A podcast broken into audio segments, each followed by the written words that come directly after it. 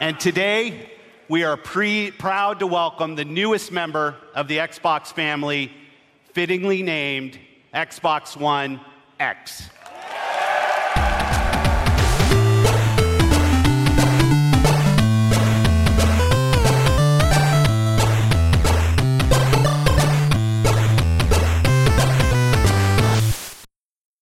Welkom bij, en ik heb het opgezocht jongens, Buttonbashers bonusaflevering nummer 6. Wist jij het nieuws dat dit nummer 6 was? Nee, ik moet dat altijd opzoeken voordat ik ga editen. Ja, nou dan weet je het bij deze. Het is uh, bonusaflevering 6. En uh, ja, het gaat over de E3 van ik heb 2017. Daar een belangrijke vraag over, Mike. Over bonusaflevering? Ja, hoeveel van die bonusafleveringen hadden betrekking op de E3? Uh, twee volgens mij, want die daarvoor hadden we gewoon genummerd. En het ah, allereerste ja. Die was jaar... gewoon in de, in de flow gegaan. Ja, volgens mij wel. Uh, want aflevering 5 was over de Switch. 4 was over de E3. Uh, we hebben ook volgens mij nog een keer iets gehad met Xbox of Sony. Die de onthulling deed. Dus volgens mij... En, en het allereerste jaar hebben we de E3-uitzending opgedeeld in twee afleveringen. Toen hebben we er twee afleveringen over gedaan. Uh, omdat we dachten van het moet niet te lang. Uh, dat zijn we inmiddels wel een beetje overheen, zeg maar. Maar goed. Uh, ja, we gaan het hebben over de E3 van dit jaar. En ik ben toch even benieuwd. even bij jou beginnen, Steve. Ja. Wat heb je gezien? Wat heb je teruggekeken? Hoe heb je de E3 zonder inhoudelijk te zijn, zeg maar, beleefd? Wat heb ik gezien? Ik heb een aantal dingen heb ik live gezien. Mm -hmm. Ik heb het laatste stuk van Ubisoft heb ik live gezien. Ja. De rest heb ik teruggekeken. Um, Microsoft heb ik voor iets meer dan de helft live gezien. Oké. Okay. Um, Nintendo heb ik volledig gezien. Wel achteraf. Ja. Was niet zo moeilijk. Nee. En um, de Sony-conferentie heb ik delen van gezien. Oké, okay, en Bethesda? Niet gezien. En EA? Heb ik. Nee, sorry. Mijn, ik, ik kon daar niet de tijd uh, voor vrijmaken, nog motivatie voor vinden. Nou, heb ik maar nog ik een mooie, weet, ik weet ja? zeker dat FIFA en Madden enorm aan het shinen waren. Uh, nou, dat viel wel mee. Oh. Uh, en de PC Gaming Show, heb je die nog gezien? Ik kon die niet in het schema vinden. Maar oh. ik, heb hem, ik heb hem niet gezien. Oké, okay, oké. Okay. Ik wist wel dat hij er was natuurlijk, want ja. is inmiddels, dat is inmiddels ook traditie. Ja. Maar uh, nee, niet gezien. Oké. Okay. Niels, wat heb jij ja. gezien? Ik heb EA gezien, live. Ik heb uh, Microsoft live gezien. Ik heb Ubisoft voor de helft ongeveer gezien. Mm -hmm. Even kijken, ik heb Bethesda niet gezien, maar daarna stukjes van gekeken. Uh, Sony was midden in de nacht, dus daar heb ik ook stukjes van gekeken. En um, dan was er nog eentje welke naam ik überhaupt ben vergeten. Maar daar kom jij vast nog wel op. Uh, nou, we hebben nog Nintendo en we hebben nog de PC Gaming Show. En Intel heeft ook nog een uh, presentatie gehad. Ja, maar er was toch nog eentje van een kwartier of zo? Oh, dat. Nou, nee. Dat was van Devolver. Devolver, ja. En, die, en dat kwartiertje was eigenlijk een soort van pre-show. Daarna hebben ze wel uh, een echt soort persconferentietje gehad, als het goed is. Ah, okay. Dat kwartier was eigenlijk om de rest van de wereld belachelijk te maken met hoe ze doen in de persconferenties. Ah, oké. Okay. Nou, ik heb in ieder geval die van Sony nog 's ochtends na zitten kijken. Ik was eerder opgestaan voor mijn werk, half liter koffie gezet. Ik dacht, nou laat ik eens in ieder geval een stuk kijken en we zien wel hoe ver we komen binnen iets meer dan een uur. En hij bleek maar ongeveer zo lang te zijn. Ja, hij was maar iets van 55 minuutjes of zo. Ja, dus dat was gewoon gelukt om die ook gewoon compleet te kijken. En Nintendo was wel een verrassing, want ik had eigenlijk een uh, hele late dag. Ja. Ik zou tot uh, half negen in een vergadering zitten voor de jaarplanning voor 2017-2018. En de directeur stelde voor om gewoon met de hele staf dan maar de Nintendo persconferentie te kijken tijdens het eten van Surinaamse rotti. Oh, nou dat was prima te doen, want dat duurde ook maar 25 minuutjes. Die was ook heel snel voorbij, ja. Ja, ja. Oké. Uh, ik heb alles live gezien. Uh, EA, Microsoft, Bethesda. Bethesda zit nogal een, eh, nou mooi niet, ook niet grappig, maar toch een verhaal aan. Dus daar ga ik toch iedereen mee vermoeien. Uh, maandagavond heb ik de PC Gaming Show gekeken. Ubisoft heb ik gekeken. En s'nachts Sony. En Nintendo heb ik ook. Ik heb ze alle, al, al die vijf, zes heb ik in ieder geval gekeken. Alleen Bethesda had ik bijna gemist omdat er in mijn schema een fout stond. En um, ik had twee tijdschema's. En in alle twee die tijdschema's stond dat uh, Bethesda hier in Nederland om vier uur zou zijn. Nou, dat was het niet. Het was om zes uur. Dus ik, uh, maar dat wist ik niet. Dus ik had mijn wekker gezet om uh, tien over half vier. Want ik ging denk ik om één uur naar bed of zo. Nadat Microsoft was afgelopen. En ik alle trailers bij elkaar had geraapt en dat soort dingen. En toen ben ik door de wekker heen geslapen. Alleen toen werd ik uit mezelf wakker om vijf over half zes. En toen had ik een WhatsAppje van iemand die zei... Wat, ik heb alle persconferenties zeg maar geliveblogt voor Duimschroef. Behalve Bethesda. Die zei iemand anders van, nou die doe ik wel. En toen zei ik, nou is prima. En daar had ik een WhatsAppje van, van gast, het is niet om vier uur, maar om zes uur. Dus ik ben twee uur te vroeg mijn bed uitgekomen. Dus dat was een beetje lullig voor die kerel. Maar voor mij was het, uh, nou ja, tussen haakjes mooi, want dan kon ik hem, uh, kon ik hem nog even meekijken. Dus, uh, en voor de rest heb ik nog ja, Twitch talkshows gezien. En uh, uh, er zijn nog meer van dat soort talkshows. E3 Colosseum of zo. Heb ik ook nog wat stukjes van gezien. En van Sony. Dus maar ik had ook vrijgenomen, moet ik wel even bij zeggen. Ik was maandag, dinsdag en woensdag was ik gewoon was ik vrij. Dus ik had wel tijd genoeg om dat te bekijken. Ik heb trouwens nog wel wat Treehouse dingen gezien. Oké, okay, oké. Okay. Oh, dat is netjes.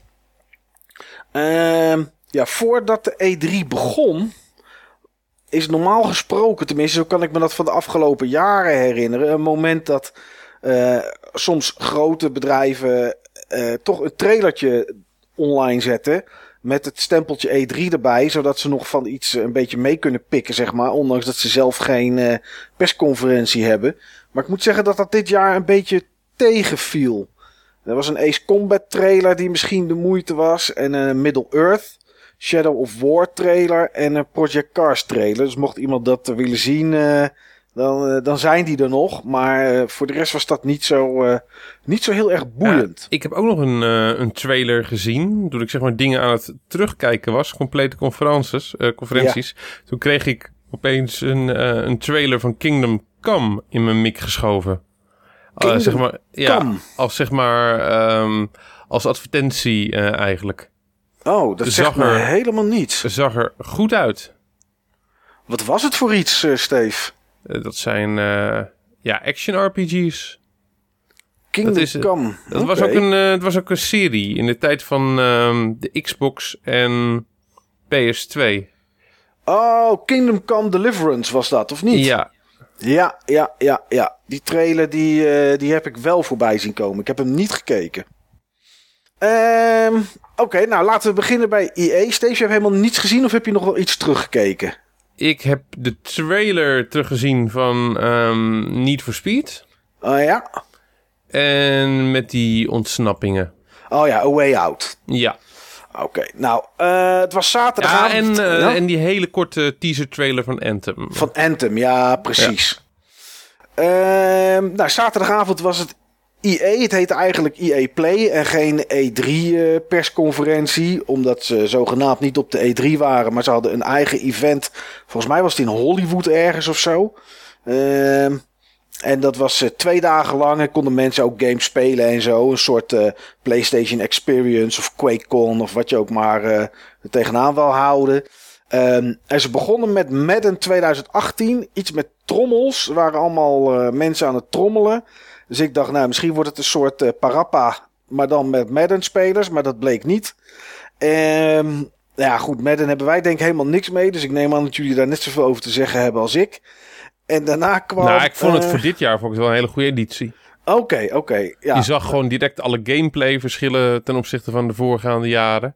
Ja. Veel vernieuwing in de serie, net zodat je dat soms ook ziet bij FIFA. Ja, nou, het lijkt er wel op. Want ik proef natuurlijk jouw mooie sarcasme, Steve. Maar het lijkt er wel op dat Madden, maar ik heb het voor de rest niet gelezen of opgezocht, dat Madden 18 een, uh, net zoals FIFA een singleplayer krijgt. Daar leek het wel op. Of ik dat zei zo is, toch? weet ik, ik zei niet. toch? Ik praat geen poep. Eh, daarna kwam in The Name of the Tsar een, eh, een expansion voor Battlefield. Ja, oké. eh, expansion voor Battlefield, DLC, prima. Maar dit werd met zoveel bombarie aangekondigd. Dat Ja. het leek alsof de grootste nieuwe Battlefield game ooit geïntroduceerd zou worden. Ja, dat wel. Dat, dat was, daar heb je wel gelijk in, Niels. Toen Maar, bleek het over iets van acht maps te gaan of zo. ja, maar niet eens in deze uitbreiding. Hè? Want twee komen er in een andere DLC. Ik geloof dat voor het eind van het jaar zijn er acht maps. Ehm, en nieuwe wapens komen er volgens mij in. En ze gaan naar een nieuw gebied of zo. Dat is het. Maar Ja. het is geen singleplayer. Het is allemaal multiplayer gewoon. eh, ja, ik weet het ook niet. Maar het, was, het, het, het werd inderdaad wel vrij groot uitgepakt. Dat wel. Het zag er wel mooi uit. Niet leuk, maar wel mooi. Ja, nou het enige wat ik wel eh, leuk vond was, ik zag iemand op een paard en die reed op iemand af met een speer en die spieste hem eraan. Toen dacht ik, oh dat is wel tof, maar dat lukt mij toch nooit in de multiplayer, want dan ben ik al lang van mijn paard geschoten. Dus ja, weet je, ik, eh, niet iets voor mij.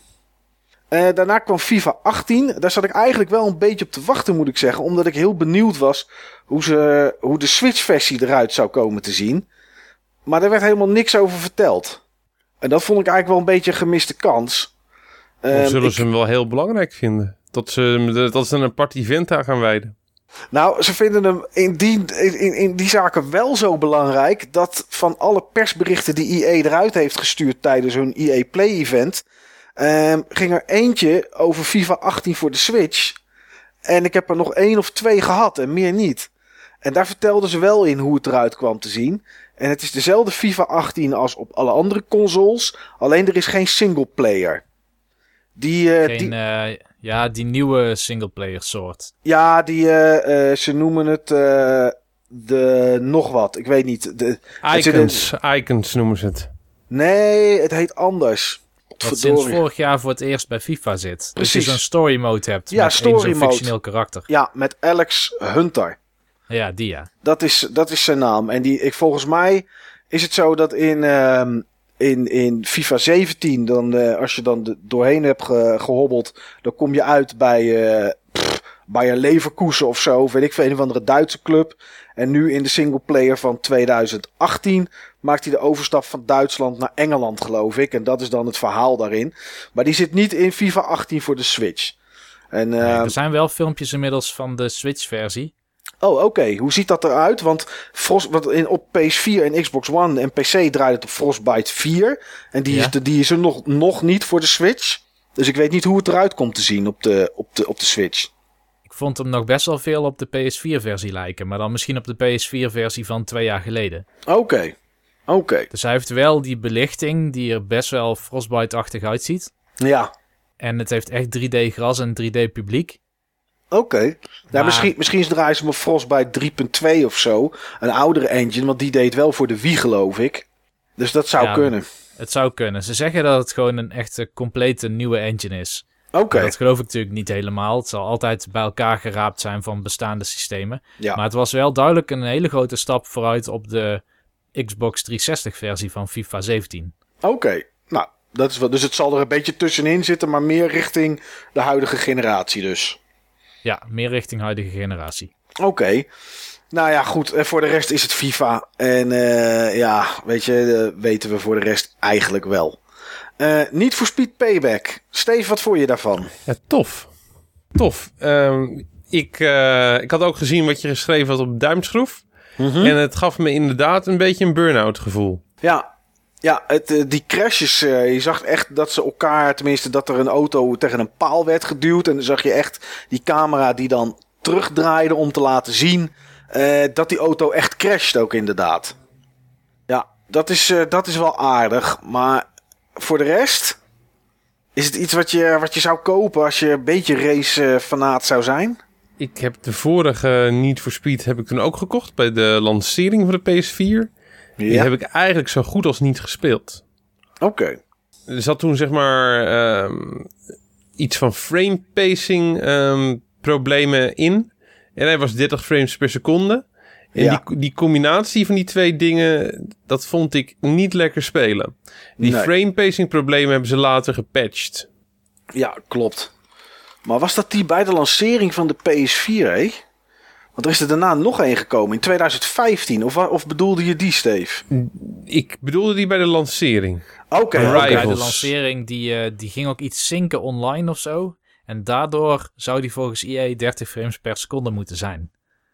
In ieder geval op de Oh, ja. PS4, want op de PC was hij wel gewoon 60. Ja, ja, ja. Ik weet welke, ik weet welke je bedoelt inderdaad, ja. Oké, dus ja, de kans dat je dit gaat kopen, ondanks dat er wel tof uitzag, is klein. Of ik moet hem net zoals de vorige eh, ook voor 10 euro op Koningsdag tegenkomen. Die heb ik wel liggen, maar ik heb hem nog niet gespeeld. Nee. Wat vond jij ervan, eh, Niels? Nou ja, Need for Speed is gewoon niet zo mijn serie. Ik heb eh, Underground veel gespeeld. Dat is Ja. de enige Need for Speed die ik echt helemaal heb uitgespeeld. En Most Wanted heb ik nog geprobeerd, maar het is gewoon eigenlijk niet echt mijn ding. Nee. Dus dit wordt hem ook niet voor mij. Ik, ik vind het zelfs eigenlijk nog minder interessant dan de oude Need for Speed titles, omdat ze juist dat burn-out systeem hierin hebben geforceerd. Ja. Dat je de hele tijd achterom kijkt, elke keer als je net naast iemand voorbij zoeft, dat lijkt me in het begin spectaculair en op een gegeven moment bijna onwenselijk. Nou, dat had ik wel met de trailer die ik zag. Want, ehm, en dat zal vast geknipt zijn hoor, maar dat, nou ja, misschien ook niet, dat weet ik eigenlijk niet. Maar wat ik, ik vond die burn-out crashes vond ik dan wel tof, gewoon om weer even te zien. Waarschijnlijk als, ze, als je ze continu krijgt, is het, is het niks. Maar voor de rest vond ik het net iets te over de top, zeg maar. Ik vond het een beetje een Michael Bay film of eerder Battlefield 1 met auto's. Het was heel erg gescript, hè? Ja, het was Met, eh, heel erg gescript. opspringen of zoiets. Ik weet het al niet meer. En daar, daar ging dan weer iemand in en die kwam er dan weer met een andere auto aan de achterkant uit. Ja, dat klopt. En dat vond ik, ehm, eh, dat vond ik een beetje hinderlijk aan die trailer. Want er zijn er meer trailers geweest die op die manier zijn opgezet. Dat eh, er zoveel van cutscene naar game zat.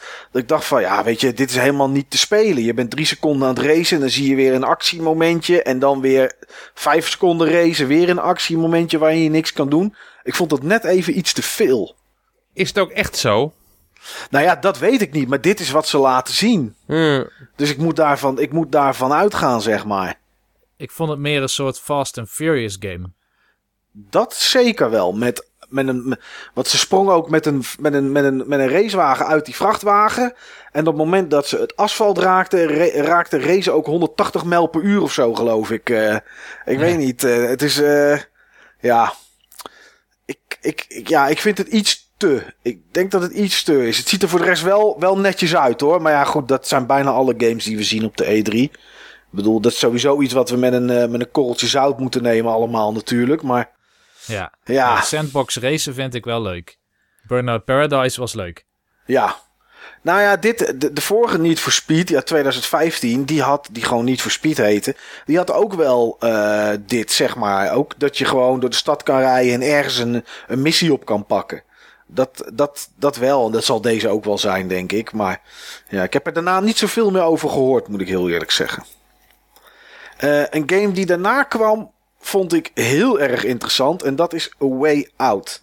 Eh, jij noemde hem al even, Steve, dat je daar de trailer van had gezien. ja. Voor de, voor de mensen die het niet gezien hebben, het is een eh, game van de maker van eh, Brothers, A Tale of Two Sons. Een super enthousiaste kerel en ook een hele aardige kerel, vond ik het. En de game gaat over twee mannen die gaan ontsnappen uit de gevangenis. Ik vond het wel jammer trouwens dat het twee mannen waren, geen twee vrouwen. Want ik heb ooit een keer een paar minuten gezien van Orange is the New Black. En dat is zo'n eh, zo'n serie in de gevangenis met vrouwen. En die gaan heel vaak douchen ook. Dus dat had op zich wel leuk geweest. Ehm, maar goed, dat is hier niet in. Ja, wel. Hier moet maar je ook dat, douchen. ja, maar Laat dan, iemand het zeepje vallen. ja. Maar dat, Ah, eh, legendarisch. dat is, ja, dat vind ik toch iets minder met twee mannen, Niels. Ehm, maar wat ik heel gaaf vind aan die game is dat het een verplichte co-op game is. En ehm, je, je moet hem met z'n twee spelen, wil je het uitspelen. En sowieso spelen trouwens, moet met, moet met twee mensen. En wat ik heel gaaf vind en wat ik eigenlijk ook met deze game, eh, als ik hem ga kopen, wil doen, is dat ik dat ook echt op de bank doe. Want hij heeft couch co-op. Eh, het kan ook online en dan wordt het ook splitscreen, zodat je ziet wat de ander doet. Maar ik eh, vond dit wel heel tof. Je moet echt samenwerken en eh, verschillende oplossingen voor situaties bedenken. Je zag ook een stukje dat de een aan het spelen was en die ander was dan nog in een cutscene. Ehm Ja, ik vond dit wel, wel heel aardig, moet ik zeggen. Eh, wat vond jij ervan, Niels? Ik vond hetzelfde. Ja, ja. Dit is wel een game die ik wil proberen. Het deed ook best wel interessante dingen. Kijk, die maker ervan, die zei dat het compleet nieuw was en dat je nog nooit zoiets had gezien. Nou ja, ik ben in Gears of War ook wel eens ooit in een cutscene beland terwijl de andere nog door kon lopen. Ja, we- weet je waar hij op doelde? Want later zag ik hem nog bij een Twitch talkshow. Hij bedoelde eigenlijk co-op een, een heel eh, immersive verhaal beleven. Daar doelde hij een beetje op. Oh, oké. Ja, ja. Dat was wat hij bedoelde met zoiets als dit heb je nog, no- heb je nog niet meegemaakt. Dat, dat bedoelde hij daarmee. Ja. Ik, Maar vond het, ik vond het een tof concept. Ja, hè? Het zag er ook goed uit. Ik ben benieuwd hoe lang die is, want het is van een indie studio, toch? In principe zijn ze indie inderdaad. En we zitten nu dan wel voor deze game, wordt hij wel uitgegeven door EA. En daar heeft hij ook nog iets over gezegd. Want hij kreeg van mensen heel veel eh gemekker van ja, hij zit bij EA en eh, bla bla. Maar hij zei, EA heeft nog geen seconde gezegd, dit moet je doen of dat moet je doen. Of dit mag er wel in of dit mag er niet in. Dus hij schijnt de vrije hand eh, te hebben. En toen ze vroegen van wanneer die klaar was, zei hij van het is klaar als ik het goed genoeg vind. En hij was daar niet de makkelijkste in, zei hij. Dus geen idee wanneer het komt. Het enige wat ik wel jammer vond, was dat er van die standaard emotie ingebracht werd. Op een gegeven moment zie je in de trailer een van die twee gasten, die komt dan in het ziekenhuis bij zijn vrouw. Die, zit, die is dan met een kindje. En dan zegt zijn vrouw, "Oh, what are you doing here? En dan zegt, eh, zegt hij, she's my daughter too. En dan dacht ik, ja, dit, dit hoeft voor mij niet. Weet je, dat is echt zo. eh, hij is fout en eh, mag zijn kind niet meer zien. Ja, het is ook mijn dochter. Weet je, dat soort. eh, Ja, maar dat is dat, dus dat dramatische wat je nog nooit hebt gezien. In co-op. In co-op heb ik dat nog nooit gezien, inderdaad. In films en series, maar, maar vaak genoeg. Daarna kwam NBA Live 18 eventjes in beeld. Nou, ik denk dat het prima is voor de mensen die dat leuk vinden. Eh, en toen de teaser van Anthem. Had je daar al enig gevoel bij, Steve, toen je dat zag? Nee. Nee, dat kan Nee. ik me heel goed voorstellen. Kon er Het, geen eh, chocola van maken. Nee, nee, nee. Jij ook niet, denk ik, hè, Niels? Eh, niet hier. Nee. Niet in deze conferentie. Nee, ik vond het wel stoer dat ze gelijk zeiden: morgen bij Microsoft is de, is de echte onthulling. Dat vond ik dan wel, eh, wel aardig. Daar hoefden we niet zo heel lang op te wachten. Ehm, ja, en daarna kregen we iets van 15 tot 20 minuten na de trailer multiplayer te zien van Star Wars Battlefront 2. Heb je dat toevallig gezien, Steve? Nee, interesseerde me niet. Nee. En jou, Niels? Weet je, deze interesseert me op zich wel. Hoe komt dat? Want hier zou ook echt een singleplayer in zitten. Klopt. Een campaign. Ehm, en ik vond dat je third person de game kon besturen ook wel interessant. Ja. Want zo waren de oude Battlefront games ook. Ja, dat klopt. Ik, eh, ik zag de trailer en de trailer deed me al niets. Ik heb daarna nog naar die 20 minuten naar die, eh, naar die multiplayer zitten kijken. Maar op een of andere manier heeft het niets dat het voor mij aantrekkelijk maakt. Ik vind Star Wars leuke films en ik ga er graag naartoe. En ik heb ze ook best wel vaak bekeken. En oude Star Wars, eh, Knights of the Old Republic en, en Dark Forces en dat soort games vond ik echt wel heel tof. Maar ik weet het niet. Dit trekt me op een of andere manier trekt het me totaal niet. Een beetje wat, hetzelfde wat Steve heeft. eh. ja, ik weet niet wat het Ja, is. Ik vond die Maar- vorige game ook niet leuk. En ze zeggen dan wel, we hebben goed naar iedereen geluisterd. En alles is eh, meegepakt, alles is opgelost. Maar ja, ik, ik Als ze naar mij hadden geluisterd, hadden ze hem geannuleerd, hè? ik vond er echt niks aan. Maar ik had hetzelfde als Steve. Kijk, ik heb die andere alleen in de demo gespeeld. Maar daar zat eigenlijk niks in wat me aansprak. Sterker nog, het voelde als een soort hele early ehm, Battlefield versie of zo. Ja, Zonder doel. Gewoon een hele grote open eh, vlakte waar je bijna alles al meteen kan zien. Vanaf het punt waar je spawnt. En dan moet je ergens naartoe om iets, eh, een soort zone te bezetten of zo. ja, Terwijl je van alle kanten beschoten kan worden. Van ik weet niet hoe ver weg. ja. Dus dat trok me echt helemaal niet, nee. Nee. Nee, ja, mij ook niet. Eh, ja, je zag nu in die multiplayer zag je ergens iets in een stad. Dus dat was wel iets. eh, had wel iets beklemmenders, zeg maar. Dus niet zo'n open grote vlakte. Maar nee, ik, eh, voor mij totaal niet aantrekkelijk ook. Eh, ja, dat was de persconferentie van EA. Eh, ja, Steve, je hebt alleen wat teruggekeken. Dus een beetje lastig om te vragen wat je van de persconferentie aan zich vond. Niels, wat vond jij ervan? Eh, volgens mij heb ik toen ook iets naar jou geappt. Zo van, eh, nou, het begint al lekker. Ja. Nou Maar- ja, dat vat het ook wel samen, denk ik. Ja, nou ja, ik vond dit een hele rare persconferentie. Want, en dat is nu niet echt aan bod gekomen, maar er zat een soort e-sports vibe in de hele conferentie. Klopt. Heb ik nog wel staan bij wat ik ervan vond, hoor, inderdaad. Maar de, Oké, de, er moest, er moest e-sport zijn. Zowel met FIFA als met Madden, volgens mij. Ja. Ehm, je zag ook heel vaak beelden tussendoor van mensen die daar aan het spelen waren. met dat- zo'n shoutcaster erbij. Ja, ja het is. eh, ja, ik weet het niet. Er, er moet geld verdiend worden. Volgens mij hadden ze het ook over een FIFA-toernooi. wat ze gaan houden ergens eh, met FIFA 18 in, in oktober of november of zo. Eh, in Duitsland, dacht ik. Ja, ik weet het niet. Weet je, ik vond het heel rommelig, amateuristisch. en er zat geen sfeer of passie in de presentatie. Er kwam Nee, een van, klopt. er kwam een of andere kerel op het podium. Ja, leek wel of hij een TIA had gehad of zo. Zo stond hij erbij. En dat was echt. eh, ja, daar zat helemaal niks in. Ja, dat was die man die zijn zoon Luigi heeft genoemd. En dat kwam hij vertellen bij Nintendo vorig jaar. Oh. oh, dat is geweldig voor hem. Oké. Ja, Nu had hij zijn zoon, zijn zoon Madden genoemd. Ja, dat kwam hij dan vertellen bij EA. Nee, ik weet het niet. Dat hij naar de ook, burgerlijke stand was gegaan om de naam van zijn zoon te veranderen. ja, of naar Alex Hunt van Alex Hunter van de FIFA games. Nee, ja, eh, weet je, we kregen ook, ik vond ook geen duidelijke informatie. Er kwam een of andere YouTube creator hadden ze erbij gehaald. Ja, waarom ook? Weet je, die gast voegt echt gewoon niks toe. Was dat die gast met die blackout? Nee, ik weet, ik weet het niet. Oh, dat Ik- was wel mooi. zag- Volgens mij was dat van EA. Ja, ja, dat was van EA inderdaad. Er was een gast die had gewoon echt een blackout. Oké, nou op het moment dat ik zag YouTube Creator ben ik trailers gaan zoeken om, eh, om, om, de, om de blogpost op duimschroef mee te vullen. Daar ga ik echt niet naar zitten kijken. Ah, vandaar dat je het gemist hebt. Dan zal die gast geweest zijn. Ja, dat zal dan inderdaad wel. Ja, goed. En inderdaad, eh, wat jij zei, had ik nog Nee hoor, ik, ik, ben het, ik ben het absoluut met je eens, eh, Mike. Al die, eh, ja, al die gasten die denken dat ze op internet wat te vertellen hebben, daar koop je niks voor. Nee.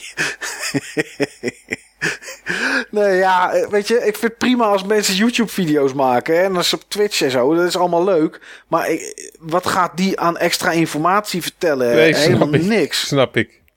Echt helemaal Nee, maar- niks. EA hoopt natuurlijk dat via dat soort mensen, via die content creators, dat er meer reuring Oh ja, wordt zo, gemaakt zo heten ze inderdaad, ja. Content creators. Ja, nou ja, dat snap ik ook wel. Als zo iemand heel veel volgelingen heeft en, eh, en, en, en die komt daar en die vertelt dan wat of die is daarbij. Ik snap dat dat, dat appealing kan zijn hoor, dat begrijp ik wel. Maar ja, ik, het, voegt, het voegt niks toe aan, wat ze, aan het verhaal dat ze te vertellen hebben, zeg maar. Dat is het misschien Nee. meer. Dat klopt. Het, is, het spreekt ons ook niet aan, maar het is een manier, denk ik, voor, voor EA om ja, zeg maar, de userbase van die content creators eh, Te trekken. spreken. Ja, nee, dat is ook zo. En als je ook kijkt hè, naar de games die ze aangekondigd hebben, zeg maar. Als ik dan kijk naar mezelf als doelgroep, zit daar alleen A Way Out, zeg maar, echt tussen. Ik bedoel, eh, een, een Madden en een Battlefield en een NBA en, en een Need for Speed. Nou, ik denk niet dat dat gemaakt wordt voor, eh, voor 40-jarige mannetjes. Eh, Ik denk niet dat ze dat, eh, dat ze dat daarvoor maken. Nee, nee, we komen nog wel bij een spel wat daar wel voor is. Oh, ik ben heel benieuwd welke dat dan is. maar goed, eh, ja, dat was EA. En ehm, toen was het zondagavond 10 uur of 11 uur. 11 uur. Was het tijd voor Microsoft? Nou, we wisten van tevoren dat we de Scorpio zouden zien. We wisten dat we Anthem kregen te zien, want dat had Microsoft natuurlijk, eh, of eh, EA verteld dat het bij Microsoft was. Eh, Crackdown 3 wisten we en we wisten wel dat we Forza zouden krijgen. Ja, voor de rest waren er een hoop geruchten. Maar laten we beginnen met het grootste nieuws wat er was. Steve, wat vind je van de naam Xbox One X? Ik vind het een nog betere naam dan Wii U.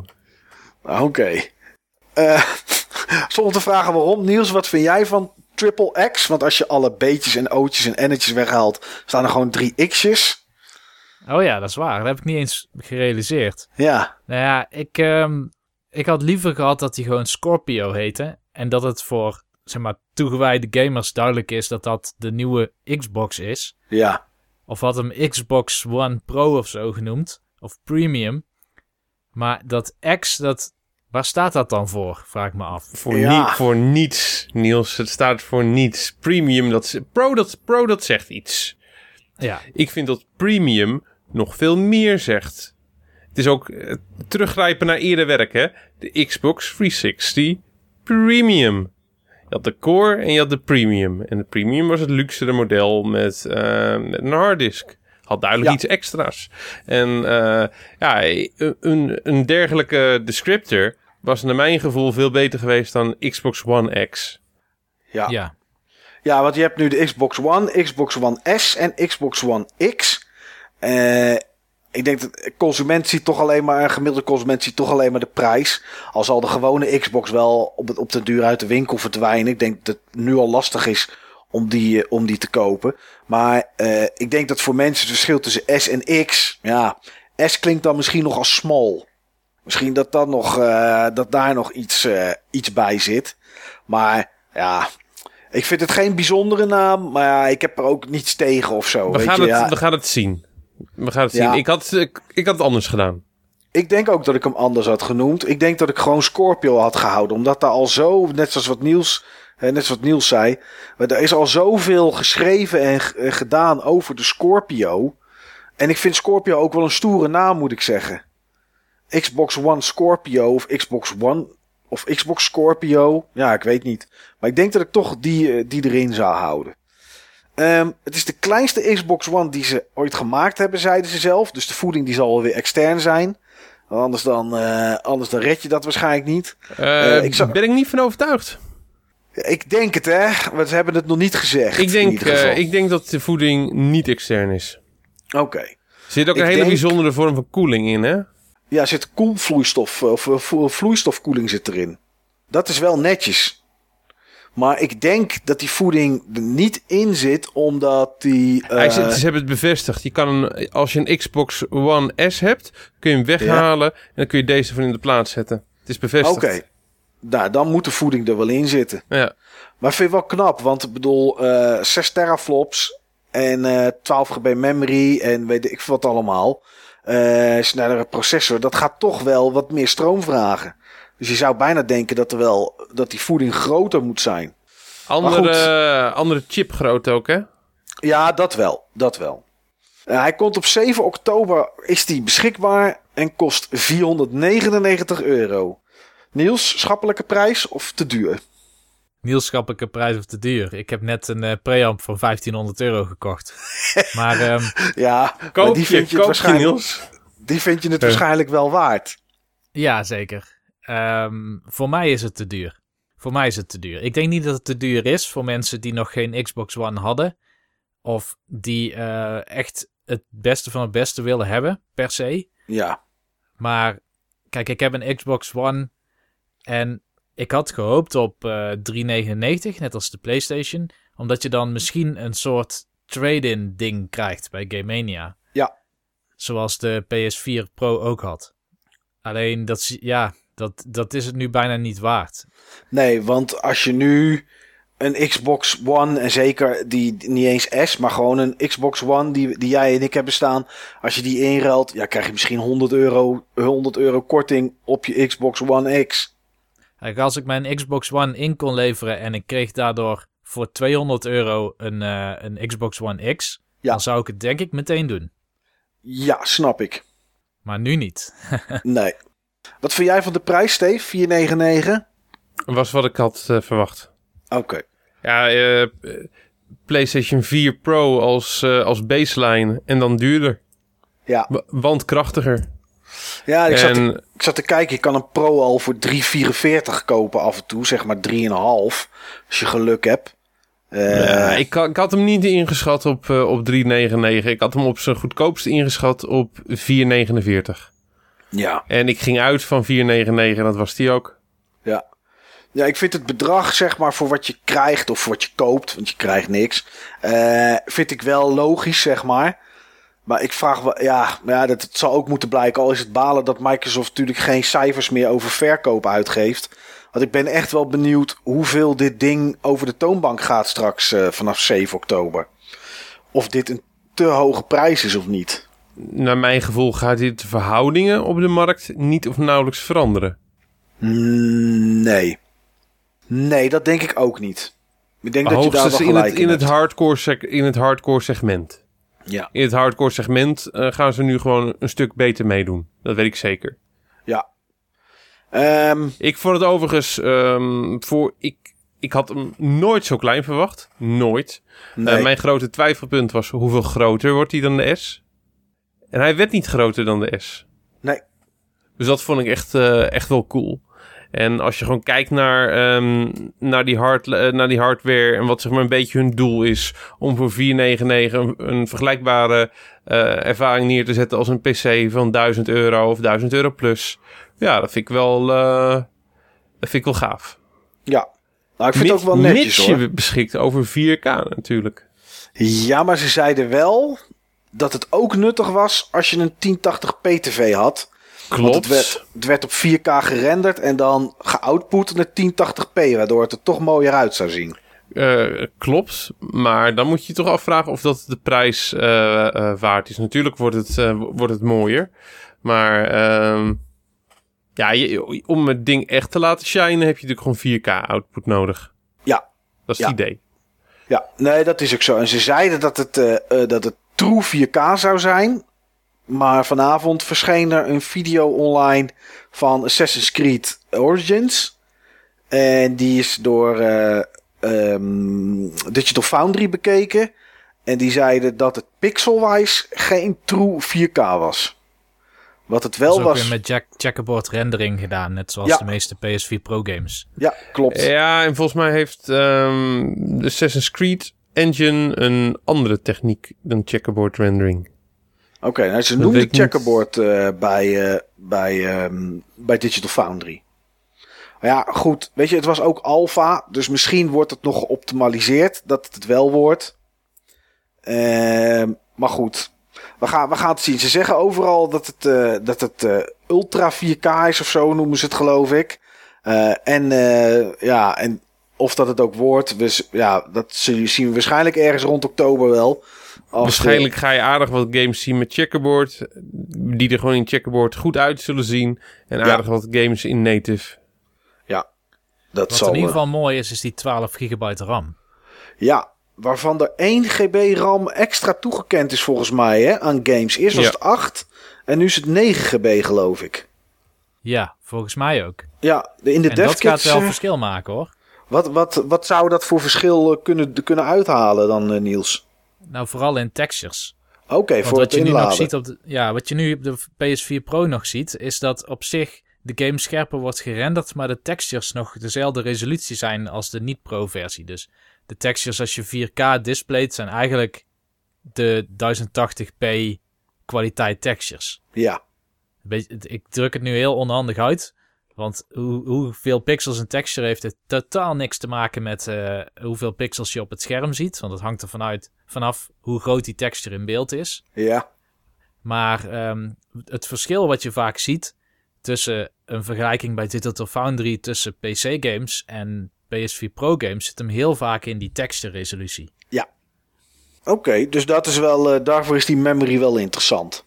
Ja, dat denk ik wel, ja. Ja. Ehm, ja, ze hebben een hele lijst met games laten zien die een 4K-upgrade krijgen voor de Xbox One X.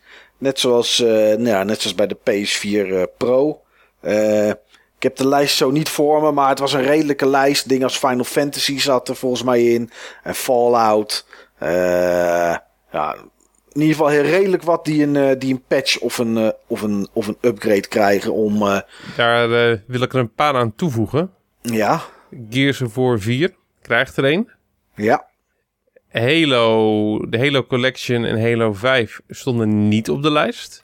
oké. En dat, eh, dat vonden veel mensen verrassend. Ja, de Halo Collection staat ook niet op de lijst voor een patch. Ja, oh zo, ja. Ja. Ja, ik weet Ja, het maar niet. Ik ook heb gewoon met name van Halo 5, eh, die heeft dat niet natuurlijk. Maar Nee. ehm, wat mensen ook verrassend vonden, The Witcher 3 wel op de lijst. Ja, klopt inderdaad, ja. Ja, niet Maar bij de hebben- PS4. Niet bij de PS4.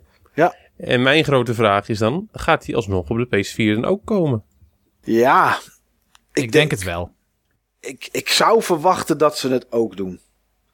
Ik zou verwachten wel. Al is het natuurlijk, ik weet niet, het werk is natuurlijk niet hetzelfde. Want het zijn andere consoles. Maar ja, aan de andere kant is het altijd allemaal x86 technologie. Ja, nou ja, ik weet het niet. Ik kan gissen wat ik wil, maar ik weet, ik weet het ook niet. Maar dat was, in ieder geval, dat was in ieder geval mijn vraag. Ja, ik heb er niks over gelezen voor de rest. Dat ze dat eh, gaan doen. Misschien doen ze het wel, maar heeft Microsoft gezegd van wacht maar even. Hier heb je 100 euro en eh, vertel het maar over een, eh, over een week. Dat zou natuurlijk kunnen. Ehm, daarna kregen we Forza Motorsport 7. Nou, het was natuurlijk al bekend dat die er was. Want die zagen al bij de onthulling van de specificaties van de Xbox eh, One X. Zoals we maar eh, nu moeten noemen. Maar ehm, waar ze eigenlijk voller van waren, had ik het gevoel, was een onthulling van een Porsche eh, 911 2018 model. Want dit, dat gebeurde ook. Gewoon een echte auto, die werd op het podium onthuld. En later zag ik die Forza-kerel nog een keer terug bij een of andere talkshow. En toen vroegen ze van, eh, hoe gaat het? En eh, hoe vind je, wat vind je van de E3? Of hoe gaat het met Forza? Of weet ik wat. En het eerste wat hij zei is, ja, we hebben een Porsche onthuld. En ik vond het een beetje raar dat hij daar zo, eh, dat hij daar zo eh, enthousiast over was. Ja, maar zij zijn echt autoliefhebbers. Ja, dat logisch. Dat snap, Ik vind dat niet raar eigenlijk. Oké, omdat normaal, ja, oké, nou ja, goed. Het misschien ben ik vreemd. En Forza is ook een, eh, een franchise voor echte autoliefhebbers. Het is niet voor fans van racing games. Nee, dat klopt. Dat klopt. Eh, Die, de fans, dat zei hij ook eh, in, in die talkshow. De fans willen gewoon echte simulatie, zeg maar. Ja. Van, van die auto's. Dus eh, ja, goed. Het is realistisch. Het komt op 3 oktober uit. En voor het eerst, sowieso, überhaupt voor het eerst, maar ook direct naar Windows 10. Dus dat vond ik wel, eh, vond ik wel aardig. Forza Horizon 2 was er natuurlijk wel. Maar eh, Forza Motorsport was er nog, eh, nog nooit voor Windows. En ja, nu komt het ook naar Windows 10. Ehm, daarna Metro Exodus. Niels, wat vond je daarvan? Nou, het zag er in ieder geval heel mooi uit. Ja, Het was meteen zo'n game dat ik dacht, oh ja, dit, dit is echt weer zo'n mooie nieuwe game. Zo'n nieuwe aankondiging. En first person shooter, het was mij wel vrij snel duidelijk dat het een Metro franchise zou zijn. ja, Ook al ziet het er wel best anders uit hoor, dan de vorige twee delen. zeker. Maar eh, ja, in ieder geval, graphics vond ik spectaculair. Eh, ik heb de eerdere twee games nooit gespeeld, dus ik weet ook niet wat ik moet verwachten van die gameplay. Het zag Ja, ook niet echt uit als iets voor mij om te spelen.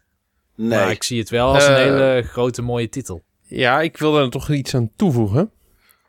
Ehm, Metro kun je in ieder geval in de, in de remake, die eh flink aantal extra opties heeft eh, gekregen.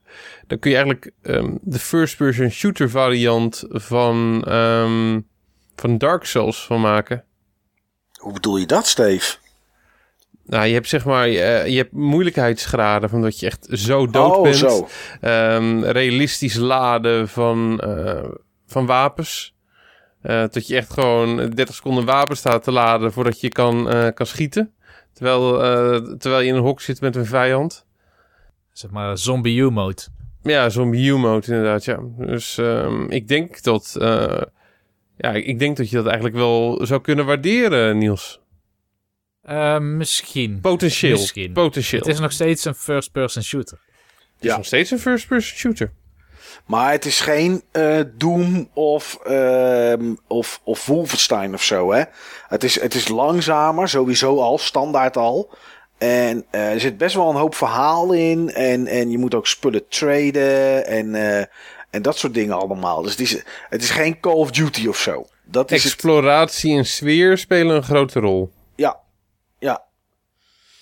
Wat vond jij ervan, eh Steve? Het zag er prachtig uit.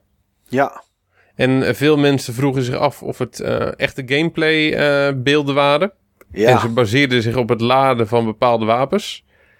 Ehm, ik denk wel dat het echte gameplay beelden zijn. Ik denk dat die gasten gewoon nog iets verder zijn gegaan in dat, in dat concept. Heel veel Metro-fans vonden dat cool. Vonden dat toevoegen aan, aan de sfeer en de beleving. En ik denk dat ze het meer tot eh, de baseline van hun gameplay hebben verklaard. ja. Ik vond het. Ik, ik, ik geloof wel dat het in-engine beelden zijn. Maar of het echt gameplay was, dat weet ik niet. Sowieso was het natuurlijk super scripted wat er gebeurde. Ja, het was wel super scripted. En, ehm, en dat wel, maar ik vond het, eh, ja, ik vond het, ik vond het echt heel tof eruit zien. Wat me wel gelijk opviel was dat er best veel boven de grond gebeurde. Terwijl die andere twee delen zich eigenlijk bijna alleen maar onder de grond afspelen. En ik heb vandaag, ehm, hebben ze daar een klein stukje over gehad. Wat het nou eh, het idee is. Maar het idee is dat het ehm, een beetje richting de Stalker games gaat. En dat wil zeggen dat er dus eh, wat meer exploratie mogelijk is. Dat het een beetje open wereld is. Maar ook uh, lineaire stukken erin. Lineaire uh, missies en levels. Dus het, het, is een, het gaat wel een klein beetje richting een soort open wereld heen. Maar dan beperkt wel hoor. Maar het is, het is meer open dan het de vorige delen waren. En uh, game komt ergens in 2018. Dit was wel iets dat ik denk van... Oké, dan wil ik sowieso de eerste Metro eindelijk eens een keertje gespeeld hebben. Die Redux, voordat het begon. Uh, voordat deze komt. Want ik denk wel dat ik dit wil spelen. Ik vond het wel erg interessant, moet ik zeggen.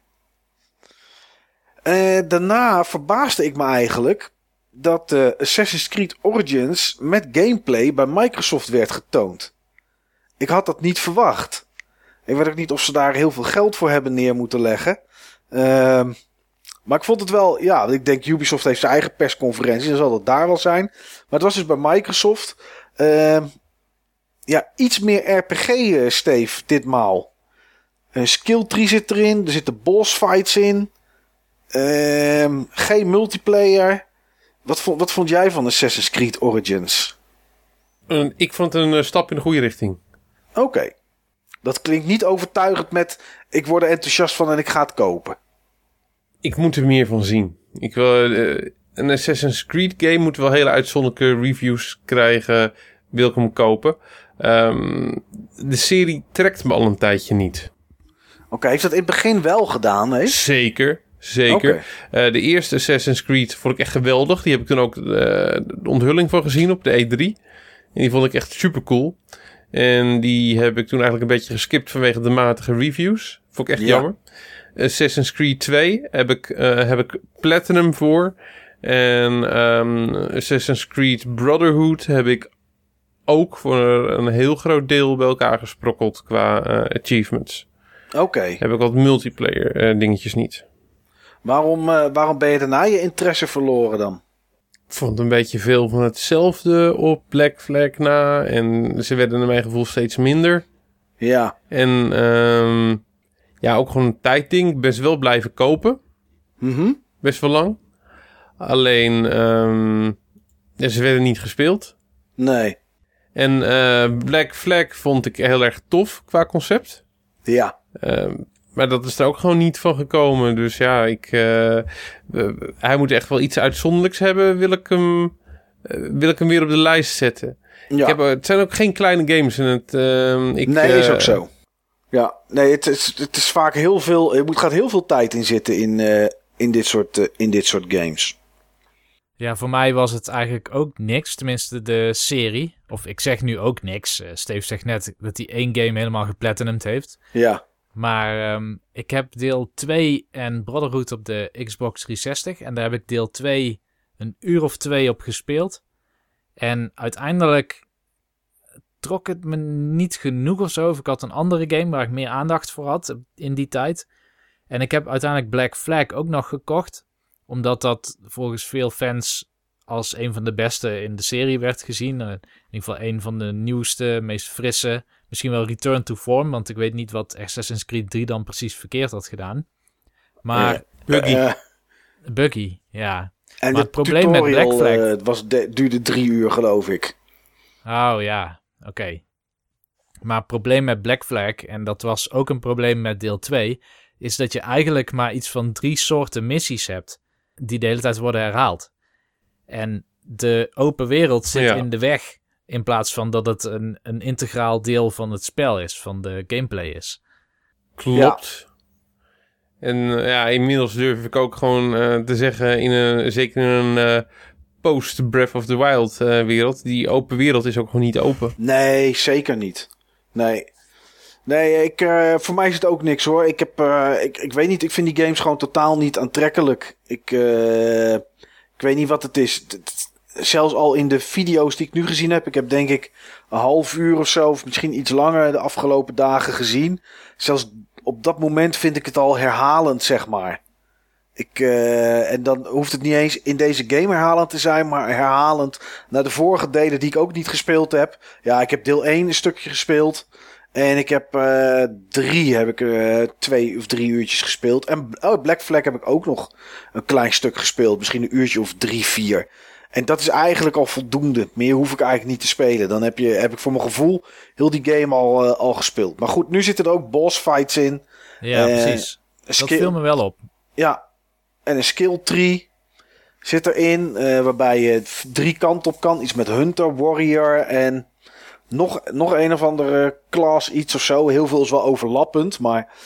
Dus nee, voor mij eh, Assassin's Creed ook niks. Maar goed, wat ik zei, wel leuk dat de onthulling bij eh, Microsoft was.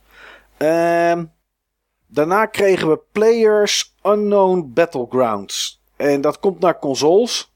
Eh, komt eerst naar de Xbox One. En dat vond ik een beetje verwarrend. En daar heb ik het met jou nog over gehad, Niels.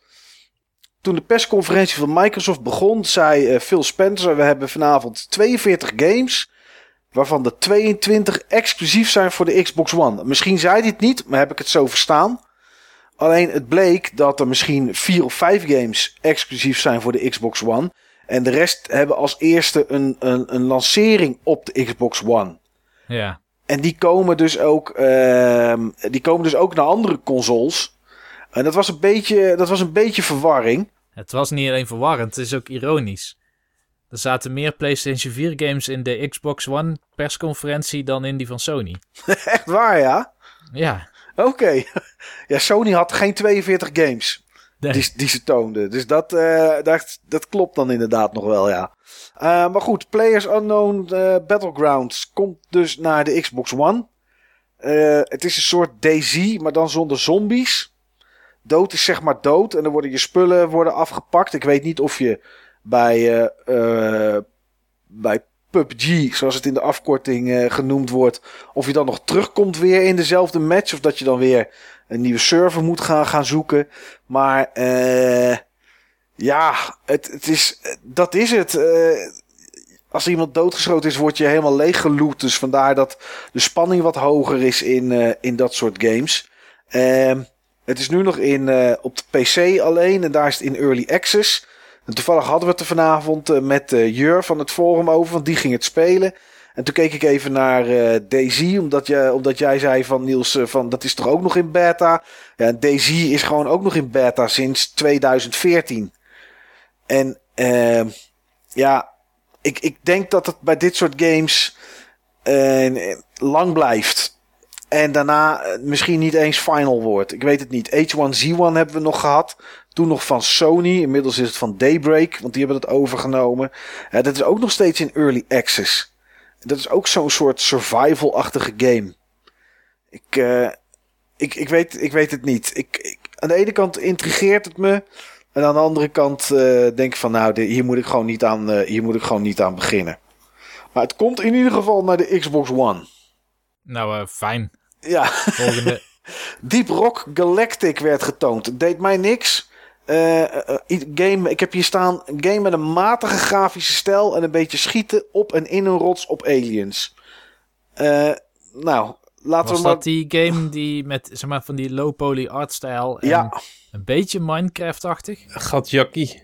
eh, Ja, in ieder geval alsof je de muur uit kon hakken of zo. Ik weet niet of dat dit. Ik, ik heb vooral heel veel schieten gezien. Het was ook met ja meerdere. ze, zijn, ze zijn op een gegeven moment ook aan het hakken in een muur. Oké. Volgens mij is dat wel een beetje het idee. Nou, dat, Ja, ja, ik, vind dat is het, een, ik vind het er super lelijk uitzien. Ja, eh, het er stond ook bij, eh, ook in 4K stond er dan bij. Toen dacht ik van ja, wat moet ik hier nou mee met 4K? Maar dat heb ik bij wel meer gedacht. Maar dat is eh, twee games verder. Want eerst was daar State of Decay 2. Heb je dat gezien, eh Steve? Nee. Ja, heb ik wel gezien. Heb ik wel gezien. Eh, vond met op een gegeven ervan? moment ook die eh, hele grote zombie. Ja, die hele grote zombie die een Ja. mens uit elkaar trekt. Ja, heb ik wel gezien. Deed het je iets? Nee. Ik vond, het er ook niet, ik vond het er ook niet slecht uitzien, maar... ehm, Ik vond het er matig uit. Ik vond het raar bewegen. Een beetje houterig. Het Beetje, zag er heel houterig uit inderdaad. Ja, het het- leek mij wel leuk, maar het is wel echt een multiplayer game, hè? Ja. Kijk, in die ervaring lijkt hij mij superleuk. Als je met een paar mensen probeert door zo'n open wereld heen te rennen, terwijl je overal zombies ziet. ja, en je, lijkt mij wel ergens wel leuk. Ik, maar ik heb er denk ik de, de vrienden niet voor, zeg maar, om het te doen. Nou, weet je, dit soort games lijkt mij ook leuk om, om te proberen, zeg maar. Dus ik zou bijna zeggen, hallo Niels, hier ben ik. Zo'n Eh, LAN party game. Nou, zoiets. Ja, dat je gewoon in, in één ruimte zit met, met vier, vijf man en dat je het dan gaat spelen. Dan lijkt, het, dan lijkt het me wel een beetje, dan lijkt het me wel leuk. Maar het is inderdaad, ja, zombies hakken. Het is een open wereld. Nou ja, wat zei ik, vond het een beetje houterig, een beetje cartoonachtig. Maar wat ik een beetje jammer vond, is eh, ook hier weer dat bij deze game er eigenlijk niet echt verteld werd of er een doel is, of, er, eh, of je missies hebt, of je objective hebt, of, of wat dan ook. Weet je, we kregen heel weinig over de game zelf. En dat vond ik wel, dat vond ik wel jammer. Ik heb de trailer vandaag nog, nog een keer zitten bekijken. En dan zie je wel dat mensen een soort van safe zone hebben ergens. In een school of zo, of in een gymzaal. En dan zie je een, zie je een soort van, eh, soort van basis die langzaam opgebouwd wordt en uitgebreid wordt. Maar is het de bedoeling dat ik de beste basis ooit heb? Is het er een verhaal in? Ik, ik weet het gewoon niet. Ja, die basis zal je moeten beschermen tegen zombies, denk ik, hè? Lijkt Ja, me. Beetje echt zo'n colony bouwen. ja. Maar ja, ik, ik, ja, ik, weet, ik weet het niet. Het is, eh, ja, goed. We, we hebben nog eh, ruim de Als tijd om... je, als je een keer co-op zombies af wil knallen, dan bieden Niels en eh, ik ons aan voor Dead of Winter of de sequel op Dead of Winter. Oké. Nou, ik... eh, ik Dat is een board, dat is een board game. ja, dat Ja. weet ik. Beetje cognitief uitdagend ook nog. ja, oh, dat is wel goed zeg. Ehm, de release datum van, de, van State of Decay 2 is eh, voorjaar 2018. Nou, daarna kwam de Darwin Project. Een, eh, een pure multiplayer game. Een soort Battle Royale-achtige game met acht spelers. Eh, schiet elkaar neer en eh, ja, dat is het. Dan is diegene dood en dan blijft er aan het einde één over. En dan ga je door naar een volgende, volgend level. Eh, trouwens, State of Decay komt niet alleen naar Xbox One, ook naar Windows 10. Het zat er wel een beetje in, maar ik denk ik zeg het er nog maar even bij. Ja, en daarna jongens, dat moet ik wel eerlijk zeggen, daarna werd ik een beetje gek. Want Minecraft gaat naar 4K.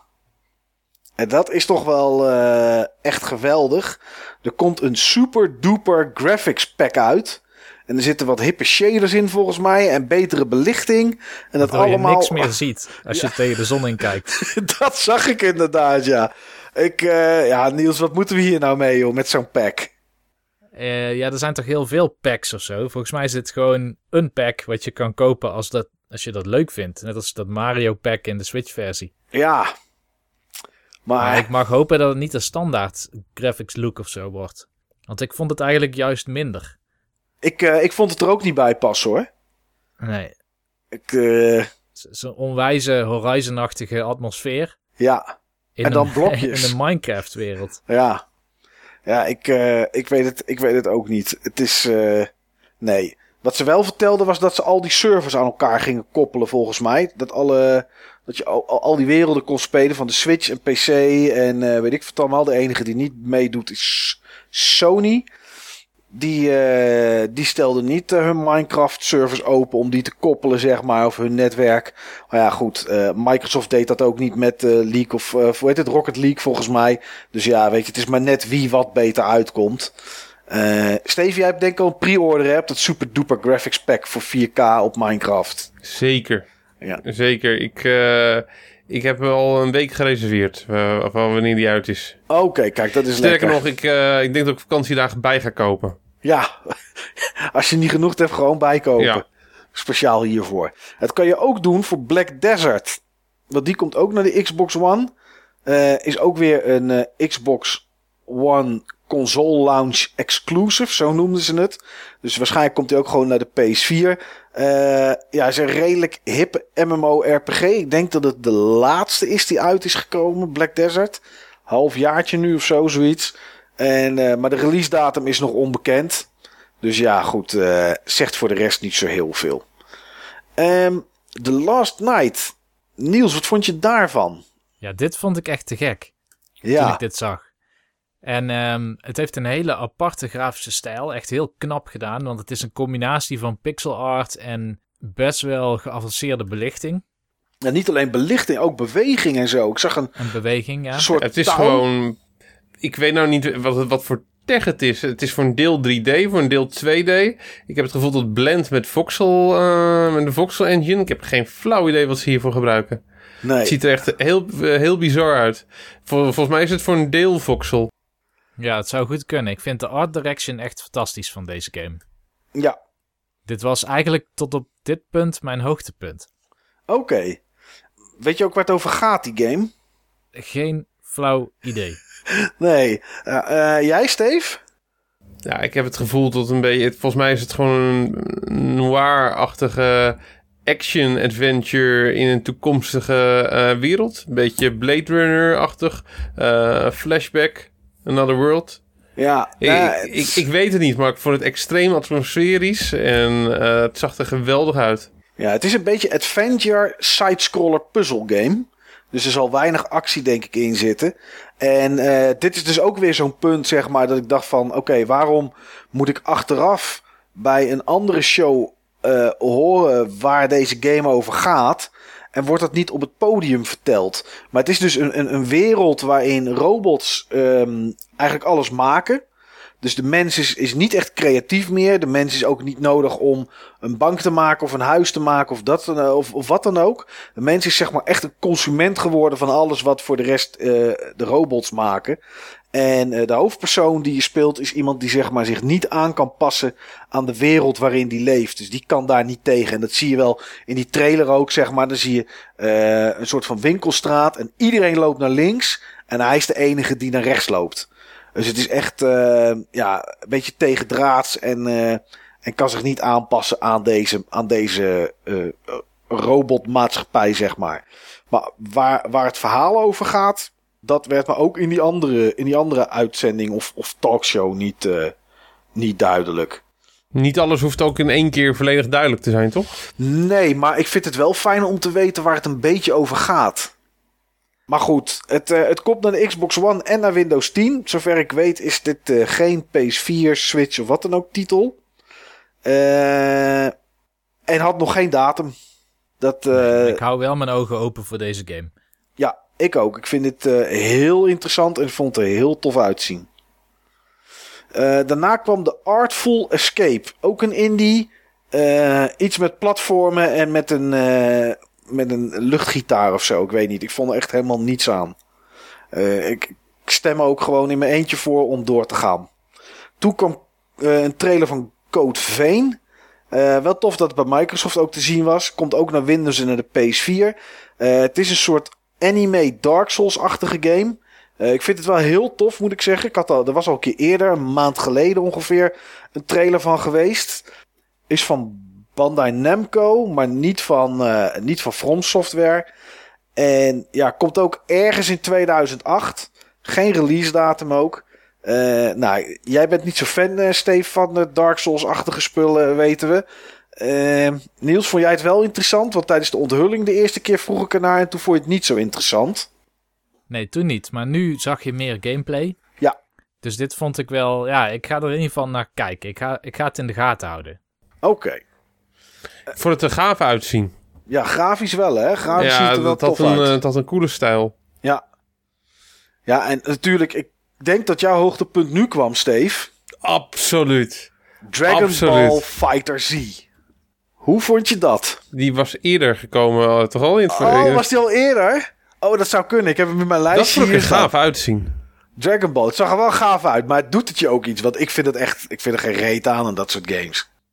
Laat ik het zo zeggen. Ik, ehm, ik ken in ieder geval eh, iemand die het extreem cool gaat vinden. Ik moet hem die trailer nog doorsturen. Ja, Ehm, die heeft ook veel van die Dragon Ball games geplatinumd. oké. Was echt een, eh, een Dragon Ball fan. En ik vond dit er echt gewoon bizar goed uitzien.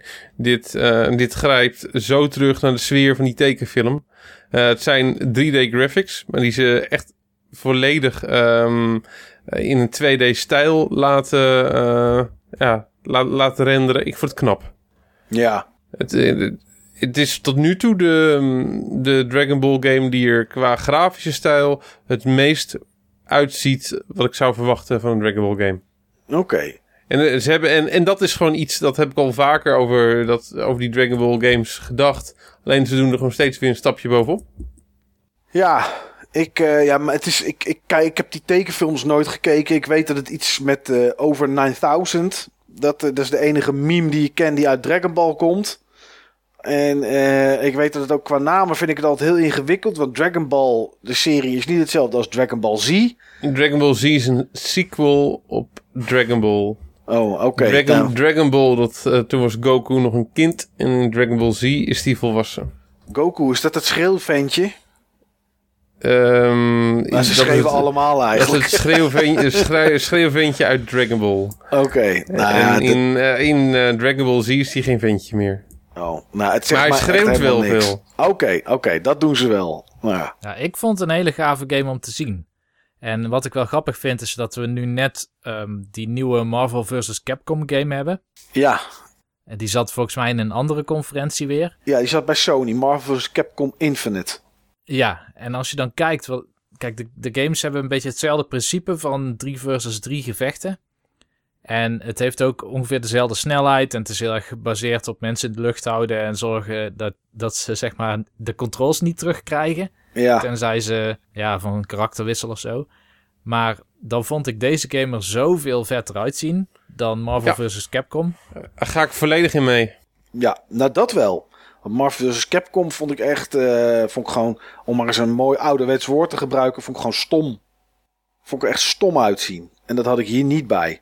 Ja. Weet, je, weet je wat ik stom vind, eh, Mike? Nou, Weet je wat ik echt stom vind? nou, Sea of Thieves. Dat vind ik stom. waarom vind je dat stom? Ik, eh, ik vind het er echt niet uitzien.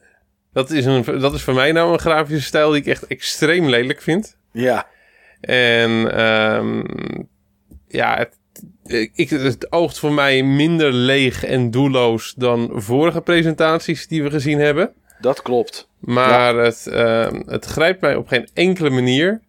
En ik. Nee, het, het, het trekt me gewoon niet. Ehm, als je ze dan ziet, ziet graven op zo'n eiland. en ziet hoe, slecht en amateuristisch dat eruit ziet. Ik eh, vind het in ieder geval eh, slecht uitzien. En, eh, en die skeletten, nee. Nee. Nee, ja, ik heb het gespeeld al een beetje. En een half jaar terug of zo. En toen zat er veel minder in dan dat er nu in zit. Ik, eh, eh, wat ik toen gespeeld had was puur eh, varen. Je kon ook op anderen schieten, enteren. En dan een beetje zwaard vechten en schieten. En het eerste schieten bedoel ik dan met boten, zeg maar, met kanonnen afvuren. En voor de rest kon je naar een eiland toe, kon je iets opgraven en dan kon je dat ergens inleveren en dan kreeg je geld. En dat was het. Dat was de hele gameplay die er was. En op basis daarvan dacht ik toen van oké, nou dit vind ik gewoon echt niks. Maar er zijn nu wel meer elementen toegevoegd. Ik zag een haai, al vraag ik me af of die er echt in zit. Ik zag echt grotten waar ze waren en dat soort dingen. Dus ik heb het gevoel dat ze die game langzaam opbouwen. Eh, dat er elke keer elementen bij komen. En daarom denk ik ook pas dat ik echt een oordeel kan geven als het helemaal af is. En eh, het is af in het eerste kwartaal van 2018. Dan komt het naar Windows 10 en naar de Xbox One.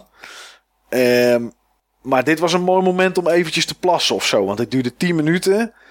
En ja, omdat ik het toch al wel gespeeld had, was ik er wel, eh, hoefde ik er niet zoveel meer van te zien. eh. hoe was dat voor jou, Niels? Ik begrijp de game nog steeds niet. Wat begrijp je niet? Misschien kan ik, het je begrijp uitleggen. niet hoe dingen bij elkaar komen. Kijk, je, je vaart op een boot. Ja. Met waarschijnlijk wat andere spelers. Klopt, met eh, vier mensen vaar je. En in theorie heb je daar drie nodig, drie tot vier nodig om de boot te besturen. Eén één staat aan het roer, maar die ziet heel vaak niet door de vlaggenmast en door, de, door het zeil welke kant je op gaat. Mhm. Dus eh, je hebt iemand nodig die beneden in de, in de, in de, in de ruimte, onder, het, onder het dek, daar is een, eh, is een landkaart. En daar kan je zien hoe je vaart. En je hebt dan een, schat, een schatkaart waar een, voorbeeld van een eilandje op staat. En dan moet je zelf kijken welk eilandje dat is. En één moet dan, diegene die daarbij staat, moet zeggen: Oké, we moeten meer naar links of meer naar rechts. En dan moet je natuurlijk zeggen: bakboord en stuurboord, want anders ben je geen piraat. Maar uh, die moet dat zeggen. En je hebt iemand nodig die, heeft, die de zeilen, zeg maar, verandert. Van, de, van links naar rechts. Want uh, als de wind de andere kant op komt of je moet de andere kant op varen, dan moeten die zeilen om. Dus daar heb je eigenlijk drie mensen voor nodig. Ook, dus je hebt verschillende rollen en ja. je bent zeg maar via eh, echt praten tegen elkaar. Klopt. Uh, elkaar op de hoogte aan het stellen van wat anderen moeten doen of wat je nodig hebt van anderen. Ja. Ah, oké, nou kijk, dat principe vind ik heel erg leuk. Dat is Alleen, ook grappig. Ja, ik, ik zag het nog niet terug in deze trailer. Ik zie, een, het komt misschien ook wel door die narrator die maakt het alleen nog maar irritanter. Ja. Want die maakt er zo'n heel avontuur van. Terwijl het voor mij als heel ongestructureerd spelen uitziet. Ja, dat is, dat is wel zo. Maar dit, dit, is, dit is het doel, zeg maar. En dan van wat ik gespeeld heb en wat ik hier gezien heb, zal dat niet heel veel anders zijn. Uh, kom je of onderweg. Ik, ik was opeens weg. Oké, nou dat geeft niet, Steve. Uh, onderweg is, uh, kom je dan andere boten tegen die je eventueel kan beschieten. Of je gaat naar dat eiland, dan loop je naar de plek waar het kruisje is. Daar graaf je dan een schatkist op. Die moet dan terug, Eén uh, iemand moet die dan dragen. die is dan ook trager. En dan moet je terug naar je boot, daar zwem je dan naartoe. Um, en dan zet je die schatkist ergens beneden dek. En eventueel kan je dan voor kiezen om er nog één op te gaan halen op, van een ander eiland. Want als je een schat hebt, krijg je, tenminste zo is het op dit moment, een nieuwe schatkaart. En dan kan je die op gaan halen. Of je gaat naar één eiland waar je hem in kan leveren en dan krijg je goud voor terug. Alleen ik heb geen idee wat je nog met dat goud kan doen. Want dat, in de versie die ik gespeeld heb, zat daar voor de rest nog niets. Er was wel een bar. Um, maar daar kon je niet zo heel veel mee voor de rest. Kijk, wat me dan wel leuk zou lijken, is als je dus rivaliseer of rivalen hebt, andere piratencrews. Ja. En dat je op het moment dat je eigenlijk je schat terug wilt brengen naar dat eiland, dat je dan wordt geënterd. Nou, dat kan dus. Ja, dat kan. Ja. Dat, dat kan? Ja. Oké. En zij kunnen dan, uh, als ze je allemaal neerschieten en weet ik wat allemaal, ze kunnen gaten in je boot schieten. Die kan je dan weer dichten met planken, anders dan zink je. En zij kunnen die schat van jou afpikken, op hun boot zetten en zelf inleveren. Dat kan. Ja, ja, oké. Dan heb ik nu een beter idee van wat het spel is. Ja. Nou ja, dan kan je daarover nadenken. Kijken of je het gaat kopen in het eerste kwartaal van 2018. Ja, zoals alle andere games een beetje deze E3. Nou, echt hè, verschrikkelijk. Maar goed, uh, Tacoma kwam er nog tussendoor. Nou, dat sla ik over, tenzij er iemand iets over wil roepen. Dat vond ik echt bagger. Ik weet niet eens wat het was. Een of andere indie game. Zag een beetje super hot. Zag het er een beetje uit, zo super hot. Uh, ja, geen idee. Daarna kwam er een, uh, een, een, een Xbox One exclusive. Tenminste, komt ook naar Windows 10. En we zagen een Forsje. En uh, ja, dat kon van alles zijn. Eerst zag je staart. Ik denk misschien is het Conker die terugkomt. Dat dacht ik hier ook namelijk. Ja, Titus the Fox hadden we vroeger games van. Ik denk misschien is die het. Maar ja, niks. die eekhoorn van Nibbit. Ja, dat kon ook nog. Uh, maar niks van dat alle. Het was uh, Super Lucky Tale. Ja, een platformer. Uh, wat heb ik hier nou staan? Oh, oh ja, nee. een 3D-platformer is het. En komt naar Xbox One en naar de Windows 10. Het ziet er super schattig uit. En het is een beetje met springen en met muntjes pakken. Ik had een beetje het gevoel, Steve, dat dit mee wilde liften op de Yokalele-hype die er zeg maar geweest is. En waar ook... dat spel ja. met die slang. Ik weet niet eens meer. Ik heb het gespeeld, maar ik weet niet eens meer hoe het heet. Snake Pass. Snake Pass. Heel goed, dankjewel Niels. Dat het, dat het een beetje op die hype meelift. Ik weet niet hoe jij daarnaar gekeken hebt, Steve, maar... Voor het niet, niet, voor het niet bijzonder. Het enige wat er bijzonder aan is, is dat dit uh, type spel uh, een beetje zeldzaam is uh, geworden. Maar het sprak me niet aan. Het, nee. Het zag er gewoon helemaal niet leuk uit voor een platform. Nee. dat was het grootste probleem. Ja. Het zag er eigenlijk uit als... Uh, dat is een game die nog niet aan bod gekomen is, maar... Het, dit is dan een platformer. En de diepte en de complexiteit zag eruit als die stukjes in uh, Mario plus Rabbids... waarin je moet lopen naar de volgende stage. Ja, ik snap wat je bedoelt. Geen uitdaging, gewoon van de ene naar de nee. andere kant lopen om... om... Overal muntjes. Ja. ja. Ja, ik weet het ook niet. Ik weet niet wat er hier... Uh, waarom dit... Ja Ik, ik weet het gewoon niet wat ze hiermee, eh, wat ze hiermee willen. Ik, ik, ik heb, had het gevoel misschien een beetje jonger publiek eh, aanspreken of zo. Ik weet het niet. Nou ja, mocht je het willen spelen, het komt in ieder geval op 7 november uit. Voor Xbox One dus en Windows 10. Eh, daarna kwam er een trailer van Cuphead. Nou, ik had gedacht dat ze die wel zouden annuleren, maar niet. Komt op 29 september uit voor Windows 10 en Xbox One. Ook op 7 november, net zoals eh, Super Lucky Steel, komt Crackdown 3. Wat vond je daarvan, Steve? Ik weet niet of jij die andere delen gespeeld hebt op de 360. Ehm, nee, nee. Wie was trouwens die, ehm, die gast? Terry. Nog wat. Is dat een rapper? Nee, dat is eh, volgens mij is dat een uh, American voetbalspeler die zich heel druk heeft gemaakt om een nieuw personage van Overwatch in te spreken. Ja. Maar dat eh, is hij volgens mij niet geworden. En eh, dat nu is mag hij dit doen. Ja. Terry Crews of zo. Of hoe heet Terry Crews, zo heet hij. Ik, eh, ik ken hem niet. Oké, nou ja, het is, het is wel een bekende, bekende kerel. Hij doet me altijd een beetje denken. Misschien heeft hij dat ook ooit wel eens gedaan hoor. Ik bedoel, het- geen idee. Maar hij doet me altijd een beetje denken aan die gast van de Old Spice reclame. Die, eh, daar heb je twee, eh, twee donkere gasten in. En ehm één schreeuwt altijd heel erg. En dat is, daar had ik een beetje het idee dat deze het was. Maar ik zie hier dat het inderdaad een Amerikaans acteur en voormalig American voetbalspeler is. En hij is 48 jaar. En 1,91 meter. Maar goed. wat vond je van de game, Steve? Is dat iets wat je trekt? Niet genoeg. Nee. Heb je de vorige delen wel gespeeld of ook niet? Nee, Nee. ook geen behoefte aan. nee. Op dit moment heb ik daar geen behoefte meer aan. Ik, ik weet dat het een fanschade heeft, maar nee, als ik dan toch zeg maar een beetje superhero-achtige open world games in een stad eh, ga eh, spelen, dan staat een andere ding op het wensenlijstje. Oké. Iets wat straks nog komt of gewoon überhaupt... eh, Überhaupt.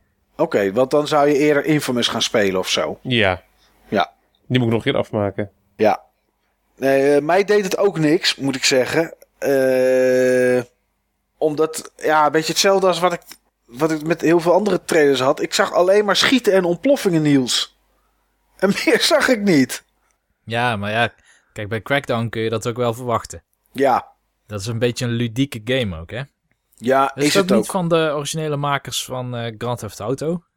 Is niet dat team, dat originele team, toen nog Dat D- DNA of zo was dat vroeger, toch? Die heeft- DMA of zo, ja? Oh, DMA, ja, dat waren de eerste volgens mij die het, eh, die het gemaakt hebben. Ik weet niet van wie het is, moet ik heel eerlijk zeggen. Nou ja, het zag er in ieder geval heel ruw uit. Ja, Heel ruw uit. het is Sumo Voor- Digital die het, die het eh, Oh ja, ja. Nee, dan misschien was het originele dan wel door zo'n team. Oh, die hebben ook Snake Pass gedaan, inderdaad. Ja, precies. Ja. Oké. PlayStation All-Star Fighters of zoiets. En Sonic Racing Transformed. Precies, die is ook van hen inderdaad. Ja. Sonic Racing Star Transformed. En Xbox Sonic en Fitness. All-Star Racing. Ja, die titels, joh. Ja, man. En Xbox Fitness, die hebben ze ook gemaakt. Nou, ja, dat dus dat is- is waarschijnlijk een nieuw team dan op deze franchise. Eh, ja, want die eerdere crackdowns hebben ze volgens mij niet gemaakt. Ik weet niet wie die gemaakt hebben. Dat weet ik niet. Maar ja, goed, ik las vandaag, want er was nog wat nieuws over, over uitgekomen. Het is een hele open wereld. Ik weet niet of ze. Iedereen zegt dat ze een hele open wereld zijn, natuurlijk. Maar net zoals eh, Zelda, Breath of the Wild. Kan je mm, eh, Crackdown 3, als je goed genoeg bent, in minder dan drie uur uitspelen. Omdat je vrij snel op, op de eindbaas af kan lopen. Dus eh, ja, het is wel een beetje open wereld. En je kan zelf de dingen doen in de volgorde die je wil. Dat Maar- konden ze er nog snel eventjes instoppen. Ja, dat, dat past er nog wel inderdaad. Maar ja, voor de rest vond ik het eh, verre van bijzonder, zeg maar. Dit soort titels. Ja, weet je, ik heb ook niks met eh, Saints Row bijvoorbeeld. Dat is ook zo'n eh gamereeks waar ik echt, eh, waar ik echt helemaal Volgens niets mij mee is heb. dat dan de serie waar ik mee in de war ben. Dat zou Saints kunnen. Row. Nou ja, ik heb niks met alles wat op GTA lijkt. Behalve de 2D-delen. Ja, dat snap ik. Eh, nou ja, goed, dan gaan we, lekker, gaan we dit lekker snel verlaten. Het is in ieder geval 7 november komt het uit. Toen kwam er een trailer van, Indie, van ID at Xbox of zo heet het geloof ik. Dat is dat indie platform waar mensen zelf mee hun Xbox om kunnen bouwen tot een uh, ontwikkelplatform of weet ik veel wat. Nou, er had al uh, inmiddels 500 plus games voortgebracht. En we kregen een trailer te zien met een impressie. En uh, nou ja, allemaal geweldig. daarna kregen we een trailer te zien van Ashen. Komt toevallig ook op 7 november uit voor de Xbox One en Windows 10. Ik weet niet of het exclusief was, maar het boeide me wel. Ik heb niet heel erg een idee van wat het is. Je zag een man en een vrouw, die hadden alle twee geen gezicht. En die waren in een tunnel uh, beesten aan het hakken en aan het kapot slaan. Het was een beetje spooky en aan het einde kwam er een hele grote gast. Ik heb de trailer een paar keer bekeken om, om nog een iets duidelijker verhaal te hebben dan dit. Maar dat is me niet gelukt. Heeft een van jullie uh, de, de, trailer ook gekeken of enige interesse ja. erin? Nee. Oké, ja gekeken, interesse erin? Nee. nee. Ik weet dan niet meer welke game het is van die beschrijving van jou. Ja. Dus het is niet echt bijgebleven. Ja, Nee. dat was die, met die mensen zonder gezicht en zo. Ja, ze hadden geen gezicht, het was een man en een vrouw. En ze liepen, ze hadden ook geen vingers, wel een hand, maar geen vingers. Dus het was een beetje artsy-achtig. Maar het, ja, het was heel sfeervol, vond ik het. Maar ja, goed, het- als het niet is blijven hangen en Steve heeft er ook geen interesse in, gaan we denk ik door naar eh, iets wat helemaal geweldig is. Life is Strange Before the Storm. Ik dacht eerst dat het deel 2 was, maar dat blijkt het niet te zijn. Het is een prequel. Ja, het is een prequel op eh, die, eh, nou, die non-lip-sync game die we kennen, genaamd Life is Strange. Het zijn drie episodes. Het is een andere ontwikkelaar dan Life is Strange. En volgens mij las ik ook dat de mevrouw die de hoofdrol speelt gevoiced wordt door iemand anders. En de eerste episode is 31 augustus. En tijdens de trailer ben ik even snel weer naar het toilet gegaan. Dus ik heb voor de rest heb ik daar helemaal. eh, ja, ik heb helemaal niks met die reeks. Dat, Jij wilde natuurlijk niet gespoild worden. ja, dat, dat zal het zijn, Niels. nee, ik. eh nou ja, ik weet niet. Ik denk dat geen van. Heeft een van jullie inmiddels Life is Strange gespeeld? Nou, Was dit die game waar je dan kon terugspoelen? Ja. Zodat je een andere... Oh ja, ja. Ja. Nee, heb ik niet gespeeld. Ik had hem voor een paar euro gekocht. Laatst in een sale in de winter. Ja, En nu voel ik me extreem bekocht, want nu is hij gratis. ja. Maar je hebt er sinds de winter al lekker van kunnen genieten, Steve. Absoluut. Ja. Ik heb er ook heel veel mee gedaan. Eh 10 oktober Shadow of... eh, nee, Middle-earth Shadow of War. Of ik haal nou dingen door elkaar. Nee, Shadow of War, zo heet het wel. Ik heb hier staan Shadow of Middle-earth. Nou, dat is vast deel 3. Ehm Dat wordt de titel van deel 3 inderdaad, ja. jij vond de eerste geweldig, Steve, weet ik. Ehm, was ook een goede game. Ja, Wat vond je hiervan? ik vind deze nog cooler. Oké. Wat vind je er cool aan? Ja, het- het- ik heb het gevoel dat ze echt gewoon die eerste genomen hebben als basis. En Ja. het gewoon allemaal net eventjes eh, hebben, of hebben bijgeschaafd of gewoon echt to the max. Ehm, meer type ehm, orks, meer, nog meer variatie, eh, wat je kan tegenkomen qua random gegenereerde tegenstanders. Random gegenereerde tegenstanders die op je, op je jagen. Ehm, nog meer skills. Ehm, eh, dat, dat systeem van je eigen leger verzamelen hebben ze nog uitgebreider eh, gemaakt. Eh, ja, het, spreekt me echt enorm aan. Ik, ehm, en met name Bro-ork, zoals die al lief, liefkozend op internet wordt genoemd, Ja. vond ik super cool. Bros. Ik, eh, kon je dat leger recruteren? Kon je dat in de vorige game ook, hè? Eh, ja, alleen ehm had het een- wat minder een functie. Oké, vandaar. Want ze deden het net een beetje voorkomen alsof het nieuw was. Maar het nieuwe is er dan aan dat je eh, die followers uit je leger mee kan nemen of zo. Tijdens een missie voor gevechten. Ja, ja, zeg maar, eh, in de vorige game was je eigenlijk aan het eh, sparen voor de, voor de laatste missie. Mhm. Dan was je zeg maar ehm, op die manier een, eh, een leger warchiefs aan het eh, opbouwen. Het ging met name om die warchiefs. En nu ben je echt gewoon een hele leger aan het opbouwen. waar je ook echt verschillende dingen mee kan doen. Ze hebben dat hebben ze gewoon verder doorgevoerd. Ja, Het was ook een heel tof principe. Het is gewoon, ik heb het gevoel dat ze net al, ze hebben alles gewoon beet gepakt en gewoon eh, afgevraagd van hoe kunnen we dit nog cooler maken? Dat is Ja. het gevoel wat ik bij die game heb. Ja, ja ik, heb, ik heb van tevoren al wat video's gezien met dat... Hoe heet het systeem ook alweer wat erin zit? Nemesis. Nemesis systeem. Dat dat nog meer uitgebreid was en, eh, en nog meer mogelijkheden en, en beter en zo. Dus ik denk wel dat het dat is ook, Steve, inderdaad. Ehm, ik vond het alleen vreemd eruit zien. Alsof de achtergronden... eh, op een gegeven moment zag je volgens mij de hoofdrolspeler met een ork praten of zo ergens. En die achtergronden leken wel alsof ze er niet bij hoorden of zo. Ik weet het niet. Het gaf me een beetje een raar, eh, eh, een raar gevoel kreeg ik ervan. Het zag een beetje inconsistent uit, inderdaad. Dat is het dan in. Dat is misschien de juiste, de juiste verwoording inderdaad. Ik, eh, dat, was, dat was het enige. Maar goed, wat vond jij Ja, daarvan, kan Niels? ook aan een Huh? stream liggen. Kan hè, dat is natuurlijk... Nou, ik keek dit op Mixer hè. En dat was, eh, dat was hoge 4K. kwaliteit. Ja, inderdaad ja. Het werd op 4K uitgezonden. Nou, ik moet wel eerlijk zeggen dat die stream van Mixer, ehm, die was wel netjes. Dat had Microsoft wel heel goed voor elkaar. Het, het was, het zag er echt goed uit. Ja, ik heb hem ook op Mixer gekeken. Ja, ja. Dat was echt prima. Ja, en geen beter. ads of zo tussendoor. Nee. Waar, hebben jullie dan 4K apparaat om dit op te kijken? Nee, maar het kon wel als je, als je op Mixer keek.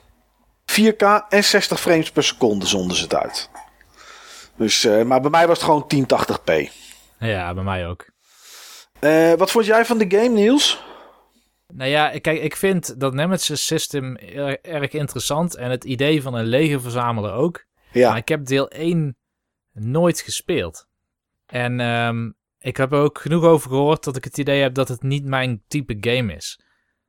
Dus dit is niet iets waar mijn interesse per se naar uitgaat, nee.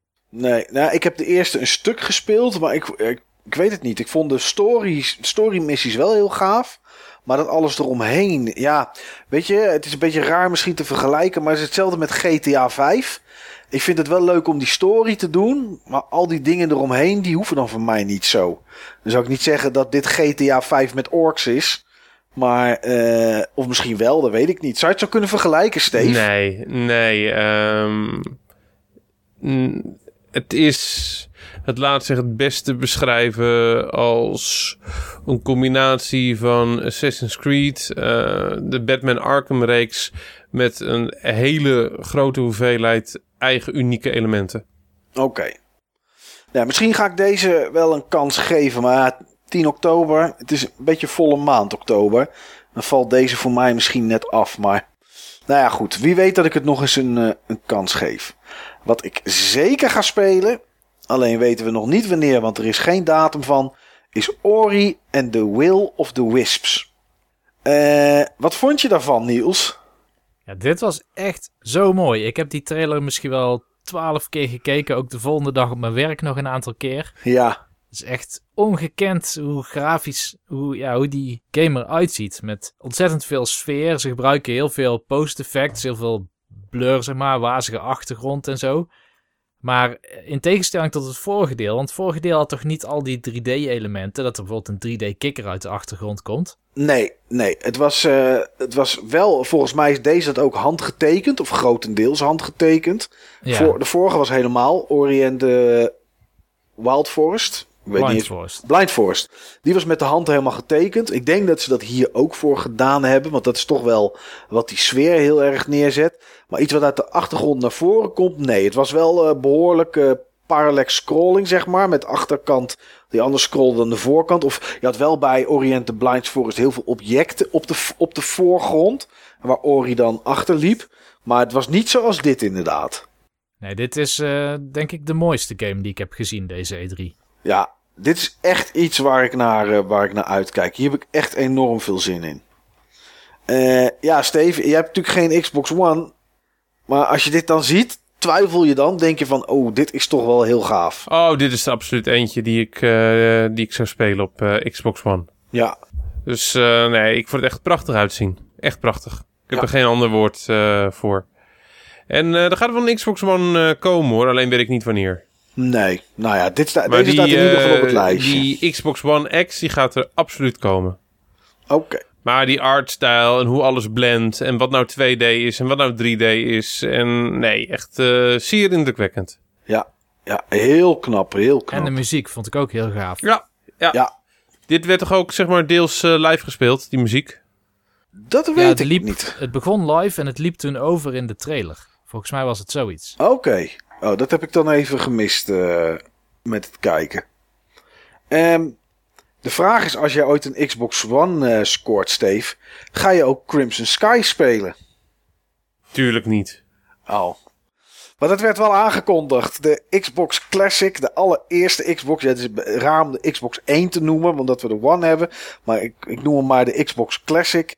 Ehm, ja, die eh, games, eh, geselecteerd uiteraard, worden ook speelbaar op de Xbox One. Want eh, de backwards compatibility gaat verder terug dan de Xbox 360. En de eerste game, en dat is dit jaar, volgens mij in oktober ergens, is Crimson Skies. Die hebben ze nu in ieder geval aangekondigd. En die wordt straks speelbaar op de, op de Xbox One. Het is disc erin en, en spelen. De games zouden er beter uitzien.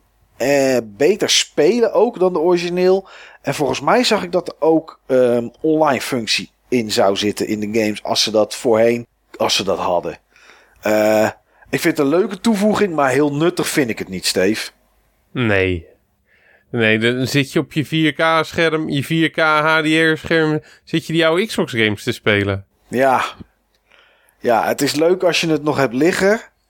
Maar om het nog eens een keer eventjes te zien. Maar Ja, gewoon voor een, voor een stukje nostalgie, maar wat ook heel veel experts zeggen.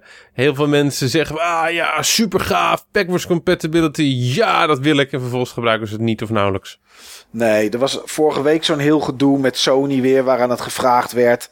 En die zeiden van, eh, er was, ik weet even niet wie het was, volgens mij Amerikaanse Waarschijnlijk PR-man. Jim Ryan, want Die ja, Jim Ryan die kan nog wel eens van die rare dingen zeggen. nou, dat had hij dus in dit geval ook een soort van gedaan. Die was op een Gran Turismo evenement. En eh, daar stond ook één, Gran Turismo 1 en 2 op de PlayStation 1. En volgens mij ook de versies van de PlayStation 2. En daar keek hij naar en toen had hij gezegd van ja, wie wil nou eigenlijk deze oude bende nog spelen? Die, eh, die, die had zoiets van ja, waarom zouden mensen Oh, ja. dit nog willen spelen? En eh, nou ja, dat kwam natuurlijk in het nieuws.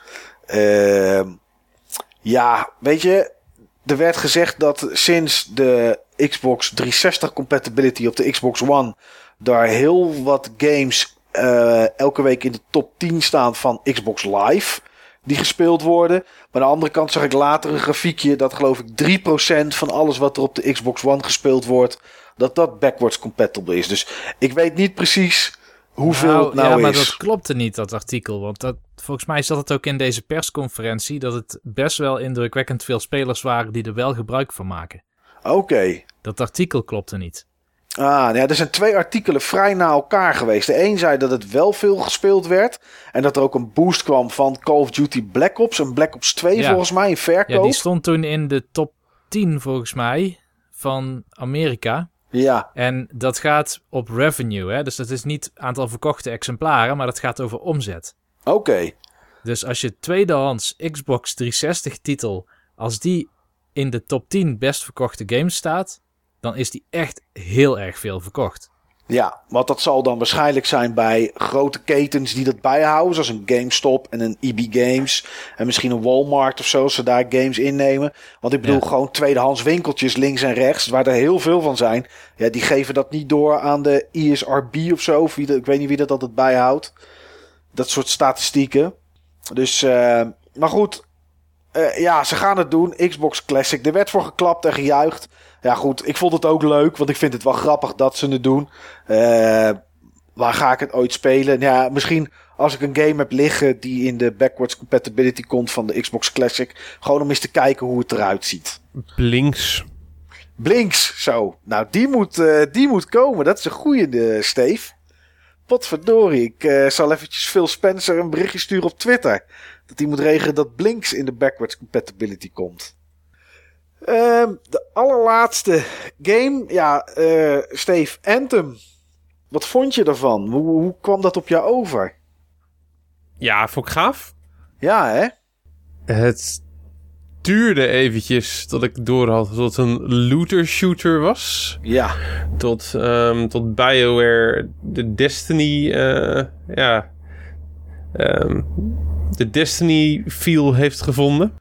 Ja, ja, eigenlijk is het gewoon eigenlijk Destiny, maar dan in third person, toch? Vond ik niet. Vond ik niet. Ehm, ehm, ik, eh, bij Destiny heb je toch zeg maar.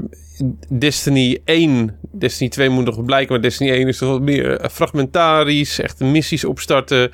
En dit had ik naar mijn, dit had naar mijn gevoel een wat groter open world eh, gehalte. Ja, dat een ze ook wel. een beetje je vijanden zoeken. Maar het, het is een eerste impressie en eerst zien, dan geloven.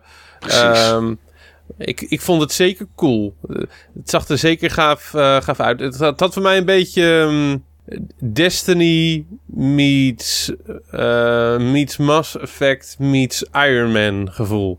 Hmm. Ja. Nou, wat je zegt hè, met, met eh, Destiny is wat gefragmenteerder. Maar dat, dat gevoel hadden we ook niet bij de eerste trailers die we daarvan kregen Dat klopt, natuurlijk. ja, dat, dat, eh, Ja. dat, dat klopt. En ehm, je zag nu toch ook een soort van, van marketplace waar je rond kon lopen. En dan stapten ze in zo'n exosuit. En op dat moment kwam ook pas die andere speler erbij. eh, Pieter of zo, weet ik veel, in, het voor, in, het, in de trailer. Dus ik had niet... Dat was voor mijn gevoel toch een beetje ehm, afgescheiden van. Maar het zou wel kunnen dat het één grote, grote wereld is waar je naar je missie toevliegt. Omdat op een gegeven moment kwamen ze een tegenstander tegen en die bleek een beetje te sterk. En toen zeiden ze ook van, eh, die laten we wel voor een andere keer. eh, we gaan door naar onze objective. Maar dit is, dit is er zeker eentje om in gaten te houden. Het mooie hier ook eh, van. Hij komt ehm 2018. En het zal eerder laat 2018 eh, zijn. Ja, Q3 en je weet volgens mij. Ja, en je weet gewoon dat Destiny ook weer, Destiny 2, weer zijn droge periodes gaat krijgen. Ja. En dan is dit, dit is gewoon echt perfect. Ja, ja, hij komt inderdaad hij komt Q3 2018 voor PS4, Ja. Xbox One en Windows. Wat vond jij ervan, eh, Niels? Is dit wel iets wat je zou spelen als je, net zoals eh, State of Decay, co-op mensen zou hebben? Dan nee, dan zou ik deze niet spelen. Ehm, en het komt misschien door mijn verwachtingen. Maar dit was wat in BioWare Project Dylan werd genoemd. En Klopt. Project Dylan, dat was eh, ja, Bob Dylan. eh, Ja. Singer-songwriter. eh, heel erg veel invloed gehad op, op de muziek. En dat zou deze game dan ook moeten hebben op games. Tenminste, ik ga ervan uit dat daarom die projecttitel gekozen is. En ja, we weten Mass Effect Andromeda was dus door een ander team gemaakt, de BioWare Montreal, een aangekochte developer. Ja, En hier zit dus in ieder geval nog een groot deel van de senior staff van bijvoorbeeld eh, Mass Effect Trilogy op. ja. Ja, want hier zagen de gezichtsanimaties er wel normaal uit, hè? Dat was het eerste wat opviel. Ja, Maar dat ik- probeerden ze ook echt te pushen. Ja, maar het Direct werkt gewoon ook wel. Ja. ja. Maar kijk, Mass Effect was gemaakt met Frostbite. Is deze ook met Frostbite gemaakt? Heb ik niet gelezen. Maar hebben ze ook niks over gezegd. Ik kan me haast niet voorstellen dat het met iets anders is dan met Frostbite. Zeg ik zo. Want dat is op dit moment de engine waar ze alles in doen. Als het door EA gepubliceerd wordt wel. Maar dat is dat trouwens ook, want dit is een BioWare game. Ja, ja. ik denk het wel. Ik denk dat het Frostbite is. Ik zit even heel snel te kijken. Ik zie het op Wikipedia niet staan. Wil niet zeggen dat het niet bekend is. Maar het staat daar nog... eh, ja, Frostbite engine is het. Ah, Oké. Nou, het zag er heel erg goed uit. En eh, vooral het begin, dat je in een soort van ja, markt of zo rondliep. Ja, heel veel dat, eh, details. Ja, heel veel details. En dan eh, richting dat exoskeleton. Ik zag ook nog zo'n mechanische dinosaurusachtig ding. Ja, ja, op ook de iets wat achtergrond. Ja, ja, dat vond ik wel gaaf. Je hebt geen classes, maar je exosuit bepaalt je class. Ja. Je had een pak voor ranger en een pak voor een soort tank of zo. Dus ja, weet je, je hoeft ook geen klas van tevoren te kiezen. Je zal waarschijnlijk toch wel een, een bepaalde exosuit houden die je heel tof vindt. En ehm, dus dat, dat, dat is het niet. Maar ja, ik vind dat toch wel heel gaaf. Ik vind dat toch wel heel gaaf bedacht. Ik moet er wel echt iets meer van zien nog. Ja, een, een, een, een stuk gameplay van een kwartier, gewoon echte gameplay, zou wel prettig zijn om, Ja, en om een wat mening... voor soort eh, missies ze hebben. Dat het Ja. eigenlijk niet zo'n Assassin's Creed is, waar je eigenlijk maar drie verschillende dingen hebt, die dan de hele tijd in andere plekken van de wereld herhaald worden. Ja, Ja. z- zoals de Division. Ah, Ja. ja. ja. Ja, ik zie het wel gebeuren. Want nu was het van, ja, we moet, ik heb een crew ingehuurd. Was geloof ik de missie. En eh, ja, is niet helemaal goed gegaan. We moeten die crew terughalen. Ja, dat is natuurlijk met schieten. Maar dat zal, elke missie zal daar wel op uitdraaien. Dus weet je, ik denk dat het wel heel snel hetzelfde wordt. Denk ik hoor. Maar goed, het, uh, we gaan het zien. Ze hebben in ieder geval voorlopig nog de tijd om dat uh, aan ons te tonen. Uh, Steve, over het algemeen genomen, de Microsoft persconferentie. Wat vond je ervan? Um, ik vond dat er erg veel in zat. Ja. We hebben het er ook lang over. Ja, maar ja, 42 um, games. Ik vond dat er echt sterke dingen in zaten. Anthem, Ori in the Will of the Wisps. Um, uh, wat, wat, uh, Shadow, nog of, meer? Shadow of Mordor. Ja, Shadow of Mordor. Um, ik ben er zo eventjes langs aan het gaan. Uh, die Metro game, ja. inderdaad, ja. Metro Exodus. Xbox One X, die ik ook echt, echt heel cool vond als, als apparaat. Um, ik vond overigens de Artful Escape er wel tof uitzien, okay. Mike. Uh, niet dat ik hem snel zal gaan spelen, maar ik vond hem wel tof. Um, inderdaad, waar we het net over um, uh, hadden, die, um, die prachtige Pixel Voxel uh, game. Ja, The Last Night. The Last Night. Ja, ik vond het een, goede conferentie. Oké. Okay. Ja, ik vond het hetzelfde. Ik sluit me helemaal aan bij wat Steve zei. Um, het enige wat ik jammer vond in deze conferentie is dat sommige games echt te veel tijd kregen. En bijvoorbeeld Sea of Thieves. Als je nou afspreekt, ja. oké, we laten vier minuten maximaal aan gameplay zien. Ja. Dan kun je heel veel laten zien. Dan kan die conferentie ook wat korter. Ja, dan breng je het ook wat meer in balans. Maar nu heb je heel snel een aantal uh, dingen zoals The Last Night, Ori, duren allemaal minder dan een minuut of zo. En dan Sea of Thieves was volgens mij meer dan 10 minuten. Klopt. En ja, dat haalde voor mij wel de snelheid eruit. Ja, ga ik uh, volmondig in mee. Uh, bedenk daar iets anders voor. Zoom in op games in aparte sessies. Desnoods bij, uh, bij websites die een panel hebben of via een treehouse-achtige constructie. Um, sommige dingen waren inderdaad te lang. Ja, nou, dat, ik ja, ben het er eigenlijk allemaal mee eens, jongens. Het is sommige dingen te lang en sommige dingen veel te snel. Het was, soms kregen we vier trailers achter elkaar. Ehm en waar we dan voor de rest helemaal niets over hoorden. Ik vond het wel goed dat het, het had wel meer sfeer dan een IE-persconferentie. Daar was niet zo heel veel voor nodig. Maar goed, uh, dat toch wel. Um, en ik vind het toch leuk. En dan komen we met de, de, persconferentie waar we het hierna over gaan hebben. Hebben we het daar ongetwijfeld over. Um, ik vind het toch leuk als er wat mensen op een podium komen en iets vertellen. Ik wil graag. Kijk, een trailer alleen Um, van bijvoorbeeld uh, The Last Night. Um, of Crackdown 3 of wat dan ook. En daar heb ik geen E3 persconferentie voor nodig. Dat kan namelijk, die kan je namelijk ook gewoon zo lanceren. Dan ziet heel de wereld hem ook. Maar ik vind het leuk als er, en, en, en nuttig en informatief, als er ook een beetje iets verteld wordt over de game. En dat maakt voor mij een persconferentie. En uh, dat deden ze af en toe. En daardoor had ik er wel ook een beetje persconferentiegevoel bij. Um, de grootste verrassing voor mij uit deze persconferentie was eigenlijk die Xbox Classic Backwards Compatibility en Metro Exodus. Die twee had ik echt niet zien aankomen.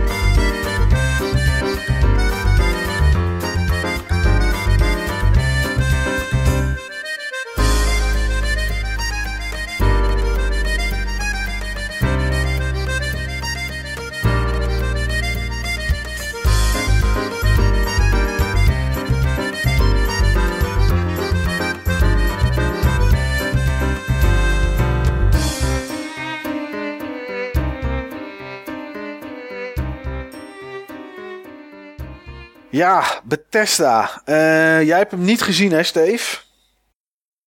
Ik heb, er, ik heb hem niet gezien. Ehm, volgens mij ook geen fragmenten. Ik heb er wel meningen over gehoord. Ja, nou, die ik kan je nu al zeggen, die zijn allemaal waar. Ehm, Niels, jij hebt wat teruggezien, toch? Ik heb een paar dingen teruggezien. Ik heb wel iets gezien, bedenk ik me net. Maar dat gaat zo meteen nog voorbij komen. Oké. Ehm, laat ik eventjes... Ja, we doen het eigenlijk achteraf, maar ik wil het even van tevoren. Ik vond dit de meest slechte persconferentie, jongens, die ik gezien heb. En echt sinds tijden. Hij begon zo. Oh, leuk. Oh, welkom bij Bethesda. Hier is op het podium Piet Heinz. Dat is volgens mij directeur of is die PR-man. Ik weet niet wat hij eigenlijk is. Volgens mij PR-man.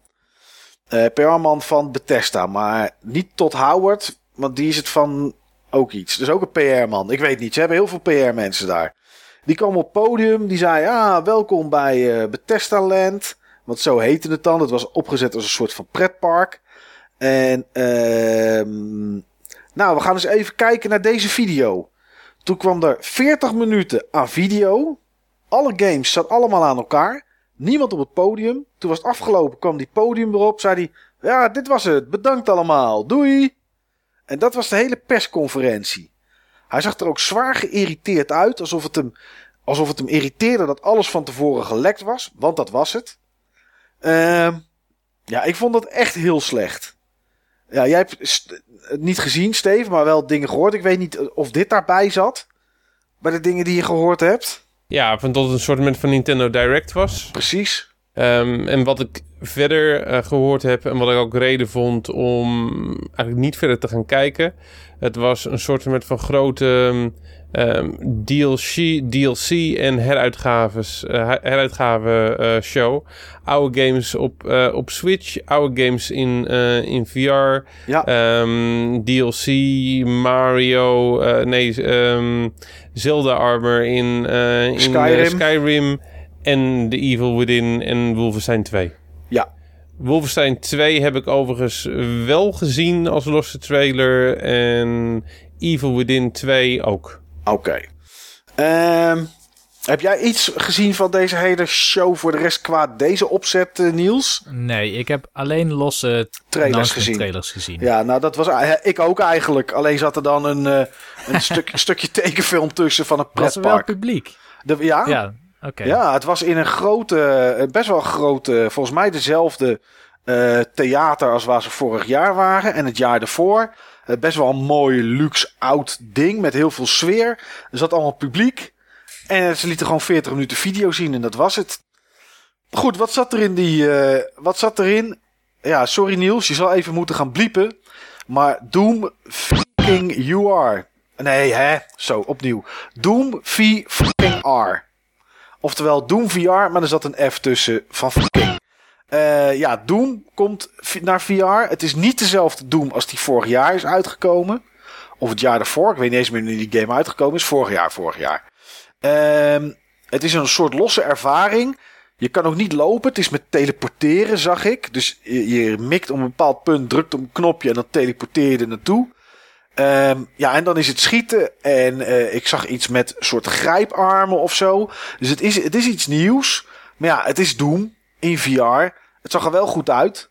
Dat wel. Ja, en Fallout 4 VR lieten ze zien. Ja, dat is Fallout, maar dan in VR. Dat is wel echt Fallout 4, toch? Ja, dat is echt Fallout 4. Ja, klopt. Ehm, platform voor beide games zijn PS4 en Windows 10. Ja, goed, kan niet naar Xbox, want die heeft nog niks met eh, dingen, met VR. En Fallout 4 komt in eh, oktober. Nou ja, Fallout eh, 4 komt alleen naar de 5. echt waar? niet naar de PS4. Nee, want daar hebben ze uitgelegd omdat ze de performance niet hebben in de PS4 om die eh, op de PSVR te kunnen draaien. Alleen Doom komt naar de PSVR. Oké, oké. Vandaar dat dat ook een losse ervaring of En, los oh, en iets is. Skyrim, ja. Ja, Skyrim. Maar Skyrim komt overal naartoe. Oh, een beetje moe van. Ehm, ja, hoe vond je dit nieuws? Is het aantrekkelijk? Maar ja, eh, ik dacht van, ga, ik wou vragen, ga jij dat Doom spelen op je VR? Maar je hebt geen Vive. Dus dat, Nou dat- ja, ik kan, ik kan dus... Ja, ik kan Doom wel spelen. Want die Oh, komt op ja. de PSVR. Maar ik kan oh inderdaad... sorry, eh, eh, Fallout niet. Hè, nee, ingewikkeld. precies. nou ja, dat, dat komt op zich goed uit, want dan heb ik gewoon de PS4-versie liggen. En die kan ik nu ook gewoon gaan spelen zonder het idee te hebben dat ik iets mis. Overigens zou het een volledig nieuwe game zijn die je opnieuw moet betalen. Ja, klopt. Maar Doom ben ik wel benieuwd naar. Ook al teleporteer je jezelf. Je loopt niet rond als in Farpoint of zo. Nee. Maar het, ja, het zag er wel bruut uit.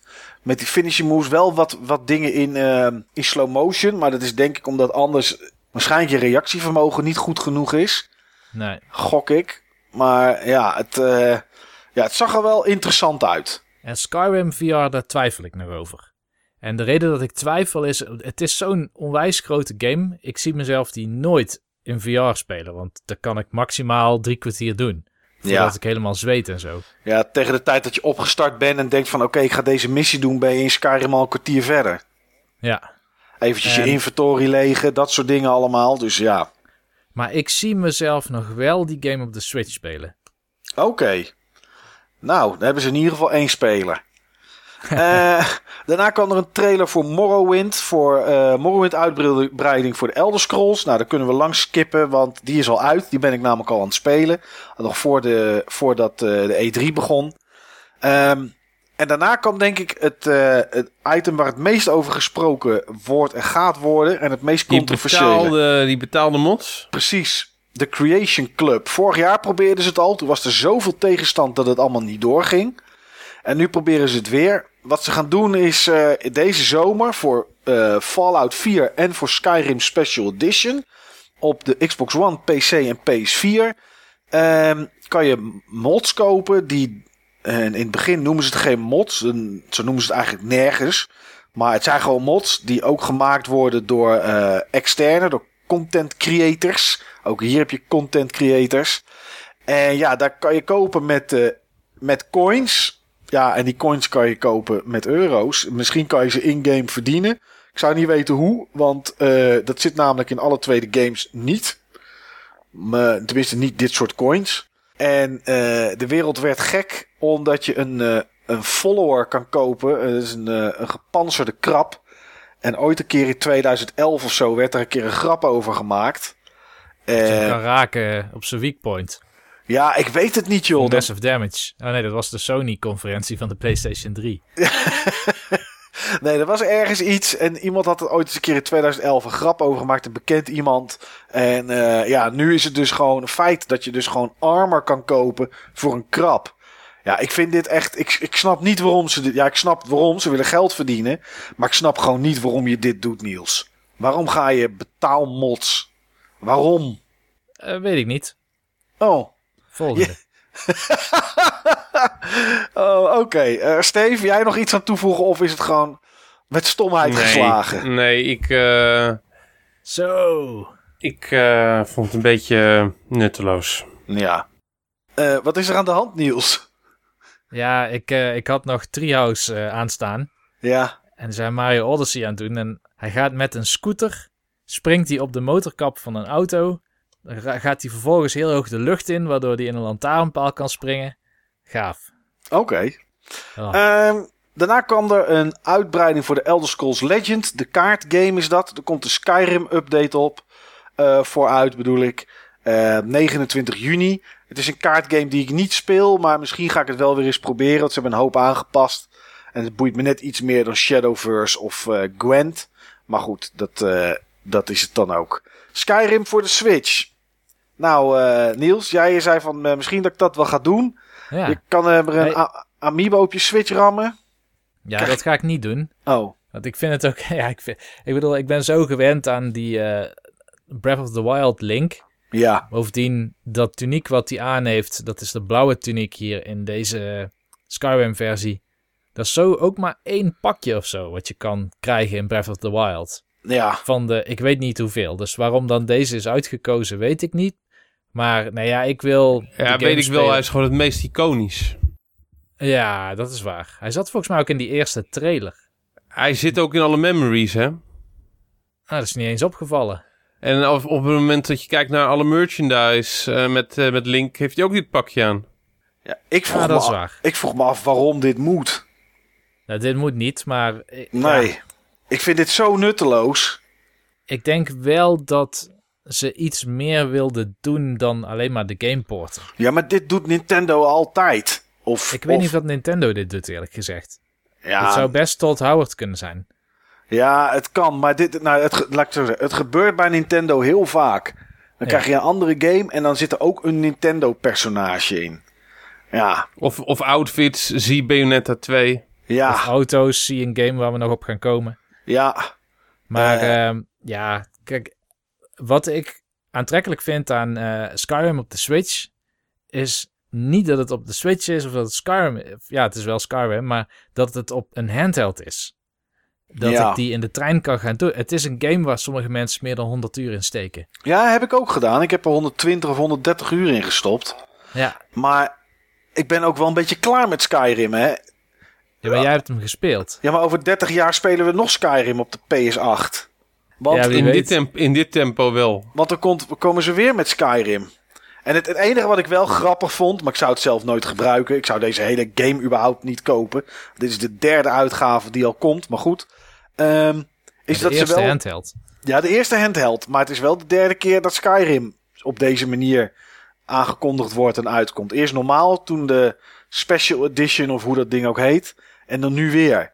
Maar goed, eh, je kan wel met motion controls kan je spelen. Dat vind ik dan wel grappig. Ik zou het nooit doen, maar... Maar ja, goed. Eh, het enige wat ik me heel Waar erg ik over over... gelezen heb, was het ook een beetje geforceerd. En gewoon leuk, om het, leuk dat erin zat, maar ging je het toch niet doen. Nee, dat denk ik ook niet. Het enige is dat er nog steeds geen release datum aan zat. Ik weet niet of die er inmiddels wel is, maar die game zou eigenlijk in Q3 van 2017 komen.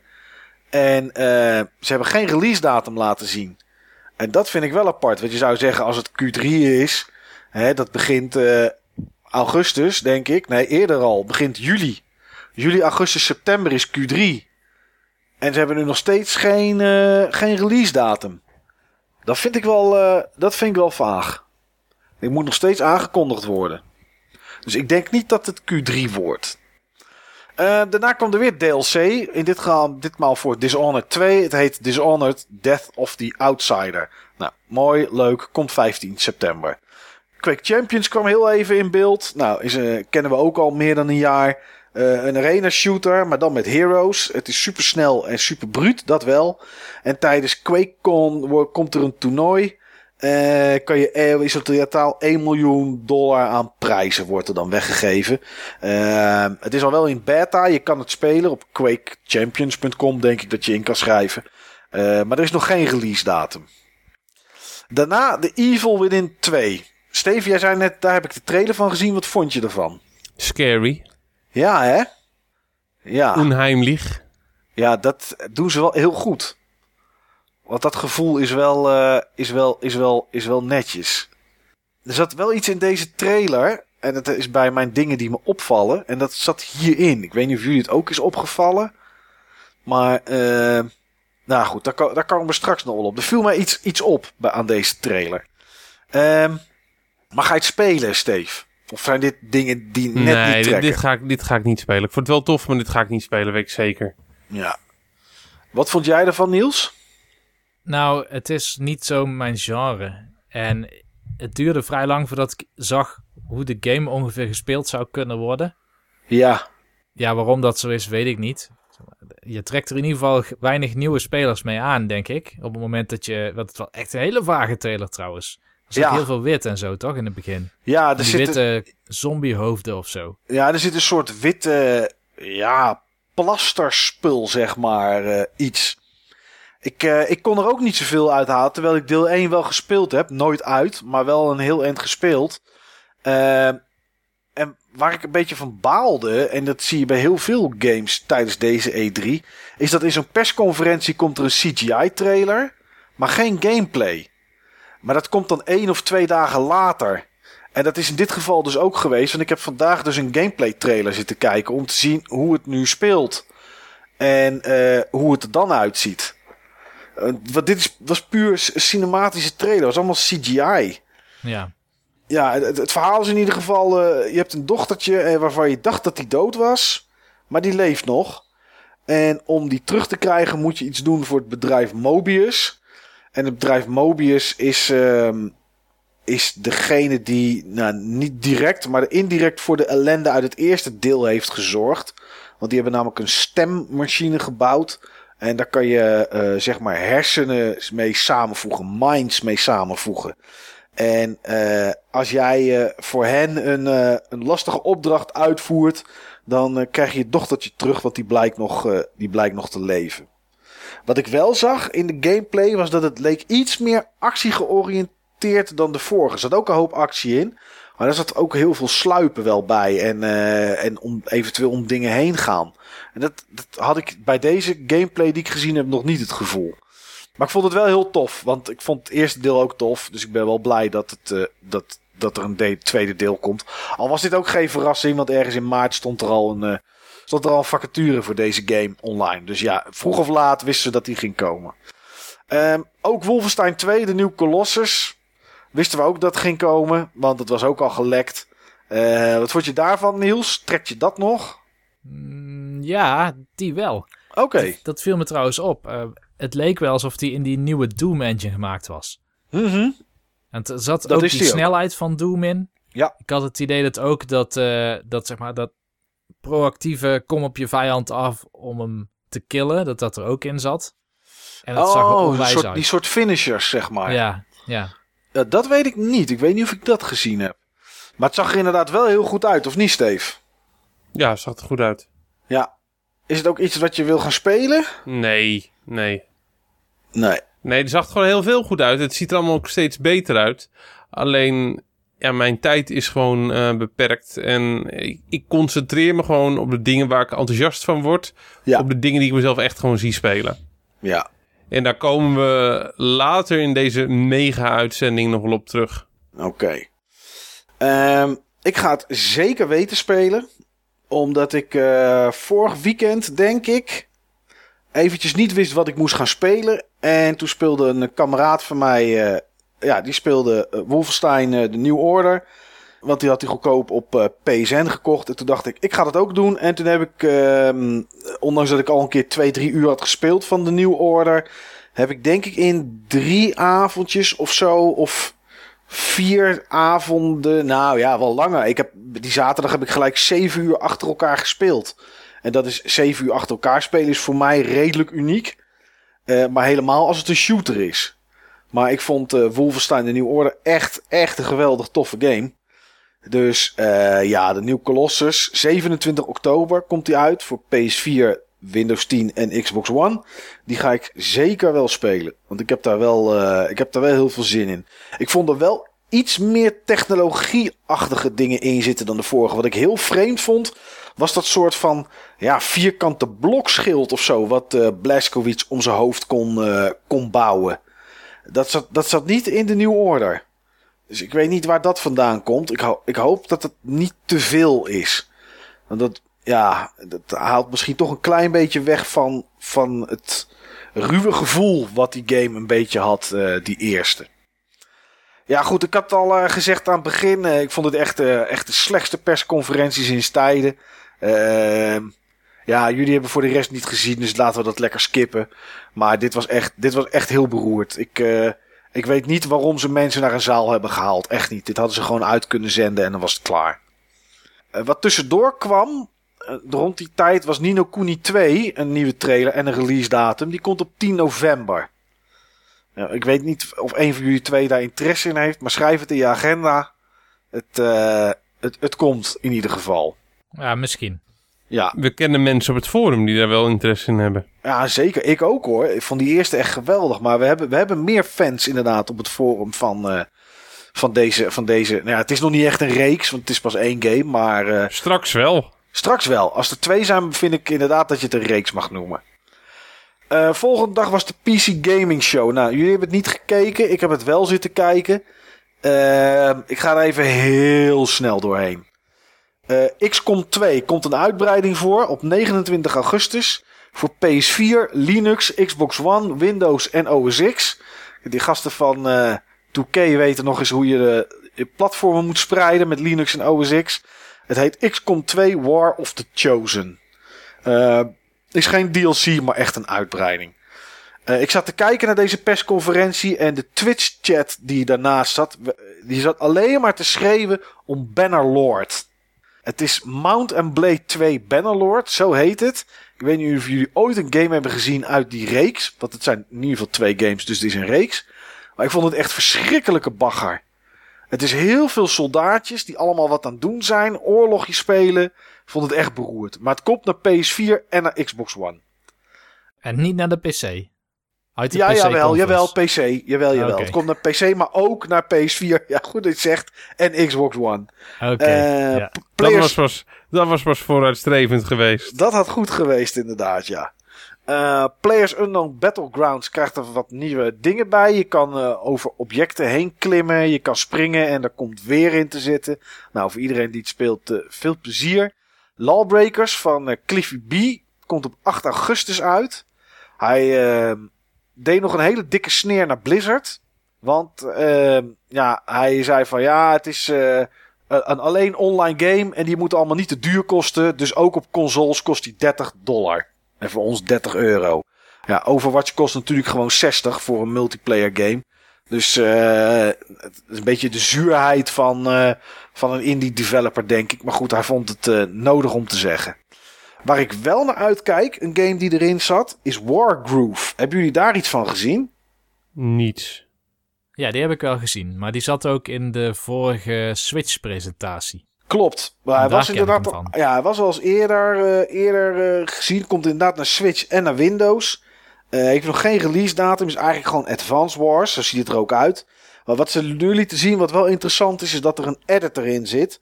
Waar je echt in twee, drie minuten gewoon een veld kan bouwen, tegenstanders neer kan zetten en dat soort dingen. Dus ik hoop dat daar heel veel, heel veel content voor komt. Want ik vind dat wel leuk. Alleen ik denk wel dat ik dit op de Switch ga spelen omdat het toch een game is om mee te nemen, zeg maar. Uh, en het allerlaatste waar ze mee kwamen, en dat vond ik wel heel gaaf, was Age of Empires Definitive Edition. Uh, komt eind dit jaar nog uit voor Windows 10 en is een remaster van het eerste deel. En er zitten heel veel aanpassingen in van alle games die daarna uitgekomen zijn. Ja, en grafisch heeft het natuurlijk een oppoetsbeurt en uh, dat soort dingen allemaal. Dus ja, ik weet niet, ga jij het spelen, Niels? liever nog dan State of Decay 2. Oké, nou, kijk. Ja, want hier heb je natuurlijk niet vrienden voor nodig. Dus dat is wel, dat is wel gunstig, Niels. Nee, maar Age of Empires 2 uh, eh, is een game... Ja, ik heb zo'n top 100 topic op het Buttonbashers forum. Ja. En daar komt hij nog langs. Oh, Age of Empires 2 komt daar nog langs? Ja. Oké, nou ja, en alles wat goed is uit 2 hebben ze blijkbaar in deze Definitive Edition gestopt. Dus uh, ja, ik ben daar wel benieuwd naar. Ik denk wel dat ik dit uh, ga kopen. En de reden dat ze dit deden was omdat Age of Empires dit jaar 30 jaar bestaat. En ze, hadden, ze zouden nog met een aankondiging komen ergens dit jaar. Dus misschien komt er wel een heel nieuw deel. Al zie ik dat niet zo snel gebeuren. Maar ja, ik, uh, ik ben benieuwd. Nou, dat was eigenlijk alles van de PC Gaming Show wat uh, interessant was. Maar het kostte me toch een slordige anderhalf uur. Uh, Intel kwam nog op het podium, want die sponsorde het. En die ging van alles vertellen over de i9. En weet ik wat allemaal. En uh, was nog iets met Destiny. Maar dat was meer van. Oh, kijk, Destiny maakt gebruik van alle cores of zo. Weet ik veel. Zoiets was het verhaal. En dat was dan allemaal geweldig. En nou ja, leuk. Ja, een uh, twee, paar uurtjes later was Ubisoft aan de beurt. En Mario plus Rabbids Kingdom Battle, het bestaat. Nou ja, dat wisten we natuurlijk al wel. En daar zagen we ook de eerste huilende man van de avond. Dat was de tweede huilende man, zat ook bij Ubisoft. Dus dat is allemaal heel schitterend. Het was de producer of zo, of de director van de game. Maar hij was in ieder geval iets met de game. En die zat in het publiek en hij zat te huilen omdat zijn game eraan kwam. Nou ja. Het waren een soort van bookends, hè? Ze begonnen ermee en ze sloten ermee af. Het ja. was alsof ze het hadden afgesproken. Ja, inderdaad, ja. Dat ze de twee grootste emo-tijgers gewoon hadden neergezet van, het, van het hele bedrijf.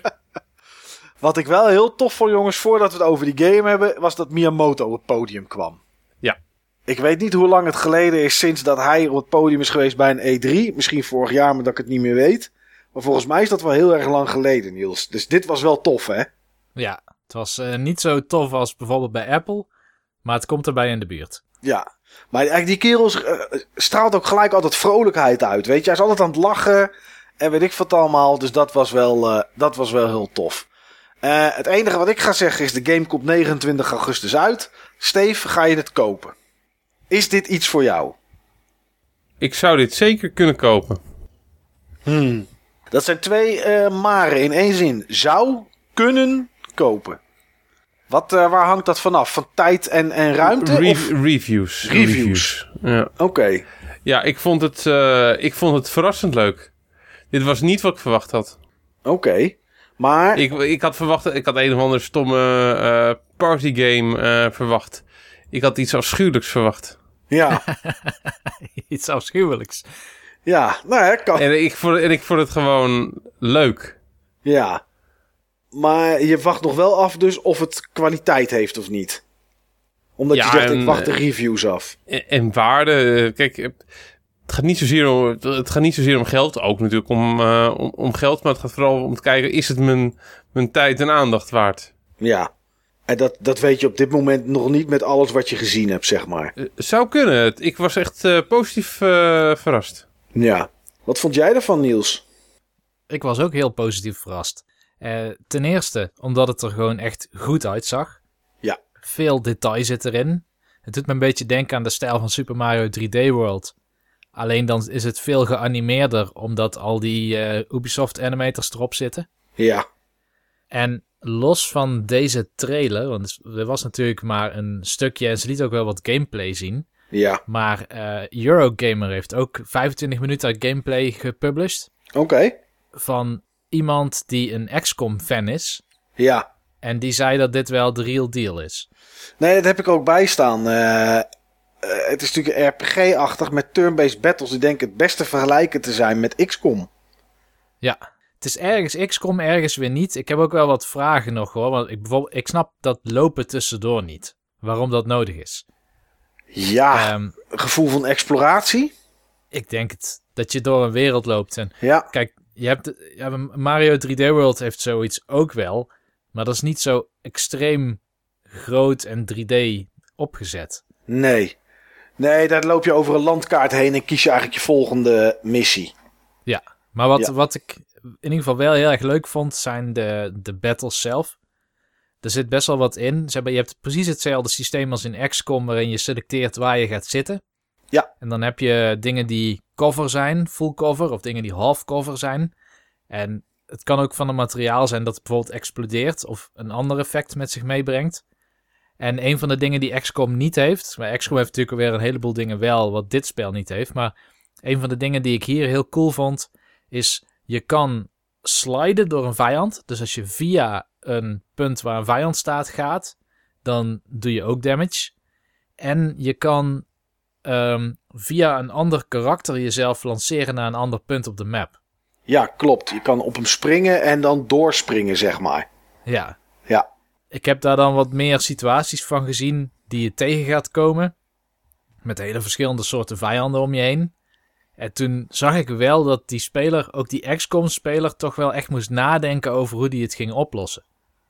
Ja, oké. Nou, dat geeft in ieder geval aan dat het niet een, een simpele kindergame is, zeg maar. Dus dat er echt wel uitdaging in zit. Ja, nee. En het is heel duidelijk echt een liefdesproject van Ubisoft. Ja, En, Dat eh, straalde er echt vanaf. ja, dat zag alleen je al- gewoon aan het detail in dingen en de humor. Ja. En natuurlijk doordat die creative director ging huilen omdat Miyamoto zijn naam noemde op het podium. ja, En zelfs Yves Guillemot, de CEO van Ubisoft, die was extreem zenuwachtig. Die Ja. trilde. En als Miyamoto zei van, eh, ja, we vinden dat Ubisoft mooie games maakt, zei hij meteen, oh, echt? ja, dat klopt. Wat een leugenaar. het eerste wat hij gedaan heeft, het eerste wat ze gedaan hebben, is hun complete template weggegooid. Oh, leuk, jongens, we gaan een open world game maken. Laat eens kijken, wat hebben we als voor... Oh, kijk, zo gaan we het niet doen. ja. Oké, die torens die houden we, voor de rest flikkeren we alles weg. Ja, maar ik heb wel iets meer over de achtergrond van het verhaal nu gehoord. Schijnbaar die creative director, die had dit spel bedacht. En die is het gaan pitchen aan Nintendo een jaar of vier geleden. Ja, En tijdens die pitch, toen vond Miyamoto dat die man zoveel passie had voor dit project, dat hij het risico wel aandurfde, maar ze mochten geen platformer maken. Nee, klopt. Dat zeiden ze. Hè. Ze mochten er alles mee doen, maar geen platformer zoals Mario of wat dan ook, of Rayman. Ja. Ja, Nee, dus ik zie het spel heel erg zitten als een strategy tactical game fan. ja. Eh, Jij ook- niet, denk ik. Ik ook. Wel. Oh, het is Ik vind mijn het... eh, verrassing van de E3 dat jij dit een leuk spel vindt. ja, maar ik ben er nog niet. Oh, Ik vind het super tof. Ik vind die combat super gaaf. Eh, ondanks dat ik XCOM 1 nog steeds echt een keer goed moet spelen, ben ik enorm fan van dit soort battlesystemen. En dat uitdokteren en nadenken. Het zit ook in Wasteland 2 en dat vond ik ook tof. Maar ik ontzeg mijzelf deze game, want rabbits.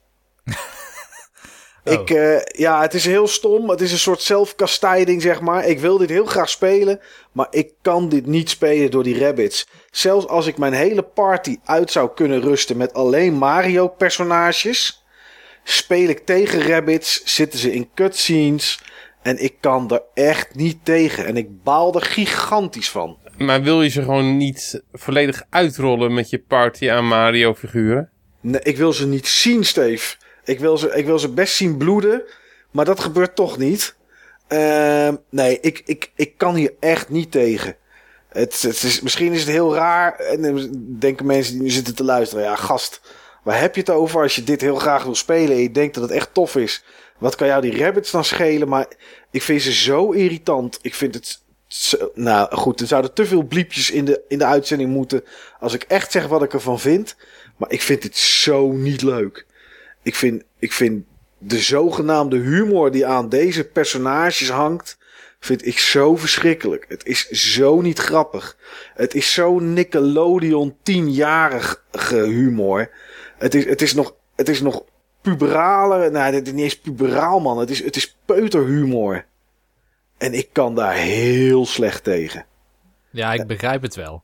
Ja, het ik is. vind het zelf leuke humor. Ik heb ook gewoon Rabbits merchandise thuis. Het is maar, Maar- goed dat ik dat niet gezien heb toen ik een keer bij jou was. Want ik, ik had het gepakt.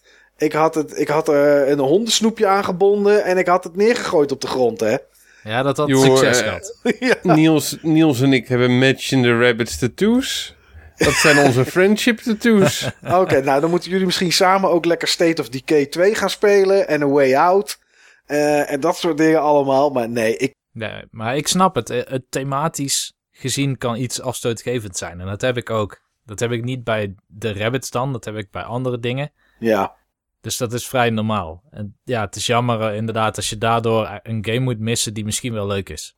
Ja, ik vond alleen wat ik niet zo, eh, nou ja, wat jij ook zei, wat ik niet zo snapte, is dat rondlopen. ehm, ehm, eh, inderdaad, waarom? Want ze liepen achter een soort, ja, een soort stofzuigertje aan of zo. Een soort eh, automatische stofzuiger. En dan liep dan Mario en twee van die rabbits liepen daar dan achteraan als een soort van slingertje.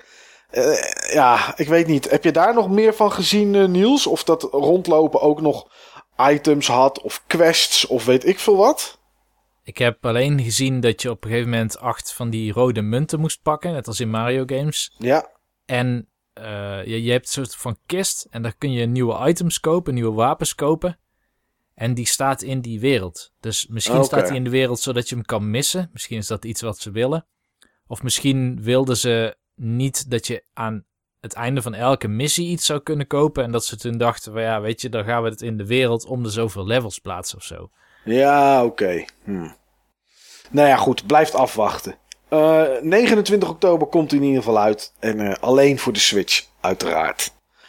Daarna kregen we Assassin's Creed. Nou, daar hebben we al over gehad. En dat hadden we allemaal al gezien. En Ubisoft kondigde daarna de Crew 2 aan. Ehm, ja, ik heb één stukje gespeeld. Ehm, niet helemaal mijn ding.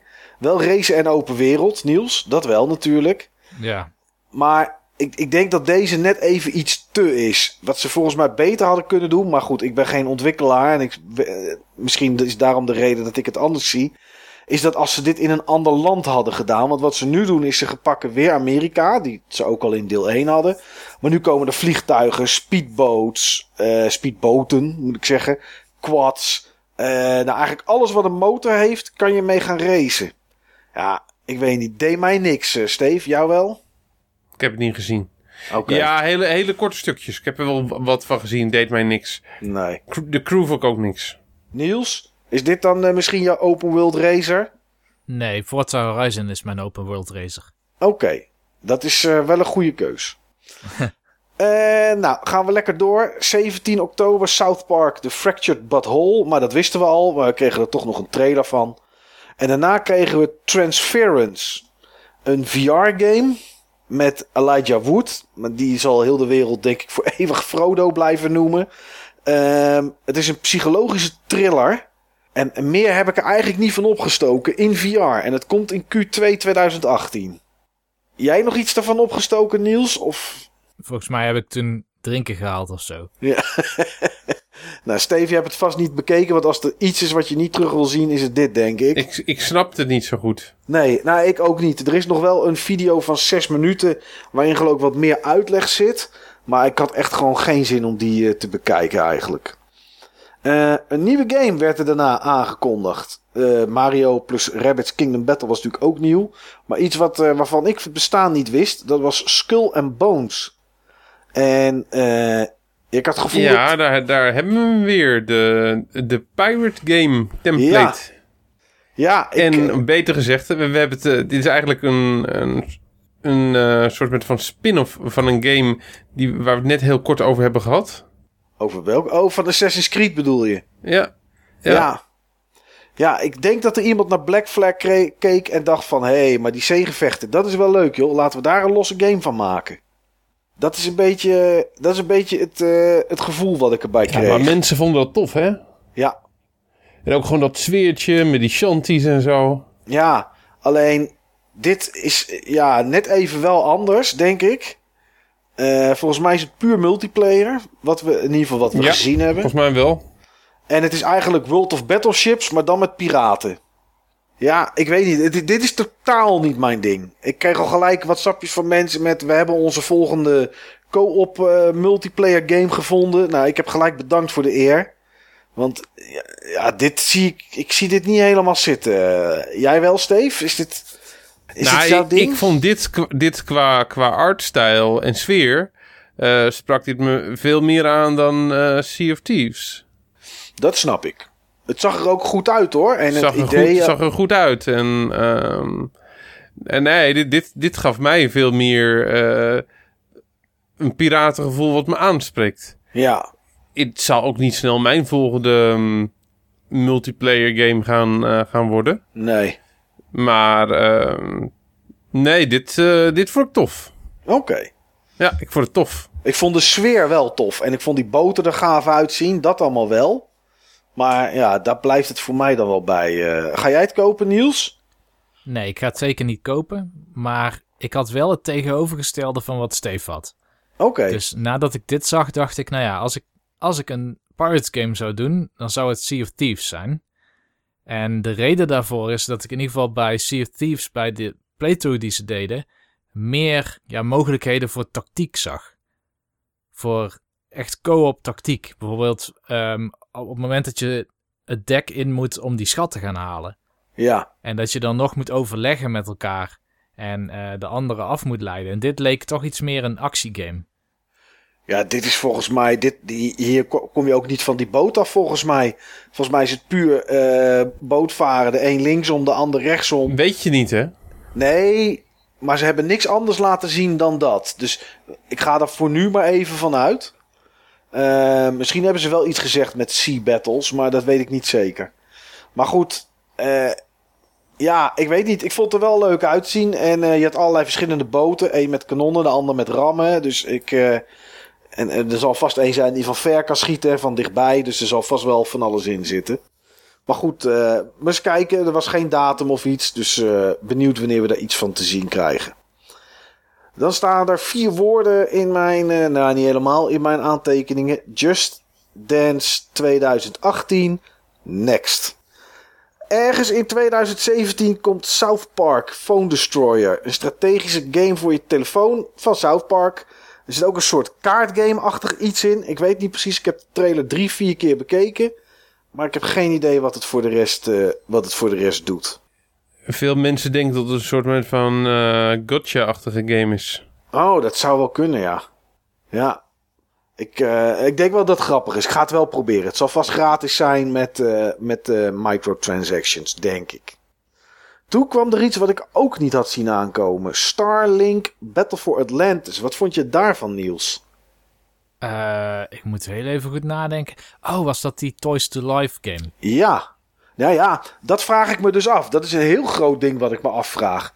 Of die toys echt tot leven komen. Want hoe Ja. kan dat? Ja, inderdaad. Want dit was eigenlijk wat ik hoopte dat die Lego Dimensions game zou zijn. Ja, Lego Dimensions, daar bouw je iets, maar het spel weet niet wat, wat je bouwt? gebouwd. Nee. Nee. En hier leek het er wel op dat het spel dat wist. Omdat je echt wapens klikt op ja, dat voertuig wat je bestuurt. Ja. Ja, ik weet het ook niet. Het, het leek op een soort No Man's Sky. Van planeet naar planeet. Maar je bouwt scheepjes op je controller. En bij de Switch eh, leek het alsof ze een losse grip zouden leveren. Waar dan een standaardje op zat waar je op kan bouwen. En voor de PS4 en voor de Xbox One zit het soort van geklikt op je controller. En je zag dus in de trailer dat iemand een scheepje bouwde. En dat veranderde dan ook in-game. Maar ik vroeg me af, hoe weet de PS4 dat het scheepje wat jij bouwt op je controller... dat hij dat moet laten zien op die manier in de game? Ik denk dat het een vuiligheidje is. dat denk ik. Maar ik heb geen idee. Heb jij die trailer gezien, eh, Steve? Nee, ik heb het niet gezien. Oké. Ik eh, kan er niks over zeggen. Nee. Maar goed, het, het komt in de herfst van 2018. Dus het is nog eventjes... eh, het is nog even weg. En wat het precies voor de rest nog meer was, geen idee. Maar ik vraag het me af, eh, Niels. Ik ben wel benieuwd. Want ik vond het wel, als het echt zo is... vraag ik me ernstig af hoe ze dit voor elkaar krijgen. Ja, kijk, dit soort spellen heb je wel meer. Het zijn van die eh, Little Battlers-achtige games volgens mij. Ja, Ehm, maar hier, is- dit was wel grootser, hè? Tenminste, volgens mij zat hier ook nog Exploration in. ja, zat er ook in. Volgens mij kon je gewoon over planeten lopen ook en zo. En, en, en, en een soort van gevechten. Dus ja, ik kreeg er heel Ja. erg No Man's Sky gevoel bij. Maar dan zoals het ooit gepresenteerd was. Ja, goed. Ja, nou ja, weet je, in principe wantrouw ik altijd Ubisoft games. Ja, ik ook. Dus dat doe ik voorlopig ook. Ja, nou ja, daarvoor zeg ik, weet je, het, eh, het lijkt er in ieder geval op dat het scheepje wat je bouwt verandert in-game. Maar ik, eh, zolang ze niet laten zien hoe, geloof ik het niet. Daarna kregen we DLC te zien voor Steep. Nou ja, is voor de rest prima. Ik had niet verwacht dat daar nog DLC voor zou komen, maar eh, blijkbaar wel. Blijkbaar is het genoeg verkocht. Eh, Far Cry 5 kwam daarna. Heb je dat gezien, eh, Steve? Ja, ja, vond ik tof. Ja. Wat vond je er tof aan? Wat, wat sprak je aan? De sfeer. Ja. Ehm, gewoon dat, dat Amerikaanse small village redneck ehm, sfeertje. Ja. Direct ook gewoon eh, met die kerk en Amazing Grace. Ja, ik vond het... eh, het sprak me qua sfeer en werkelijk waar direct aan. Oké. Ja, wat ik zag, maar ik, ik heb Far Cry 4 niet gespeeld. Wel Far Cry Primal, daar zat het niet, niet in. Maar je kan in deze Far Cry kan je eh, mensen inhuren om met je mee te gaan op missie. En die kon je ook echt een kant op sturen. Je zag in die gameplay demo had je, was er een sniper die ingehuurd was. En zei van ja, ga jij maar daar op die toren zitten. En die schoot dan eh, op het moment dat de actie begon, schoot hij wat mensen neer. Dat is volgens mij wel nieuw. En ik vond dat wel, ik vond dat wel grappig. Eh, wat vond jij ervan, Niels? Ik denk niet dat dit jouw ding is, hè? Nou ja, ik heb die vorige Far Cry's niet gespeeld. De enige die ik heb gespeeld is Far Cry 2, volgens mij. Dat was met De dat laatste- heen, heen en weer rijden in eh, Afrika en zo. Met die oh nee, dan heb ik Far Cry 1 alleen gespeeld. Op dat eiland was dat. Ja, op dat eiland. Ja, En, en dat was gewoon heel erg vrij. En hier zat heel veel scripted stukjes in. ja, maar ja, toen was Far Cry nog van Crysis. Ja, En- dat is waar. En nu is het Maar kijk, Ubisoft. dat, dat spreekt me wel aan, dat je dus heel veel ruimte hebt. En Ja. hier, eh, ja, je zag mensen geëxecuteerd worden. Ja, En, en toen, dan slepen ze weer een nieuw iemand naar degene met de knuppel, die dan executeert. En vervolgens gaat de speler heel traag door een bus heen sluipen. Alsof het echt eh, totaal geen haast heeft om er iets aan te doen. Nee, maar dat heeft het ook nooit in dat soort games. Nee, Dat ja, is- want ze wachten toch wel met executeren. Ja, totdat tuurlijk. jij dat daarin tussenbreekt. Ja, voor het cinematografische gedeelte. Ja, en daar breekt het dan ook met mijn beleving. Dus het liefst zo min mogelijk van die dingen die we zagen in deze trailer. Maar de setting zelf spreekt me wel aan. Ja. De setting spreekt me ook aan met de secte en zo. Dat vind ik altijd wel interessant. Eh, Amerika, leuk, eh, leuk om daar eens een keer te doen in plaats van een Afrikaans land of een verzonnen land. Eh, Maar ik denk niet dat ik dit ga spelen. Dit, is, dit bekoort me denk ik eh, te kort. Ik vind het een uurtje leuk en daarna dan, eh, dan eigenlijk niet meer. Eh, release datum is er wel inmiddels 27 februari 2018. Ja, tot slot eh, CGI. Steven, we hebben ooit een keer besloten: CGI kunnen we niet zoveel mee. Dus hier ook niet mee. Nee. Het was wel de CGI van Beyond Good and Evil 2. En ehm, het enige wat daar goed aan is, is denk ik voor Ubisoft om te laten zien dat het er echt aankomt. Dat ze eens van het gezeur af zijn met komt het nou te ja of te nee. Eh, ja, en hier zat de tweede huilende man in. Want eh, die meneer die daaraan werkt, die ging op het podium huilen. En ik weet niet precies waarom. Maar hij deed het wel. Dat, die game eindelijk, dat hij eindelijk die game mocht laten zien. En eh, alle vragen die hij jarenlang heeft gekregen van... Wanneer komt die game en we willen die game. Ja. Ja, ik, eh, ik weet het niet. Het, het is, eh, wat vond jij ervan, Niels? Nou, hetzelfde als jullie. Kijk, die, die CGI-trailer, die zag er heel erg goed uit. Qua wereld en detail in die wereld. En de karakters ook. Hoewel, ik vond wel dat het een beetje te edgy was voor... Uh, wat was het- ik was als het- Beyond was het te hip? Zag. Was het te hip? Nee, het was heel veel schelden. Ja. En ehm, ja, toch wel meer het, het volwassen publiek aanspreken. Terwijl Beyond Good and Evil 1 was juist zo interessant. Doordat het echt zo'n alle leeftijden game was. Met, eh, met, met antropomorfe dieren erin. En een vrouwelijke hoofdrolspeler die heel serieus werd genomen ook door het spel zelf. En dat lijkt nu wel op de achtergrond komen te staan. In ruil voor heel veel spektakel. Ja. Ben ik met je eens. En ik heb erover na zitten denken. En toen dacht ik van, ja, er zijn twee dingen die anders zijn. Het is en geen 2003 meer. En wij zijn ook niet heel, wij zijn ook ouder geworden. Stel dat ze dit nou in 2003 hadden laten zien op deze manier. En wij waren dus 14 jaar jonger. Hadden we het dan ook minder interessant gevonden, zeg maar. Ik denk het wel, want volgens mij had toen dit nog geen cult status. Nee, dat klopt. Dat klopt. Ja, goed. Je kan je nu inschrijven voor de beta. Ik weet niet precies waar- waarom dat kan. Ik weet niet wat ze daar precies mee willen. Eh, maar ik heb het wel gedaan. Ik, eh, wat is het? Space nog wat.com of zo. Nou, als je zoekt op inschrijven, dan, eh, dan kan het.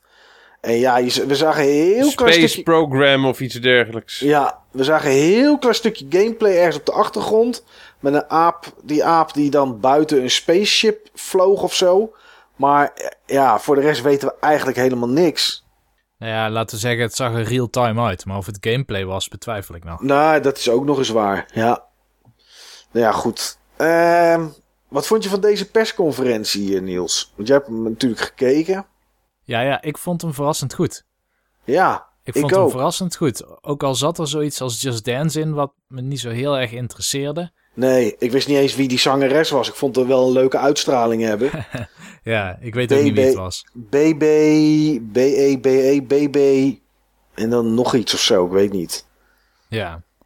Maar wat ik fijn vond aan deze persconferentie is een soort spontaniteit die erin zat. Ja, En de trotsheid van die developers die ook hun games kwamen presenteren. Zeker weten. Ik vond het op, tot op dat moment de beste persconferentie. Ja, En dan hoeft het niet eens inhoudelijk te zijn, maar gewoon als gewoon het uur. eh, ik werd gewoon echt vermaakt, een uur lang. En ehm, eh, er wa- waren mensen op podium die dingen kwamen vertellen. We kregen, net zoals bij Mario eh, en, en Rabbids, kregen we eerst een trailer te zien. En daarna werd er nog wat verteld. En dan kreeg je gewoon echt gameplay te zien. En dat, ja, ik weet niet. Dat, eh, dat, vond ik, dat vond ik gewoon, dat vind ik eigenlijk de beste manier. ja. Dus ja ik vind dat, het heel eh, apart dat we inderdaad dit vinden van de persconferentie. Terwijl als je kijkt naar wat voor games er nou precies in zaten. Dan, Ja, Ja. nou ja, Mario Rabbids, Assassin's Creed, The Crew 2, South Park, Transference, Skull and Bones, Just Dance, South Park Phone Destroyer, Starlink, Battle for Atlantis, DLC voor Steep, Far Cry 5 en Beyond Good and Evil 2. Ja, kijk, het einde, dat was Beyond Good and Evil 2.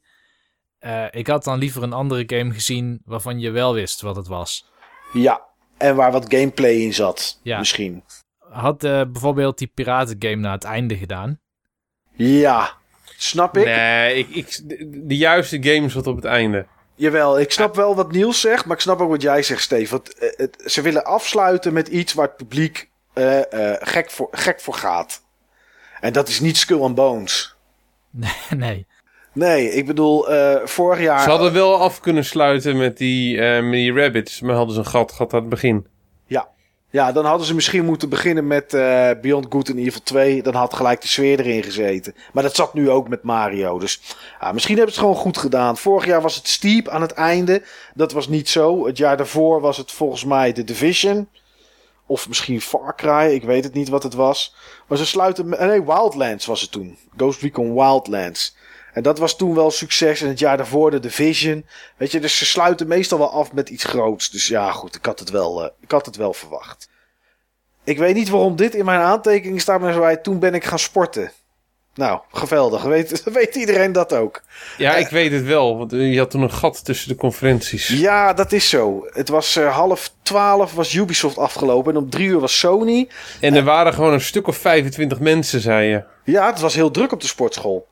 En ehm, de reden dat ik naar de sportschool ben gegaan en niet ben gaan slapen of iets, was omdat de nacht ervoor met Bethesda ik me ook verslapen had. Ondanks dat ik wel op tijd wakker was. Uiteindelijk, omdat die twee uur later was. Dus ik denk, ik ga sporten. Dus dat ben ik gaan doen. En er kwamen zelfs toen ik wegging om half twee, kwamen er nog mensen binnen om te sporten. Ik vond dat wel apart. Maar goed, Ja, het zijn mensen die komen uit de nachtdienst en de avonddienst en zo. ja, en het is ook Ramadan op dit moment. Dus volgens Ja, mij. dat, eh, eh, dat speelt ook een rol inderdaad, ja, klopt. Ja, veel eh, Marokkaanse jongeren en dat soort dingen die dan s'nachts gaan sporten. Omdat overdag ze natuurlijk niet eten. Dus ja, die willen dat slap. toch een beetje, een beetje bijhouden. De meesten gaan zeg maar of eh, aan het eind van de avond tot ze daarna direct kunnen gaan eten. En op die manier zeg maar, hun energie weer een beetje aanvullen. Of ze gaan als ze gegeten hebben. Ja, precies. Dus, ehm, maar goed. Sony ehm, begon om drie uur. Maar eigenlijk moest je al vanaf kwart over twee kijken. Want ze hadden namelijk een pre-show. Heeft een van jullie... Nou, jij denk ik niet, Steve. Want jij hebt natuurlijk... Hadden ze een pre-show? Ja, en dat hadden ze bijna allemaal. Maar ik vond dit heel raar. En ik zou je vertellen waarom. Heb, je, eh, heb jij iets gezien van de pre-show, Niels? Wederom losse trailers. Ja. Nou, dat was het ook wel een, een beetje. Het was eigenlijk gewoon een desk waar mensen aan zaten. En er werd er iets gezegd en er kwam er een trailer. Alleen in de pre-show, daar zat heel veel in dat je eigenlijk in eh, de persconferentie had willen zien. Ze lieten daar bijvoorbeeld zien Playlink. Heb je daar ooit van gehoord, Niels? Ja, nu wel. Nu wel, omdat ik het zeg. Nee, eh, omdat ik het wel heb gezien. ah, oké. Maar jij weet niet wat het is, denk ik, Steve. Nooit van gehoord. Nee, nou, Playlink is de mogelijkheid om games op je PS4 te spelen met je mobiele telefoon. En dan gaat het vooral om met meerdere mensen.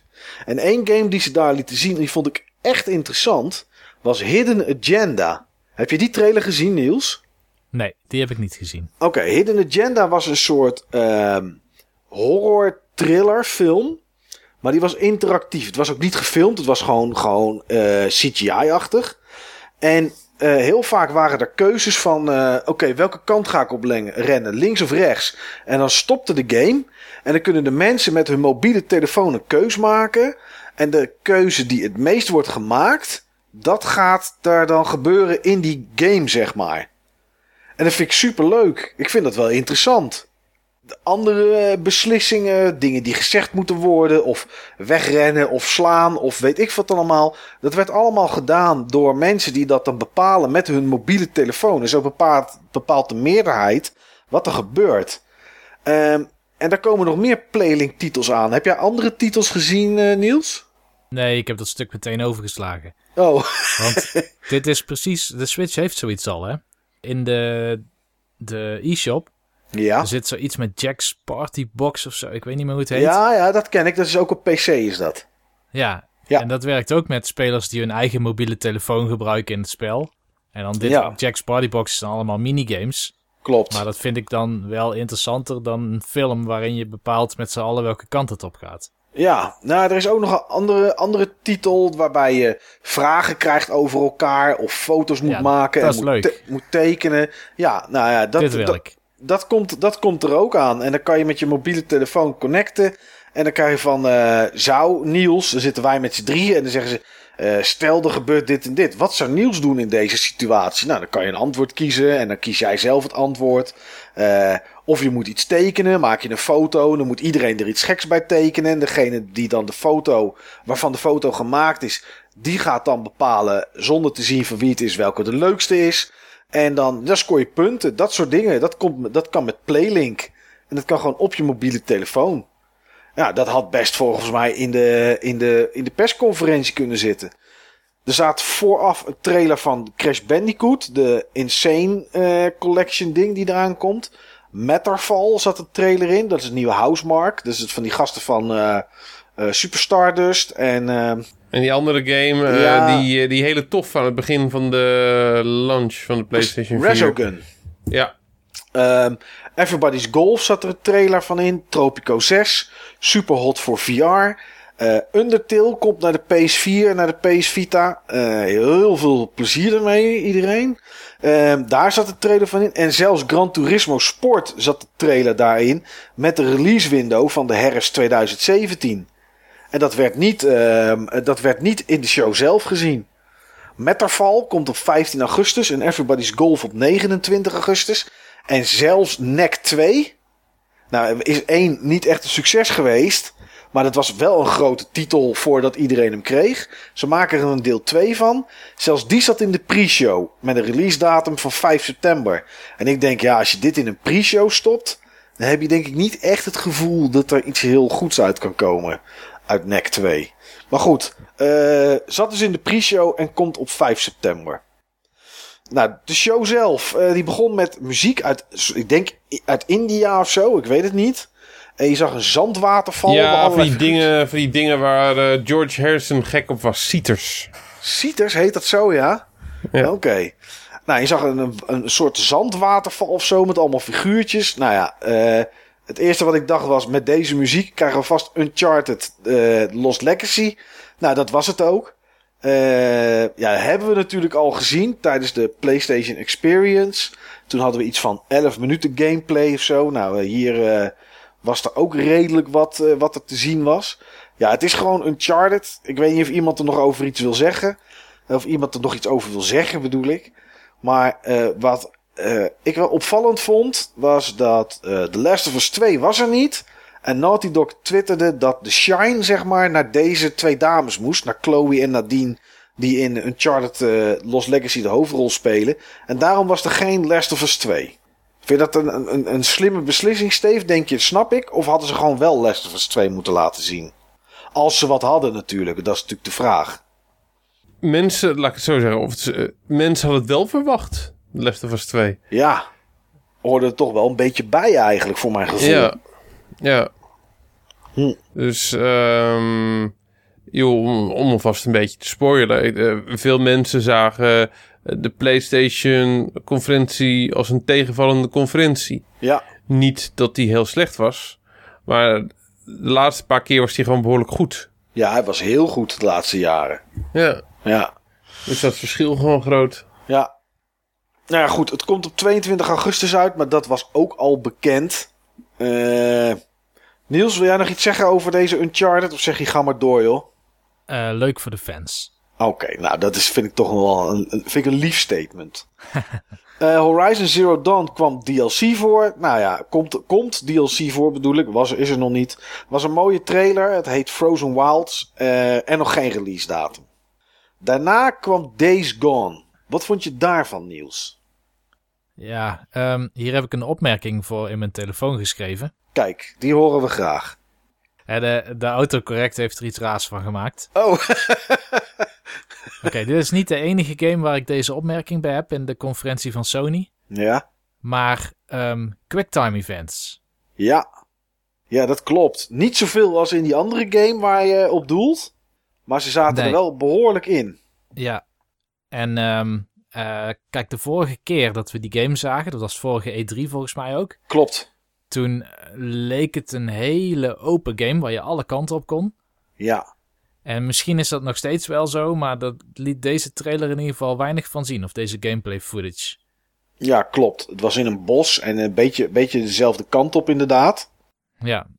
En, eh, en, en echt veel, veel quicktime events. Ik denk dat wel, wel vijf verschillende zaten in vier minuten gameplay. Ja. Maar, Dan, ja, je moet iets oppakken. Eh, druk eh, heel snel achter elkaar op X. Oh, daar komt iemand aan. Druk heel snel achter elkaar op, eh, op driehoekje. Dit, ja. ja, ik, de eerste keer dat ik dit soort dingen zag, dat was volgens mij bij Heavy Rain of zo. Toen vond ik het al niks. En dat Nee. het nu nog gebruikt wordt in games, vind ik persoonlijk wel heel erg jammer. Oké, dus Days Gone is niet een titel die op jouw lijstje komt met naar uitkijken. Nee, dit vond ik misschien wel de minst leuke game in de hele show. Oké. Hoe zat dat bij jou, Steve? Days Gone Ja. vond ik minder cool dan de vorige keer toen we hem gezien hebben. Wat raar, ik heb namelijk het an- andersom. Ik vond het nu interessanter dan de vorige keer. Ik kan het niet uitleggen trouwens. Ik, misschien omdat de vorige keer zagen we vooral heel veel zombies. En nu zag je toch ook in, het, in dat bos was een soort van ja, community van mensen die daar, die daar woonden of in ieder geval aanwezig waren. En ik vond dat toch wel interessanter om, eh, om, om, om daar ook een beetje tegen te spelen dan, eh, dan met alleen maar zombies. Maar het gave was dat je juist een hele vlot aan zombies had. Ja, Zat vond ik hier ook wel super, dat vond ik super cool. En eh, wat Niels zegt, dat zit hier ook in. Maar anders, minder. En eh, ja, de, de, de- de- juist door die, die hordes zombies shine het voor mij heel erg de vorige keer. ja. En het zag er ook gewoon goed uit. Ik vind het nog steeds er goed uitzien. Maar je hebt het al gezien. Nee, eh, laat ik zo zeggen. eh, naast elkaar vond ik die twee trailers eh, dan die van vorig jaar beter. Oké. Nou ja, goed. Ja, goed. We, we hebben nog tijd genoeg om er meer van te zien. Want de game heeft nog geen release datum. Nog niet eens een jaar. Al zal het wel 2018 zijn. Anders hadden ze het wel verteld. Maar eh, ja, ik weet niet. Het, eh, ik had het dit jaar. Dacht ik, oké. als dit het meer is. Dan heb ik er wel interesse in. Terwijl ik dat van vorig jaar eh, niks vond.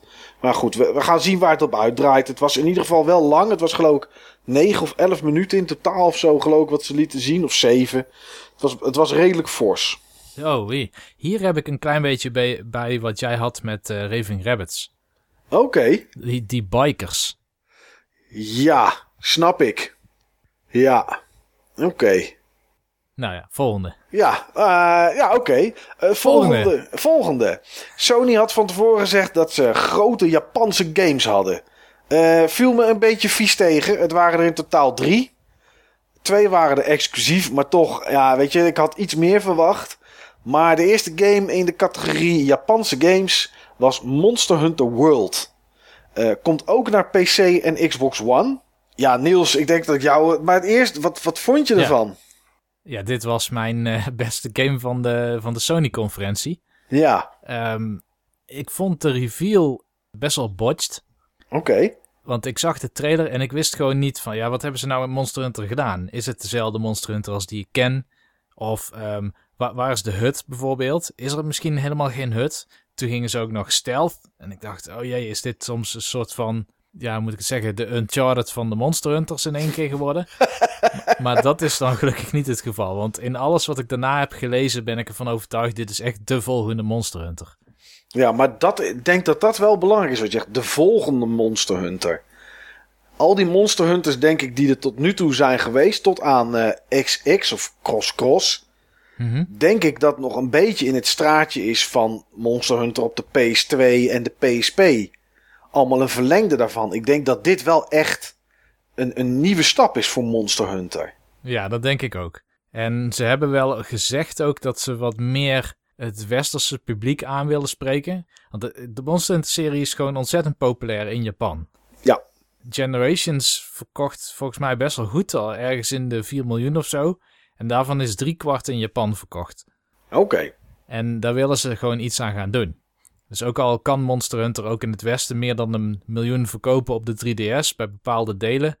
De, ja, ze dachten toch van de volgende grote stap om de serie echt populair te maken is om hem terug te, brengen, eh, terug te brengen naar consoles. En het leuke is dat een van mijn studenten hieraan heeft gewerkt. Oké, oh, dat is grappig. Als concept artist. Oh, leuk. Ja, dus die werkt daar al echt al drie jaar aan. En eh, die mag er dan niks over zeggen natuurlijk tot nu. Ja. Wat voor veranderingen zag je in die game? Eh, want ik heb best wel wat gezien wat, wat gewoon echt nieuw is. Ja, nou, een van de nieuwe dingen is dat in plaats van losse zones met laadtijden, heb je een wat meer open structuur. Het is nou niet helemaal een open world of zo, of een open omgeving. Je hebt nog steeds bepaalde zones, want je moet immers aan beesten kunnen ontsnappen, anders dan blijf je de hele tijd aangevallen worden. Ja. Ehm, je hebt een grapplehook. Ja, klopt. Dus iets meer van de verticaliteit die in deel 4 werd geïntroduceerd, zie je hier nu ook in terug, maar er wordt eigenlijk op doorgepakt. Dus ik denk dat je ook veel meer kan klimmen en ergens naartoe kan grappelen. Om veel sneller ook omhoog te kunnen bewegen in zo'n level. Ja. Um, stealth was nieuw, dus je kan kleding aantrekken waardoor je niet gezien wordt door monsters. Ja, die camouflage dingen inderdaad, ja. Ja. Ja, en uh, voor het eerst drop-in, drop-out multiplayer. Want als je aan het spelen bent, kan je een soort flare afschieten.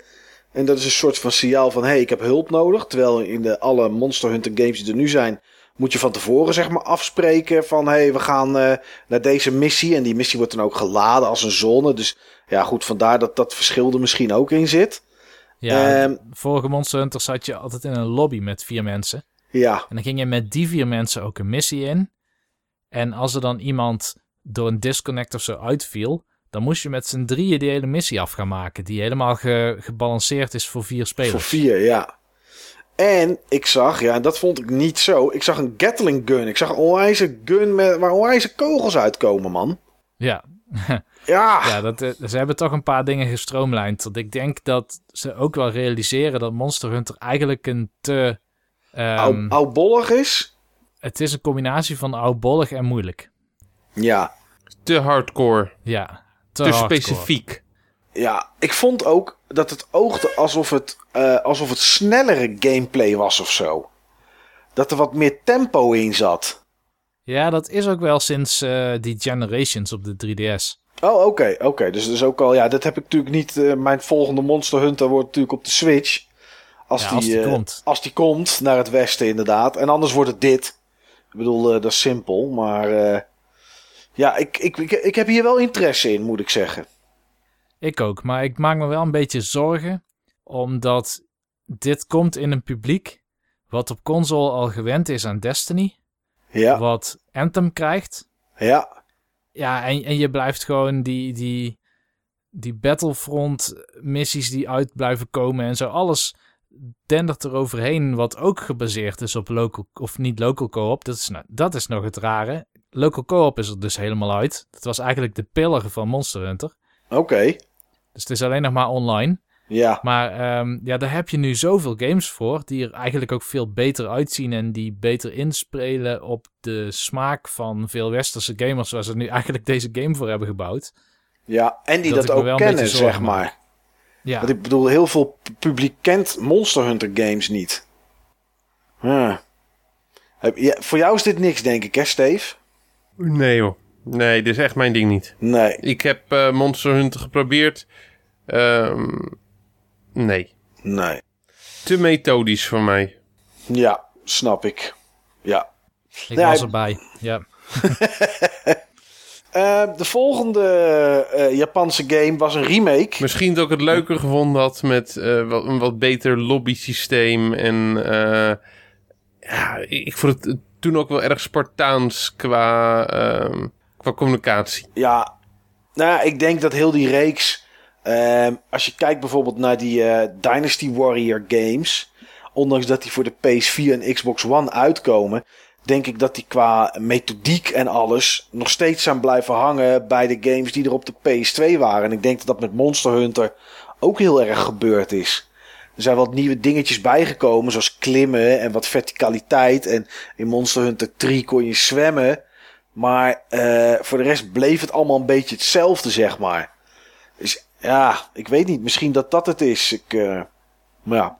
We gaan het zien. Er is nog geen uh, release datum. Dus ja, we gaan wel merken wanneer het ooit een keer komt. Er komt een, een remake, niet een remaster, maar een remake van Shadow of the Colossus. Ik gok dat men op een groot applaus had gerekend. Dat viel een beetje tegen, denk ik. Eh, het ziet er wel mooi uit. Eh, betere camera zit erin en dat soort dingen. Het is allemaal aangepast naar deze tijd. Dus misschien ga ik het dan eh, nog wel spelen. Ja, komt ergens in 2018 uit. En ja, is dan de tweede echt Japanse game, zeg maar, die Sony liet zien. een van jullie die daar interesse in heeft? Of is dat gewoon... Ja, ik. Oké.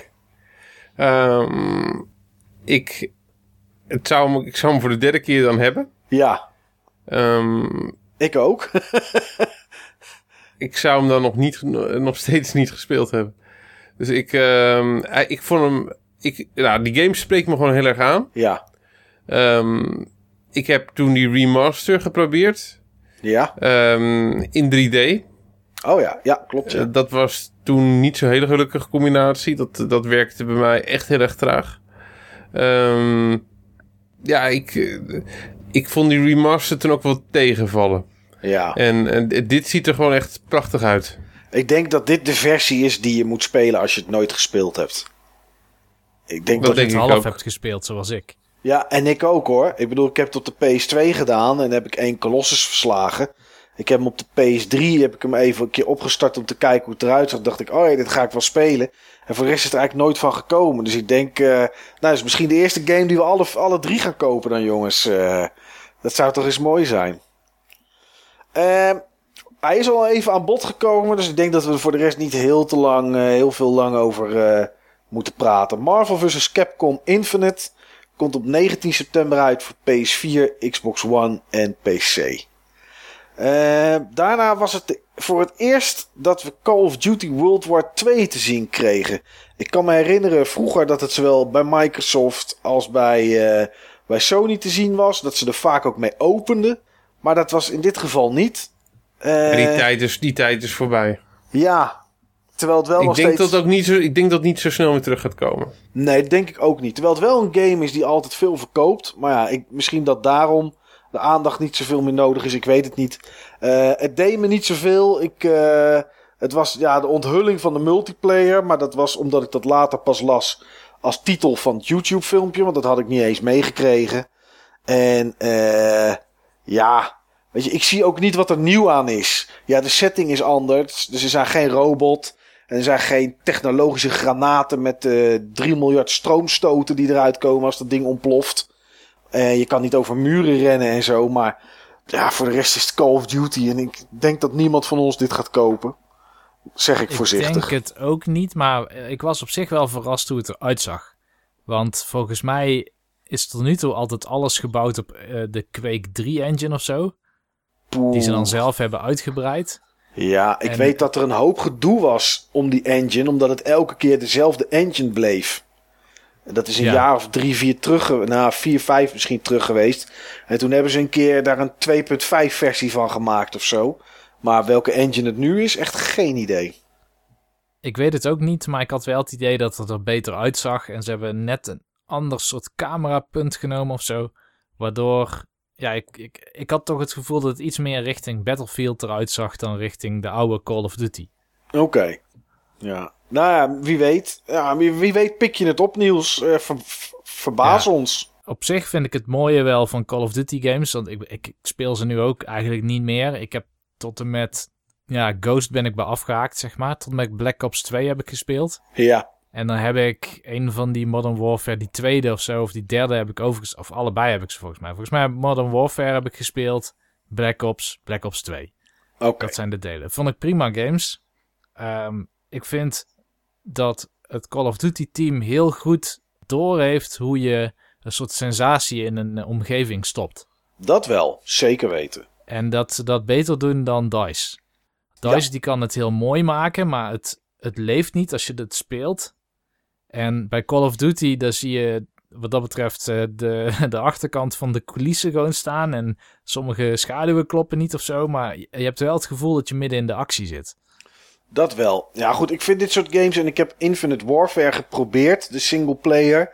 Maar dat trok ik echt niet. Dat, dat- nee, dat was echt gewoon geen setting die ik leuk vond. Maar goed, ik heb het wel eens vaker gezegd. Dit soort games wil ik eigenlijk altijd voor de single player wel spelen. Omdat dat wel echt een, eh, een ervaring is. Dat, dat, doen ze, dat doen ze wel heel goed. Maar ja, dat, dat blijft denk ik voor mij eh, wel bij Nou, deze op ronde. zich, wat ik wel leuk vind. Kijk, bij Ghost hield het volgens mij op. Maar vroeger kon je deze games altijd met vieren tegelijk spelen en dan splitscreen. Eh, ja, ik heb, ik heb in ieder geval met twee nog wel tijden gedaan. Nou, als hij met vier spelers kan, dan zou ik het overwegen. Oké. Nou, eens in de gaten houden hoe dat, eh, of, dat nieuws, eh, of dat nieuws er ergens een keer komt. Skyrim VR kwam nog een keer voorbij. Nou ja, want Skyrim, dus dat blijven we nog jaren spelen. En daarna kwamen er nog vier VR-games. Eh, ik noem ze gewoon even op. Als iemand er iets over wil zeggen, prima. Maar ik had er niet zoveel mee. Eh Star Child, The Inpatient, Final Fantasy XV, Monster of the Deep. En ik gok dat dat de derde Japanse game was. Waar ze, waarvan ze zeiden: veel, we, eh, we hebben grote Japanse dingen. Ja, en wat En- voor een? En was gewoon vissen. Ja, het, het is eh, een soort mini. In, in Final Fantasy 15 zit dat vissen ook als minigame. En koken zit erin. En dat soort dingen. En kamperen. En dat is wat ik terugzag. Ik zag vissen en ik zag kamperen. Want het heet ook Monster of the Deep. Dus het is, het is niet Final Fantasy 15. Ja, het is gewoon een soort mini, mini, mini ding of zo. En daarna kwam Bravo Team. Ja, eh, volgens mij gewoon een tactische legershooter. Ehm God of War. Steve, wat vond je daarvan? Gaaf. Oké. Zag er goed uit. Ik vond het eh, een, een matige trailer. Omdat ik liever gewoon 10 minuten gameplay had gezien. Ik had het gevoel dat elke keer de gameplay net begon. Ja, te lang onderbroken werd steeds. Ja, elke keer werd het onderbroken door cutscenes. En ik had dus niet. Ik weet nou nog steeds niet wat ik mag verwachten eigenlijk. Ik wel, veel cutscenes. Ja. ja, die kans is groot. Die kans is groot. Wat vond jij, Niels?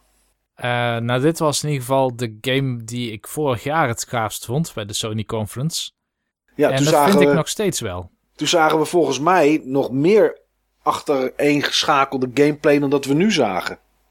Ja, maar van de, zeg maar, echt door Sony geproduceerde games... Ja, vind ik nu wel dit de mooiste titel die ze hebben. Het ziet er zeker het best uit. ja.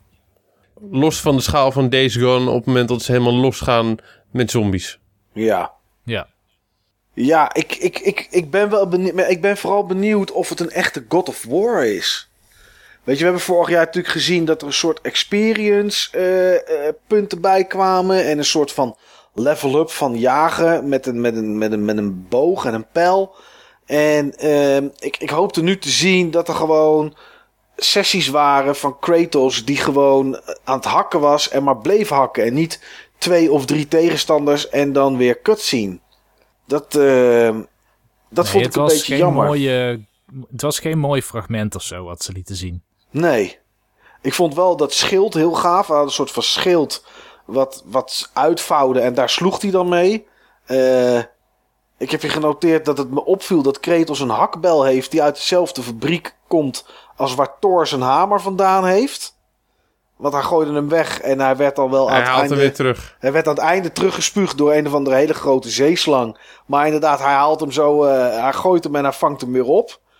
Dat vond ik, vond ik dan wel opvallend. En het lijkt er in ieder geval op, en dat vind ik wel positief, dat het, het spelen met, het, met, het, met zijn zoontje, dat dat beperkt blijft. We hebben wel volgens mij iets aan gameplay gezien met dat zoontje, maar volgens mij is het toch wel meer Kratos als ik het zo zag.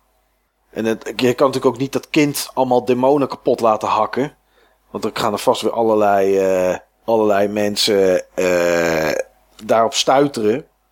En hier zat ook wel een, mo- een, een moreel-achtig iets in, hè? Is dat, hebben jullie dat gezien, jongens? Is je dat opgevallen? Dat kindje dat zegt van ja, eh, misschien is niet iedereen slecht in de wereld, zoiets. En uiteindelijk kreeg je natuurlijk die mega grote zeeslang, eh, draakachtig iets. En in de vorige games had Kratos Ja, de, de natuurlijk... World Serpent. Ja. En, en normaal gesproken had Kratos daar natuurlijk gewoon op ingehakt. Van eh, ja, we gaan niet wachten, we slopen dit ding. En nu vroeg hij aan zijn zoontje wat dat ding zei. En die zei van ja, hij wil ons helpen of zo. Dus dat wa- was wel weer een beetje moreelachtig iets. Maar goed, het eh, komt in 2018. En eh, ja, ik, hoef, ik heb er verder niet zoveel meer over te zeggen. Omdat ja, wat, Wat, ik trouwens extreem cool vond, was dat stuk eh, tot die die Griekse vaas tegenkomt. Ja, Met een schildering van zichzelf erop. Met Ja. zijn twee zwaarden. ja, inderdaad. Ja, die zag hij ergens staan. Hè? Ik weet niet, een Ja. van de schatkamer of zo, of weet ik veel wat. Ja. Ja. En ik eh, kijk er wel naar uit. Hij was op een gegeven moment was hij met, een- was met een vrouw aan het praten. Ik kijk wel uit naar de seksscène die hij dan met die vrouw gaat hebben. Want ik ga er toch wel vanuit dat dat erin zit. Met zijn zoontje in de kamer ernaast. ja, die dan even een boekje moet gaan lezen. Ehm, ja, daarna kwam nog een Sony game. Detroit Become Human. Wat vond je daarvan, Steve? Was ik denk ik even plassen, want dat weet ik niet meer. Oké. Niels, wat vond jij daarvan? Nou, dit is zo'n Quantum Dream game, hè? Klopt. En eh, laat ik zeggen dat ik nog nooit een goede Quantum Dream game heb gespeeld. Alleen ik zag hier wel... Nou ja, ik heb wel een goede gespeeld. Die eerste, Fahrenheit. Fahrenheit. Ja. Ja. En althans, het begin vond ik heel, heel sterk. Waarin je een, eh, een moord hebt op de wc en dan moet je die... Dat, dat, dat lichaam moet je verstoppen om te voorkomen dat mensen denken dat jij die moord hebt begaan. Ja. Ik weet niet eens meer of dat je die moord zelf had begaan, maar ik kan me Dat nog ik herinneren niet meer. dat ik, het, dat ik dat open-ended eh, systeem heel interessant vond. Ja. En wat ik hier ook zag, is dat, kijk, in plaats van bijvoorbeeld bij eh, eh, Press X to Jason, dat je nu hier meerdere keuzes hebt in een soort heat of the moment. Dus Ja. je kon naar verschillende plekken rollen of achter verschillende dingen schuilen. Op, Ja, dat was toen die politieauto aankwam. Juist. Ja, toen had je inderdaad, je kon inderdaad of wegrennen, of je kon wegrijden, of je kon schuilen. Of, ja, je- maar de- je had wel in, in Heavy Rain zat ook wel heat of the moment eh, keuzes. Maar dat was vaak dan op het juiste moment op een knopje drukken. Dus dat Ja, is dat inderdaad wel- wel anders dan dit. Op het juiste moment iets oppakken op een tafeltje waar je langs stond. Of dat je links of rechts kon of zo. Maar hier Ja. had je echt iets van vier keuzes. Dat klopt inderdaad. Ja, ik. goed, eh, ja. Het is niet helemaal mijn, mijn soort game natuurlijk. nee, Maar nou, laat ik zeggen, ik ben een beetje positief. Oké, nou ja, dat is, wel, eh, dat is dan wel netjes. Ja, ik, heb, ik ben, wel, eh, ben wel benieuwd naar deze game.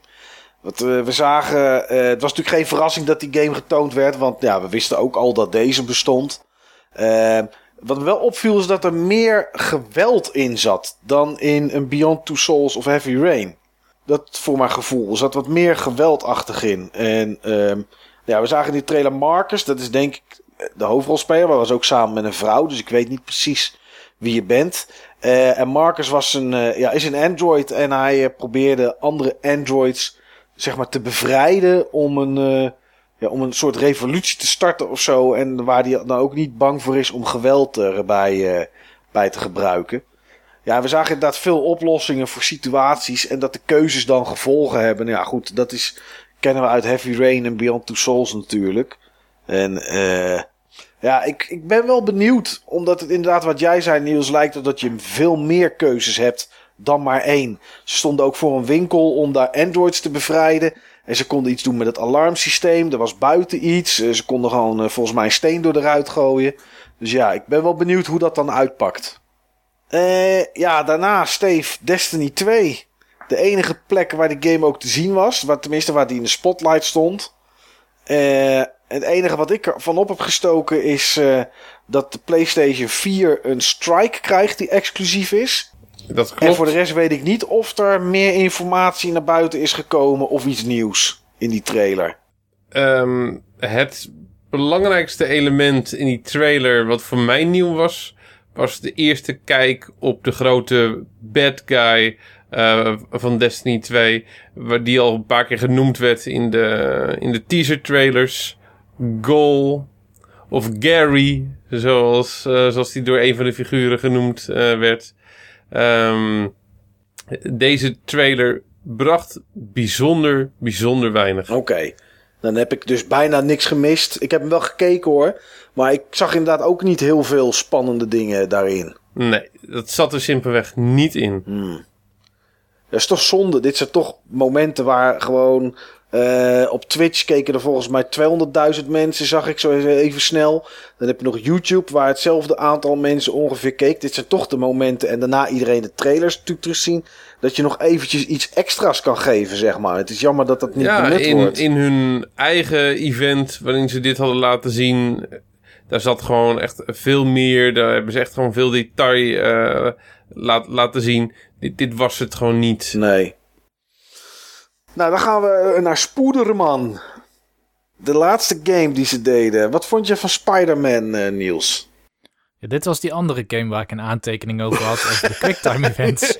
Dat wist jij. ja, dat wist ik. Omdat ik heb het namelijk er ook gewoon bij staan. Eh, de webslinger heeft extreem veel last van quicktime events. Dus ja. Maar voor de rest, als je die weg zou denken, ja, dan zou je bijna zeggen: blijft er niks over. Maar eh, wat vond je er voor de rest van? Nou, het ziet er heel mooi uit. Ja. Voor dit soort game. Dat je heel snel door een stad heen beweegt. En het zag er ook wel prettig uit hoe je met dat web slingert. Mhm. Volgens mij moet je gewoon op eh driehoekje drukken. En automatisch, als jij eh, door het level je begeeft, dan ehm, zijn er zeg maar van die grappling points waar je dan op pakt.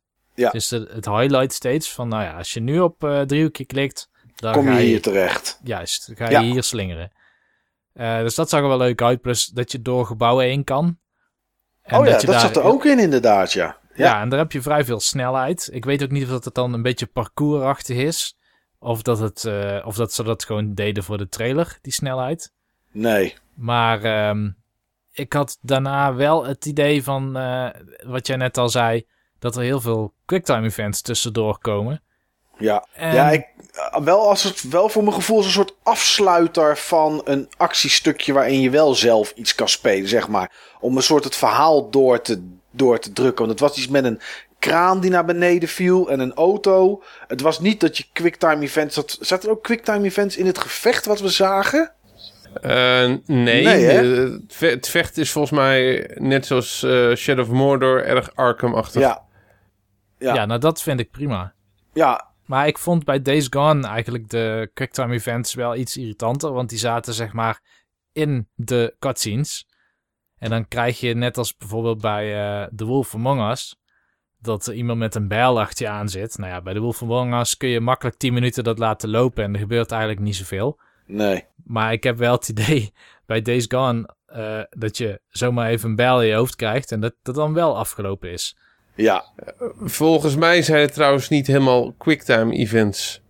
Volgens mij eh, zit er wel een bepaalde logica in de toetsen eh, die je gebruikt. En is het meer een timing iets. ja. Ja, wanneer is de quicktime event? Dan zou je daar... eh, Kijk, ik, ik zie het... Als het ook een bepaald random karakter heeft. En een boel button mashen. En, ehm, en, en tot je eigenlijk gewoon de button prompts aan het, eh, aan, aan het volgen bent. Dat is in zekere zin hier Ja, ook. ik wou net zeggen. Op een ik- gegeven moment zie je zo'n kraan waar die dan overheen rent. En dan zie je zo, en dat heb ik bij meer plekken gezien, dan zie je zo- zo'n rondje wat steeds kleiner wordt. En op het moment dat hij dan zeg maar precies op het knopje zit, dan moet je drukken. Dus volgens mij is dat gewoon dan toch een quicktime event. Dat, dat, zag ik, dat, zag ik, dat zag ik gebeuren met eh, een soort van kraan waar die dan omheen slingert om er een web om te doen. En eh dan rende die weer verder. En dan moest je... Ik heb hem net nog even eh, terugzien eh, zitten kijken. In zeg maar die eventachtige dingen. Ehm, driehoekje is naar mijn gevoel ehm, schieten van je web. ja, En, ehm, en rondje is slingeren. Met een bepaalde timing. Dus er zit wel een bepaalde logica achter. Jawel, dat wel. Maar eh, het- ja, voor, voor mijn gevoel blijft dat gewoon Ja, een het- quicktime oké, event. ik- omdat het, het, is, het is een actie die je op het beeldscherm zeg maar ziet. Een instructie en die moet je op dat moment indrukken. En iets... Ja, ik zie... Ja, Maar goed, in ieder geval dat soort events, eh, hoe we het ook willen noemen, of dat soort acties, zaten er wel echt een heleboel in. Ja, maar ik heb wel het idee dat het een leuke game kan zijn. Dus ik hou hem wel in de gaten. Ja. Hou jij hem in de gaten, Steve? Was het... absoluut. Oké. Absoluut. Ik, ehm, ik vond hem bijzonder cool. Hmm. Dus ik, ehm, ik heb hem hoog op mijn watchlist. Oké. Het, het zag er goed uit. Ehm, ik ben fan van Spider-Man. Ja. Het is ook lang geleden dat ik een Spider-Man game heb gespeeld. En eh, dit, eh, dit was al een game, zeg maar, vorig jaar waar ik benieuwd naar was. Maar toen hadden ze natuurlijk heel weinig van laten zien. Ja. Eh, nu niet het geval. Veel van laten zien. Ik vond het bijzonder cool. Oké. Ik heb, uh, voordat ik zeg of ik het cool vind of niet, heb ik nog wel een notitie staan dat ik de, de transacties tussen cutscene en gameplay, die vond ik wat ik zag echt heel gaaf. Het was echt seamless, zeg maar. Je had een soort van ja. cutscenes, uh, button events, quicktime events, hoe we het ook willen noemen. En dan door naar, uh, naar gewoon spelen. Dat vond ik heel erg. Uh, dat vond... Het is heel seamless, inderdaad. Ja, het is heel uh, cinematografisch. Ja. er zit naar mijn gevoel heel veel flow in die game. Ja, dat denk ik, ik wel. Ik, nee, ik, ik, hou, ik, hou niet, ik hou hem niet in de gaten. Ik, het is niet, dit is niet iets waar ik naar uitkijk. Ik, uh, ik zit tegen die tijd wel. Misschien moet ik er meer van zien. Maar nee, ik, uh, nee, ik weet niet. Het trok me niet echt of zo. Het deed me, niet echt iets wat we, wat we, wat we zagen. Dus ik, uh, ja, nee. nog niet mijn ding. Wel een PS4 exclusive natuurlijk. Wat er, en hij wordt gemaakt door Insomniac. Dus dat is natuurlijk wel een leuke ontwikkelaar. Maar nee, dit, dit was hem voor mij, voor mij niet. Ja, dat was het einde van, uh, van de Sony persconferentie. Net een uurtje uh, waren we al aan het begin achtergekomen. Uh, wat vond je van de conferentie aan zich, Steve? Redelijk. Ja. Ik vond de Microsoft-conferentie beter. Ja. ja. Ik vond het eigenlijk... En, ja? En die van Ubisoft ook. Maar ik moet wel zeggen, ik heb hem, ik heb hem niet als geheel gezien. Hè. Ik heb hem echt in, in brokken en via veel trailers uh, teruggekeken. Ja, nou, dat was ook niet meer dan dat eigenlijk. Want het was eigenlijk hetzelfde als Bethesda deed. Uh, in overdreven vorm. Het was eigenlijk heel veel trailers achter elkaar en bijna niets op het podium. Er was. Uh, één keer hebben we iemand gezien. Wat, het was. Ik weet niet eens wie. Weet jij de naam nog, Niels? Van die Bij kerel. Wat was dat? Bij Sony, die kerel die het podium opkwam van Sony zelf. De, gewoon in het begin.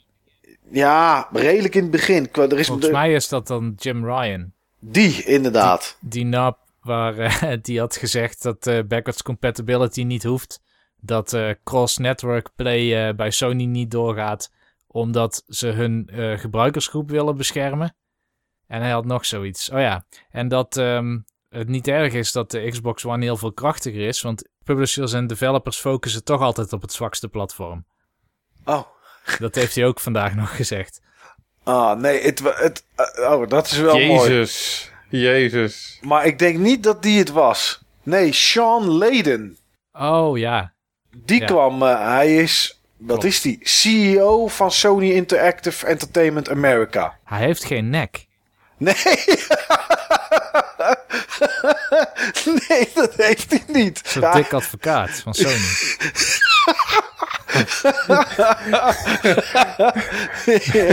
ja, maar deze loopt iets minder snel weg, denk ik. Maar het is inderdaad, het is, hij heeft een, dikke advocaat van Sony. Ja, hij heeft wel een apart postuur. Uh, dat is, dat is, zo kan je dat wel noemen, inderdaad.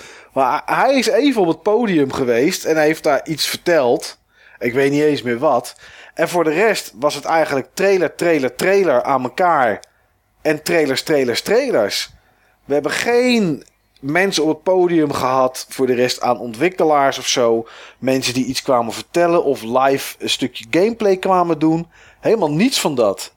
En dat vond ik wel jammer. Want, ja goed, heb ik al vaker gezegd. Dat maakt voor mij toch zo'n persconferentie. Wat wel eigenaardig was bij deze persconferentie is dat ze heel veel weereffecten in de zaal hadden. Uh, ja. Sneeuw kwam langs. Uh, ja. Je had die watervallen. Ja, inderdaad. Ja, sneeuw was bij die DLC van uh, Horizon. Ja. Ja, ja, er kwam de sneeuw, sneeuw naar beneden. Ja. Wat vond jij van de persconferentie voor de rest, Niels? Ja, nou ja, prima. Een prima persconferentie. Maar geen uitblinker. Nee. En eigenlijk geen echte grote verrassingen. Nee, dat was helemaal geen verrassing. Als ik, als ik die hele lijst zo kijk. Ja, Monster Hunter. Dat vond ik een verrassing. Ik wist niet dat we die zouden zien. Maar ja, het is niet puur iets van Sony zelf. Uh, en voor de rest. We wisten Uncharted. We wisten. Nou, we wisten niet DLC voor Horizon Zero Dawn. Maar het zat er wel dik in. Uh, Days Gone wisten we. Uh, Call of Duty moest ergens voorbij komen. Destiny, God of War. Detroit Become Human en Spider-Man. Grote titels allemaal. Maar we wisten allemaal dat ze bij Sony zaten. We wisten niet of we ze zouden zien. Hè, want we dachten Last of Us 2 dachten we ook wel dat we er iets van zouden zien. Maar ja, helemaal niks aan verrassingen. Echt helemaal niks. Maar goed. ehm Ja, misschien dan Shadow of the Colossus. ja, dat is wel een verrassing. Had ik nooit zien aankomen. Had ik ook nooit kunnen bedenken. Maar ja, dat is niet de verrassing waar je tussen haakjes de E3 mee wint, denk ik. Nee. Ja goed, de, de laatste die overblijft was een persconferentie van 25 minuutjes. Nou, het was niet eens een persconferentie. Het was natuurlijk een spotlight video. Ehm, en dat was Nintendo. Maar ze hadden wel een hoop gepropt in die 25 minuten. Ze openden met een trailer van ARMS. Nou, eh, die kenden we al en die is inmiddels ook al uit. Eh, dus ja, weet je, daar hoeven we het niet heel lang over te hebben. En toen lieten ze Xenoblade Chronicles 2 zien. Wat vond je daarvan, Steve? Het is niet helemaal jouw game, maar ik ben toch benieuwd wat voor indruk die game dan gaf. Ja, een JRPG. Oh, tot zover, Steve. Oké, nou gaan we kijken of we een iets enthousiaster, eh enthousiastere mening kunnen halen. Niels, wat vond jij daarvan? Ja, ik kan de trailer niet meer zo goed loszien van de Treehouse footage die we daarna hebben gezien. Nee, nou pak het gewoon als één geheel dan beet, inderdaad. Dat pak ik als één geheel, inderdaad. Ehm, ik word wel enthousiaster over deze Xenoblade. Oké, In eerste instantie bij de reveal dacht ik, nou, hey, ik had nooit verwacht dat ze zo snel met een nieuwe titel zouden komen. Het was niet dat ik er naar uitkeek, maar ik was gewoon verbaasd. Ja. Xenoblade Chronicles X was zo lang nog niet uit.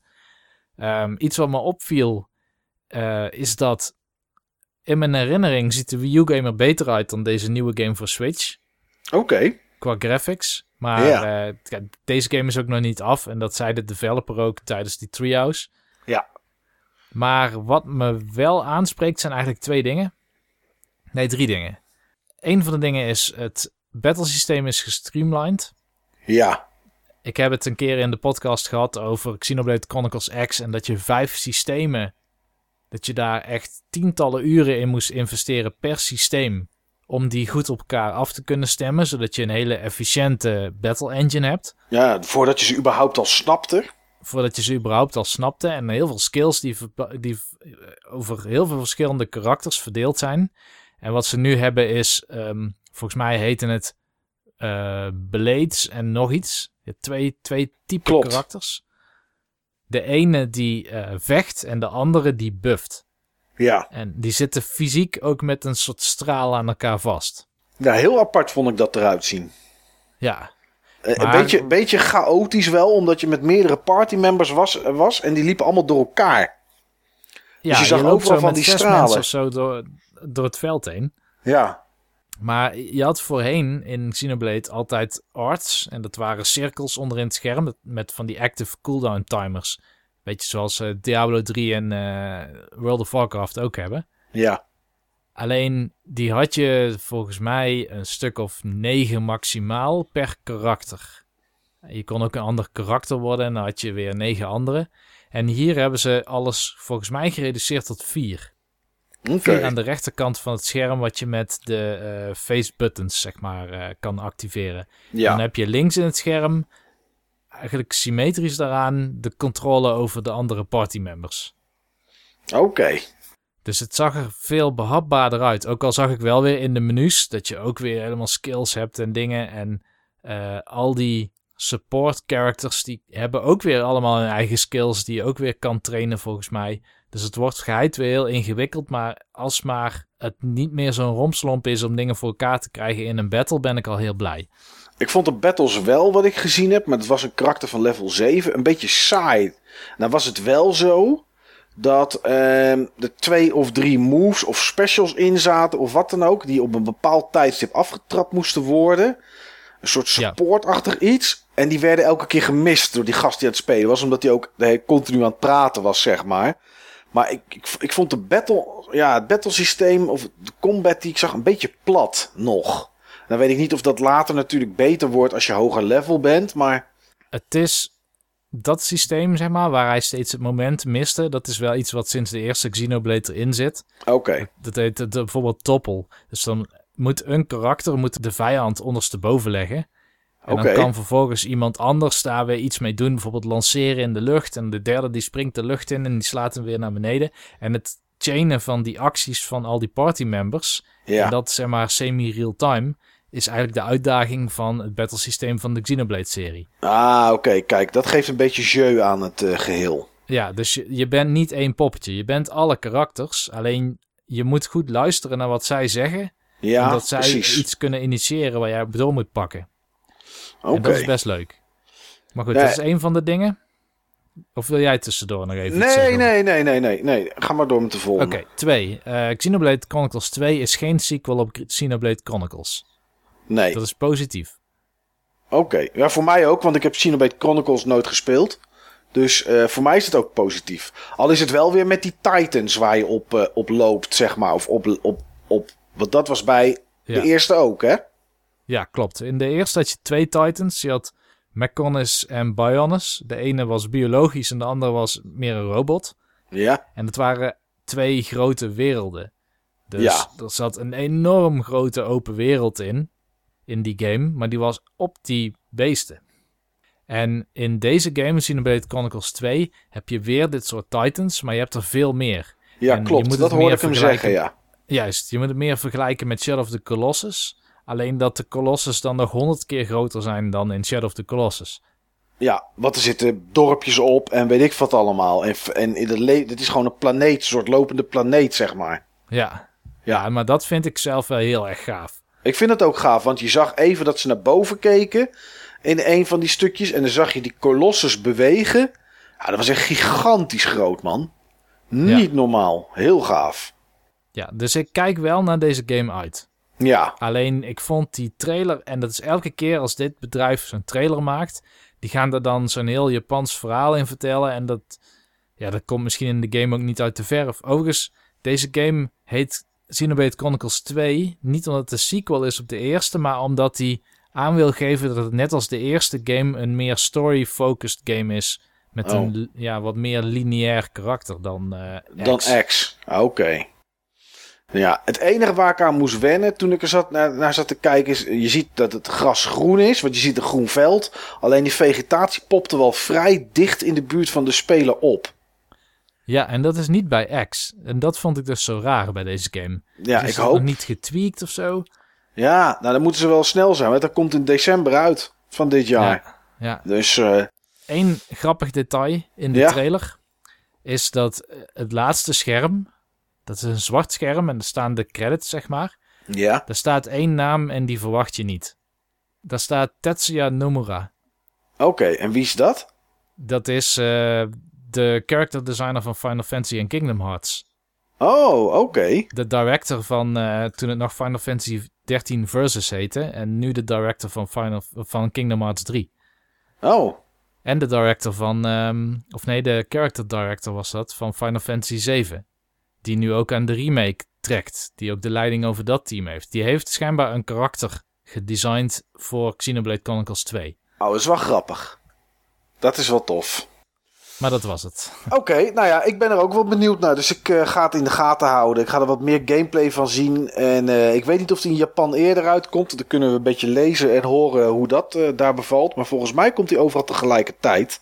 Ja. Dus, eh, nou, daarna Kirby voor de Switch. Heette gewoon Kirby.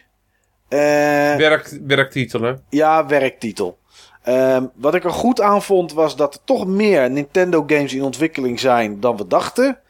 En ik vond het natuurlijk ook leuk dat meisjes ook games moeten hebben. Dus vandaar vind ik het goed dat Kirby komt. Ehm er komt pas in 2018 ergens. En eh, de reden dat ik zeg dat het voor meisjes is, is niet omdat ik alleen een hekel heb aan Kirby. Maar mijn hemel, wat zaten er een hoop hartjes in, zeg. Eh, hij gooit met hartjes. En dan worden het party members. Als eh, er was een of andere special move, dan werden ze met z'n allen werden ze hartjes. Het is roze en heel veel hartjes. Nou, eh, totaal niet mijn ding. Maar goed, het komt in 2018. Wat vond jij daarvan, eh, Steve? Ja, het zag er, eh, zag er goed uit voor een Kirby game. Ja, Ik, ehm, ik vond het er leuk uitzien. ik vond het wel... Het zou wel, het zou wel mijn eerste Kirby game in jaren zijn. Ja, En volgens mij heb ik er nog nooit eentje ge- echt gespeeld. De, de NES-versie heb ik er nog het meeste gespeeld. Ja.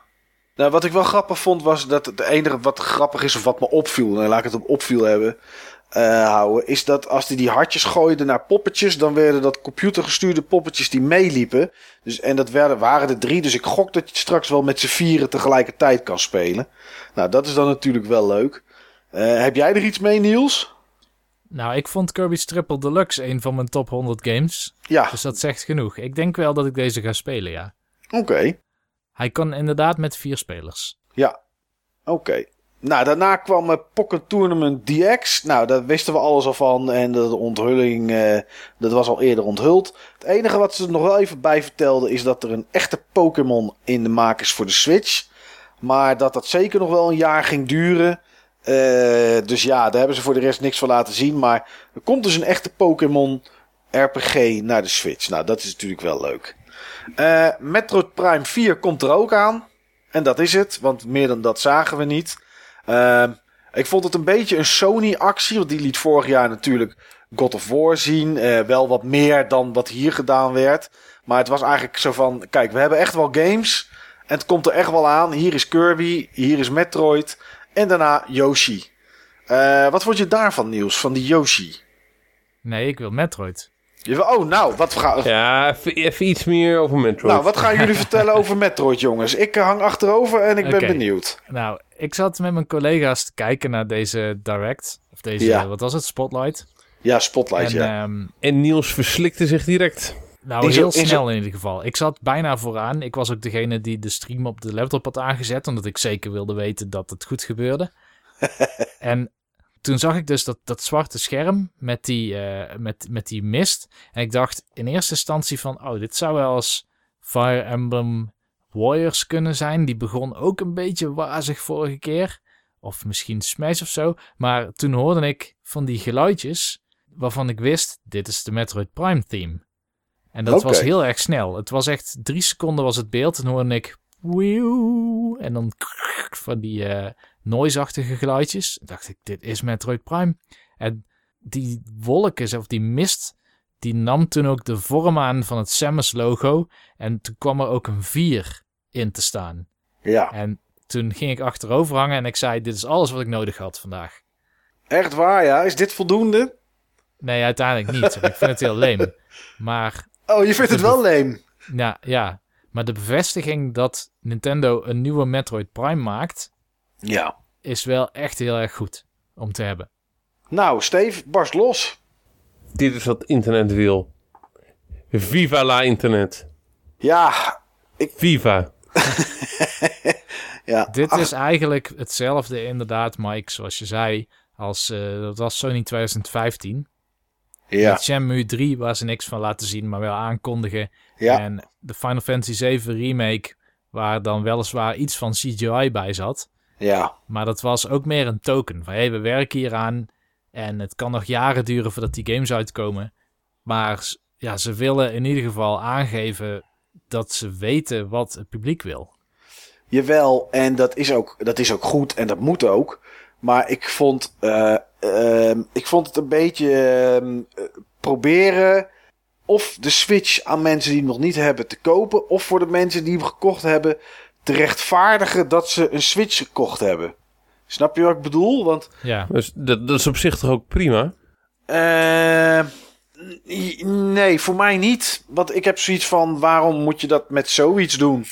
Eh, la- had, had het dan niet laten zien en dan over een half jaar of een jaar eh, iets dat je echt hebt? Want ik bedoel, Kirby had ik ook niet verwacht. En eh, eh, is ook iets wat mensen altijd willen. En er komt een Kirby. Yoshi voor de Switch had ik ook niet verwacht. En lieten ze ook zien. Dus op zich hadden ze genoeg voor Nintendo zijnde, zeg maar. We zijn van Nintendo nooit verwacht, net zoals bij Microsoft, dat ze met 42 games komen in, in, in wat ze laten zien. Dus eh, weet je, ik vond, ik vond dit, ja, komt Metroid Prime 4. Ik snap dat voor de mensen, eh, voor de fans die daarop zitten te wachten, dat dat geweldig is, dat ze weten dat het komt. Maar voor de rest, ja, het, het, voegt echt helemaal niks toe. Voor mij dan. Kijk, ik snap, hè, voor, voor Niels hoort die bliepjes en die denkt zo, holy, dit, eh, dit is beter dan Rotti. Nou, kan ik me, kan ik me, kan ik me heel goed voorstellen. Dat was het zeker. Ja, maar ja, wat, wat, wat, wat, he- heel egoïstisch zeggen, wat heb ik hier aan? Ik zie niks. Ik weet dat het nu komt en dat onthoud ik dan wel. Zo, dat, dat lukt nog net. Maar voor de rest, nee. Maar er zit wel iets meer aan. Er zit nog een hele aanloop aan van een ehm, zeg maar fanbase die zich volledig verkeerd begrepen voelt. Sinds dat Nintendo Metroid Prime Federation Force had aangekondigd op E3 heel groot. Ja, En toen dacht men echt, oké ja, weet je, als men zo voortaan met deze IP omgaat, dan heb ik gewoon geen vertrouwen meer in dat Nintendo nog enig gevoel heeft van wat de fanbase van, van dit soort games verlangt. En het is een hele leme manier om hem aan te kondigen. Maar ik denk dat het nodig was. Het ja. was echt nodig voor de, voor de fans. Maar een fanbase die zich, die, zich, die zich niet serieus genomen voelt. Ja, kan ik ook niet zoveel mee hoor, Niels. Nee, dat, ik snap dat jij er niet zo heel veel mee kan. Nee. Maar goed, weet je, eh, als het eh, hetzelfde is als, eh, als die andere Metroid Primes, die ik veel te weinig heb gespeeld, dat zeg ik er gelijk bij, dan is dit wel iets waar ik, waar, waar ik naar uitkijk, zeg maar. Dat wel. Hè, dat ik denk van, oké, dit vind ik wel een interessante titel. Maar als ze hem over een jaar hadden aangekondigd met een trailer erbij, misschien een beetje gameplay, had ik er meer aan, aan gehad, zeg maar, dan, dan dit. Hij is alleen niet van Retro Studios. Wie maakt hem wel? Dat is niet bekend. Waarschijnlijk Nintendo intern. Oké. Nou ja, liever Nintendo intern dan, eh, ja, dan een ander raar team. Al zou ik niet weten wat. Maar ja, Nintendo houdt altijd wel quality control erop. Dus ik denk dat het toch niet heel erg verkeerd kan gaan. Maar nou ja, goed. Mag ik dan nu door naar Yoshi? Jij mag door naar jouw favoriete titel van deze show. Dat was niet Yoshi. Oh. Ehm, ja, ik vond, het een, ik vond het wel grappig. Eh, de, de, de, het was twee eh, Yoshi's bij elkaar. Een, eh, de groene bekende en een soort paarse. En ja, het, het, het level kon draaien, zodat je ook aan de achterkant van het level kon spelen. Dat is zeg maar de... Ja, al dat soort games hebben een, een, een, een leukigheidje of een, of een mechanicje of hoe je het ook wil noemen. Nou, een gimmick. een gimmick, dat was het woord wat ik zocht. En dat was, en dat was dit eigenlijk. Ehm, wat ik me wel afvroeg toen ik het zag, was qua grafisch en productiewaarde had ik het een beetje het gevoel dat dit een downloadtitel zou worden. Heb ik dat verkeerd gezien, Steve? Of Nee, Dat had ik niet. oké. Ik vond het gewoon netjes en kleurrijk uitzien. Ja, dat, Ik, ik, ik, moet- ik, eh, moet zeggen, ik heb het niet naast Woolly World, eh, Yoshi's Woolly World gezet. nou, maar heb Om ik te kijken hoe dat met elkaar verhoudt. Nee, ik ook niet. Maar ik had het gevoel dat, dat, er, dat, dat da- daar meer werk in zat, zeg maar. Grafisch gezien. Dat er meer, ja, ik weet niet, wat meer productie eh, Ja, in zat. ik weet niet wanneer die komt. Ik weet niet eh, hoe af die is. Nou, de release datum is ergens ook in 2018. Dus. Maar vond je het grappig? Vond vond je het Ja, interessant? ik vond het leuk. Ik Oké. het wel leuk met dat switchen tussen die eh, planes. Ja, ja. Wat vond jij ervan, eh Ste Steve, voor mij nou? Wat vond jij ervan, Niels? Ik weet het nog niet. Eh, ik weet dat Goodfeel op zich goede games kan maken, want Woolly World is wel een goede no- Yoshi-game. Ja, Ik vond het eh, de beste Yoshi Island sinds Yoshi Island. ja. ja, duidelijk, snap ik. Maar eh, ja, ik snap de gimmick van het spel. Alleen ik had nog geen enkele interessante situatie in de trailer gezien waarin die gimmick echt heel leuk gebruikt wordt. Je zag dat die werd gebruikt, maar niet wat de speler op moet lossen door te flippen. Nee, het was, ik heb het één of twee keer gezien en het was vooral muntjes oppakken en volgens mij langs een obstakel waar je anders niet omheen kon. Ja, Dat was het volgens mij. Ja, maar misschien het zag er ook... wel mooi uit, vond ik. Oké, nou dan eh, misschien klopt mijn beeld van een downloadtitel dan niet dat ik dat gevoel heb, maar ik blijf daar toch aan vasthouden. Het is een Unreal 4 game, hè? Ja, oké, maar als de, als de textures zeg maar eh, op de platformen, als die gewoon puur groen zijn en zonder enige... Want dat gevoel had ik, weet je, dat de, de Ja, platformen waar je op liep, dat daar gewoon, ja, was gewoon groen met een randje en, en Ja, niet nu meer is het dan gewoon dat. karton. Dat is nou het thema. Ja, ja, wol heeft wat meer, eh, leeft wat Textuur. meer. Ja, Het heeft wat meer textuur. nou ja, goed. We, we gaan het zien. Het is in ieder geval eh, ergens in 2018.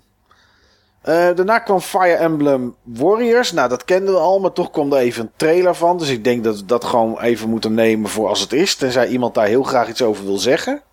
Het is blijft, mij, een, war- het blijft een Warriors game, hè? ja. Ja. Ehm, Breath of the Wild. Er werden alle twee de DLC's getoond. Ja, blijft een expansion pass, hè? Ja, Sorry, dit is een beetje mijn thema van nu. ja, nee, ja, maar dat is ook zo. Weet je, ik bedoel, ja, het is DLC. Dus, ehm ja, ik had prima. graag meer van die tweede gezien. Ik ook. Die eerste is vooral items en die hard mode en, ehm, en wat nieuwe pakjes. Maar die tweede is echt een verhaal als het goed is. Ja, Ze hebben wel die hard mode wat preciezer laten zien, toch? die hard Ja. mode wel, ja. Ja, dat wel inderdaad. En eh, er, is een, eh, er is een item zodat je die Korok seeds, dat je die eh, een beetje, net zoals de, voor die shrine zeg maar, die detector is, is er ook een voor de Koro seeds. Volgens mij was dat Maskrol aangekondigd. Ja, was al Net aangekondigd. Ja. Ja, alleen ze liet het nu, nu lieten ze het even een beetje, Ja. eh, een beetje allemaal zien. Dus, eh, maar ik had ook graag iets meer van die tweede willen zien. Maar ja, goed, dat was er niet. Mario en Rabbids kwam weer voorbij. Volgens mij, ik weet niet of het dezelfde trailer was of dat er iets anders aan gameplay was. Maar Het was korter. ja, dat wel. Maar het was wel van Yves Guillemot zelf. Dat vond ik wel geinig. Oh ja, die, die, eh, die sprak inderdaad. En hij zag er toen inderdaad minder zenuwachtig uit dan op het, dan op het podium. Ja, Ehm, Rocket League komt naar de Switch. Nou, dat is natuurlijk wel eh, eh, leuk voor Switch-bezitters die geen andere platforms hebben. Beetje hetzelfde verhaal als met Skyrim. Die zou ook goed moeten passen op eh, Switch. Zeker wel. Ja, ja. En toen, ja, Super Mario Odyssey. Eh Steve, roep Ja. het maar. Fantastisch. Fantastisch. Ik vond het fantastisch. Oké. Wat ik vind je er hier blij. Ik word aan? hier blij van. Ja, Ik vond ehm, de gameplay vond ik verrassend. Ehm, voor wie het nog niet gezien heeft, voor wie geen spoilers wil, die moet nu eventjes zeg maar de boel uitzetten. De, doorskippen. De grote gimmick van deze game, of het grote gameplay element waar deze keer volledig om draait, is geen kattenbak, maar die, eh, die pet met die ogen, Cappy heet die. Ja. En wat kun je met Cappy? Vijanden overnemen en hun skills gebruiken. ja, niet alleen vijanden. Ook objecten. Ja, ja. en Ook eigenlijk is het, was, het geen, was het niet de rode muts, maar het is eigenlijk een, een witte hoed, hè? Dat is eigenlijk de originele Cappy of zo, eh, hebben ze verteld. Maar inderdaad, eh, ja.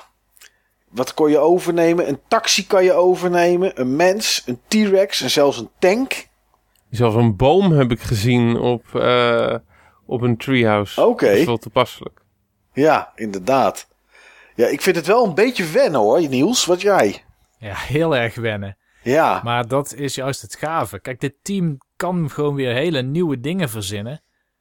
Ehm, die ik heel erg vind passen. Toch ook bij Mario. En ik kijk er echt naar uit om in een wereld te komen waar ik een aantal vijanden zie. En ik zie bijvoorbeeld, weet ik veel, een blok ijs of zo. En hoe kan ik dat kapot maken? En ik zie helemaal aan de andere kant van het level een bullet bill. En ik neem die over om dat ijs kapot te rammen, zeg maar. Dat, als je het haalt zo- hè. hm? Want als als, je het het haalt. haalt. Want jij zegt ander, helemaal andere kant van het level. Maar hij gaat op een gegeven moment wel kapot. Die Oh, dat wist ik helemaal niet. Ja, Oké. ja. En je kan ook niet alle vijanden overnemen. Eh een Goomba, Bepaalde vijanden ja. Goomba kan je bijvoorbeeld maar niet, volgens mij niet overnemen. Eh, maar het zijn de wat grotere vijanden. Die kan je, die kan je overnemen. Ik heb verteld. hier een Goomba voor me met een eh, met Cappy en een snor. Oh, nou dan ja, misschien een grotere. Ik weet het niet. Het- En je kan ook die Cheap Cheap overnemen, die vis.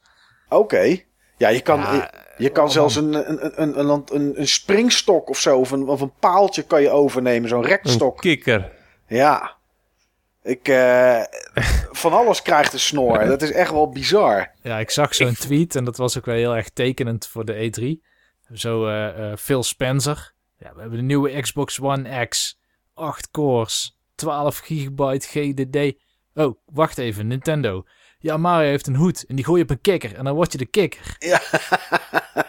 Ja, het is, het is eh, een wereld van verschil. Maar ik, ik kan toch enthousiaster worden over Super Mario Galaxy. Of Odyssey Ja. bedoel ik. Dan over de Xbox One X. Maar ja, dat is maar hardware die me niet zo heel erg boeit. Dus dat is misschien dan ook wel logisch.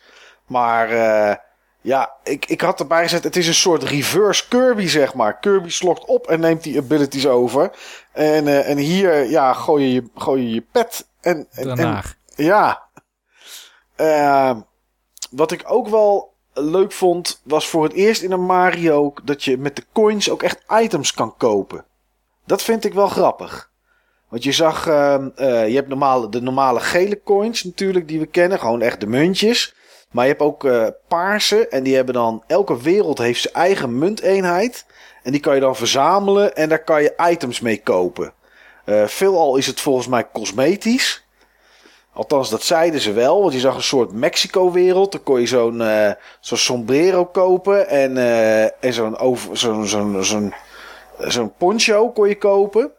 Maar volgens mij, en ik weet niet of jullie dat gezien hebben, was er ook ergens een stukje gameplay. Waarbij je dan die poncho aantrok en die, uh, en die hoed opzette omdat je dan een, een, een deurtje binnen kon waar allerlei mensen aan het dansen waren. En Mario ging dan ook dansen of die ging muziek maken. En daar kreeg je, want deze game heeft geen zonnetjes, maar die heeft maantjes. Uh, dat vond ik toch wel een beetje. Dat ik denk, nou oké, had daar dan iets anders voor bedacht. Maar goed. Uh, dan kreeg je een maandje. En volgens mij kon je daar alleen naar binnen als je die kleding aan had. Maar iemand anders zei van Nintendo in een, in een ander stuk wat ik gezien heb, dat het puur cosmetisch was. Dus ik weet niet wat het nou van de twee is. Maar ik vind het wel, ja, ik heb hier wel zin in hoor. Dit is wel echt een, toffe game, uh, denk ik. Zijn er nog andere dingen die je opgevallen zijn, Niels? nou, weet je, die trailer, die duurde drie minuten, denk ik. Zoiets. Ja, dat kan, ja. En ik had hem gezien en ik dacht, wacht, wat heb ik nou net eigenlijk gezien? Ik kon het me gewoon niet meer herinneren. Zo snel, zoveel gebeurt er in die trailer. Ja. Ik heb hem uiteindelijk twee of drie keer gekeken en toen die hele Treehouse dingen nog. En, en tijdens het opnemen van de podcast zat ik ook nog soms met een schuine oog naar Treehouse te kijken. En dat liet ze ook nog wat zien van Mario. Maar oh man, er zitten zo'n geweldige ideeën in en, en, en mooie uh, omgevingen. Ik bedoel, het is nog steeds eclectisch. Dat blijf ik vinden. Ik vind Ja. het heel raar. Zeg maar, bijvoorbeeld dat bos vind ik een beetje maf eruit zien. Dat is een soort half realistische artstijl. ehm, waar de textures dan eh, zeg maar de illusie heel erg breken.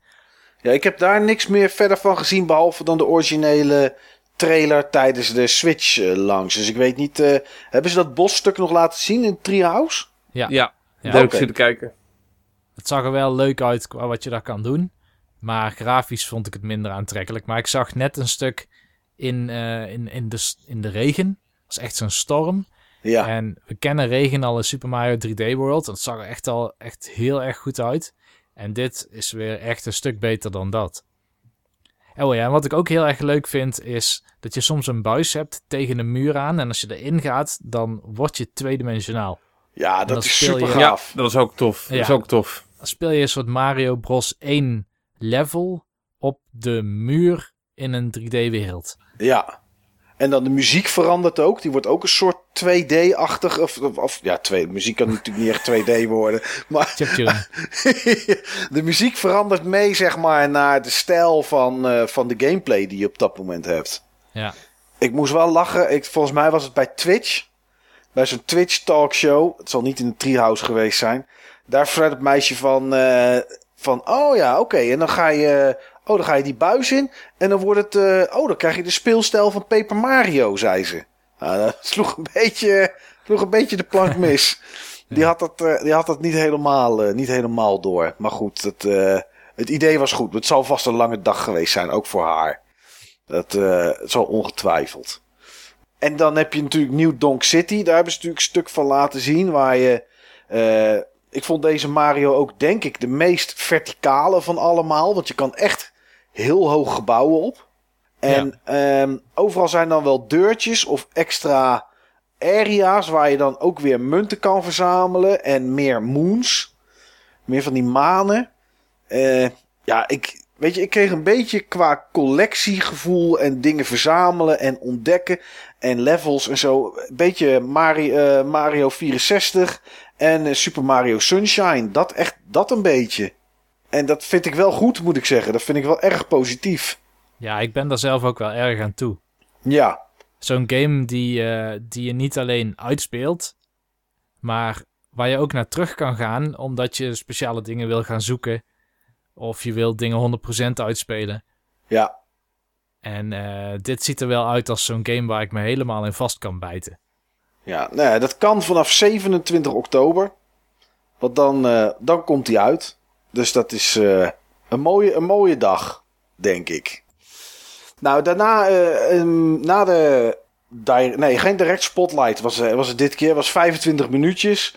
Ehm, ja, begint de Treehouse altijd. En de enige titel die ik daar in ieder geval nog even van wil noemen. Is eh, Metroid eh, Samus Returns. En ik vond het wel apart dat. ehm, het is echt een Metroid. Het is als het goed is een remake van Metroid 2. The Return of Samus. Eh, ja, Samus Returns. Ehm, en ik vond het apart dat dat dan niet. Ik bedoel, waarom maken ze niet die. die, die ja, zo'n mensen aan de buis gekluisterd te houden, snap ik wel. Maar waarom maken ze gewoon zo'n spotlight dan niet vijf of tien minuten langer? En laten ze daar die Metroid ook nog even in zien. En daarna gameplay, wat meer gameplay in, in Treehouse. Ik snap dat niet. Zou dat echt zijn, Steve, om mensen toch naar Treehouse te laten kijken? Omdat ze weten dat er dan nog iets Ook. aangekondigd En wordt? volgens mij was het zo dat de spotlight volledig focuste op Switch. Ja, daar heb je wel gelijk in. Er zat niks anders bij. Maar ja, waarom zou je niet ook een sectie erbij doen van de 3DS? Ik snap dat niet. waarom niet inderdaad? Ja, eh, ik vond die 25 minuten wel heel erg kort en karig. Ja, Ze hebben dan best wel wat dingetjes laten zien die, ehm, die, die leuk waren. Maar ja, 25 minuten blijft 25 minuten. ja, Ja, ze hadden op zich genoeg materiaal om nog 25, nou ja, 25 weet ik niet, maar om nog wel wat toe te voegen aan de persconferentie. ja. Want bijvoorbeeld Project Oct- Octopath hebben we niks meer van gezien. Eh, Nee. Dragon Quest 11 had ik misschien wel verwacht ook. Ja, want Eh, die komt volgens mij eind augustus uit in Japan. Ja, daar hadden ze de PS4 en 3DS versie. Eh, ja, maar daar hadden ze best wel iets van kunnen laten zien inderdaad. Ja, Skyrim liet ze helemaal niks meer van zien. Nee, ja, maar- trouwens in, in dat Zelda-stuk even. Ja, maar is ook prima hoor. Nieuwe bedoel, Fire Emblem had erin gekunnen. De Shin Megami Tensei, de Virtual Console. Wat ze online wilden gaan doen. Lost Sphere. Welke game Retro Studios dan wel aan aan het werken is. Er waren nog zoveel dingen te bedenken. Ja, Maar ja, maar het is, 25 allemaal, eh, het is allemaal niet.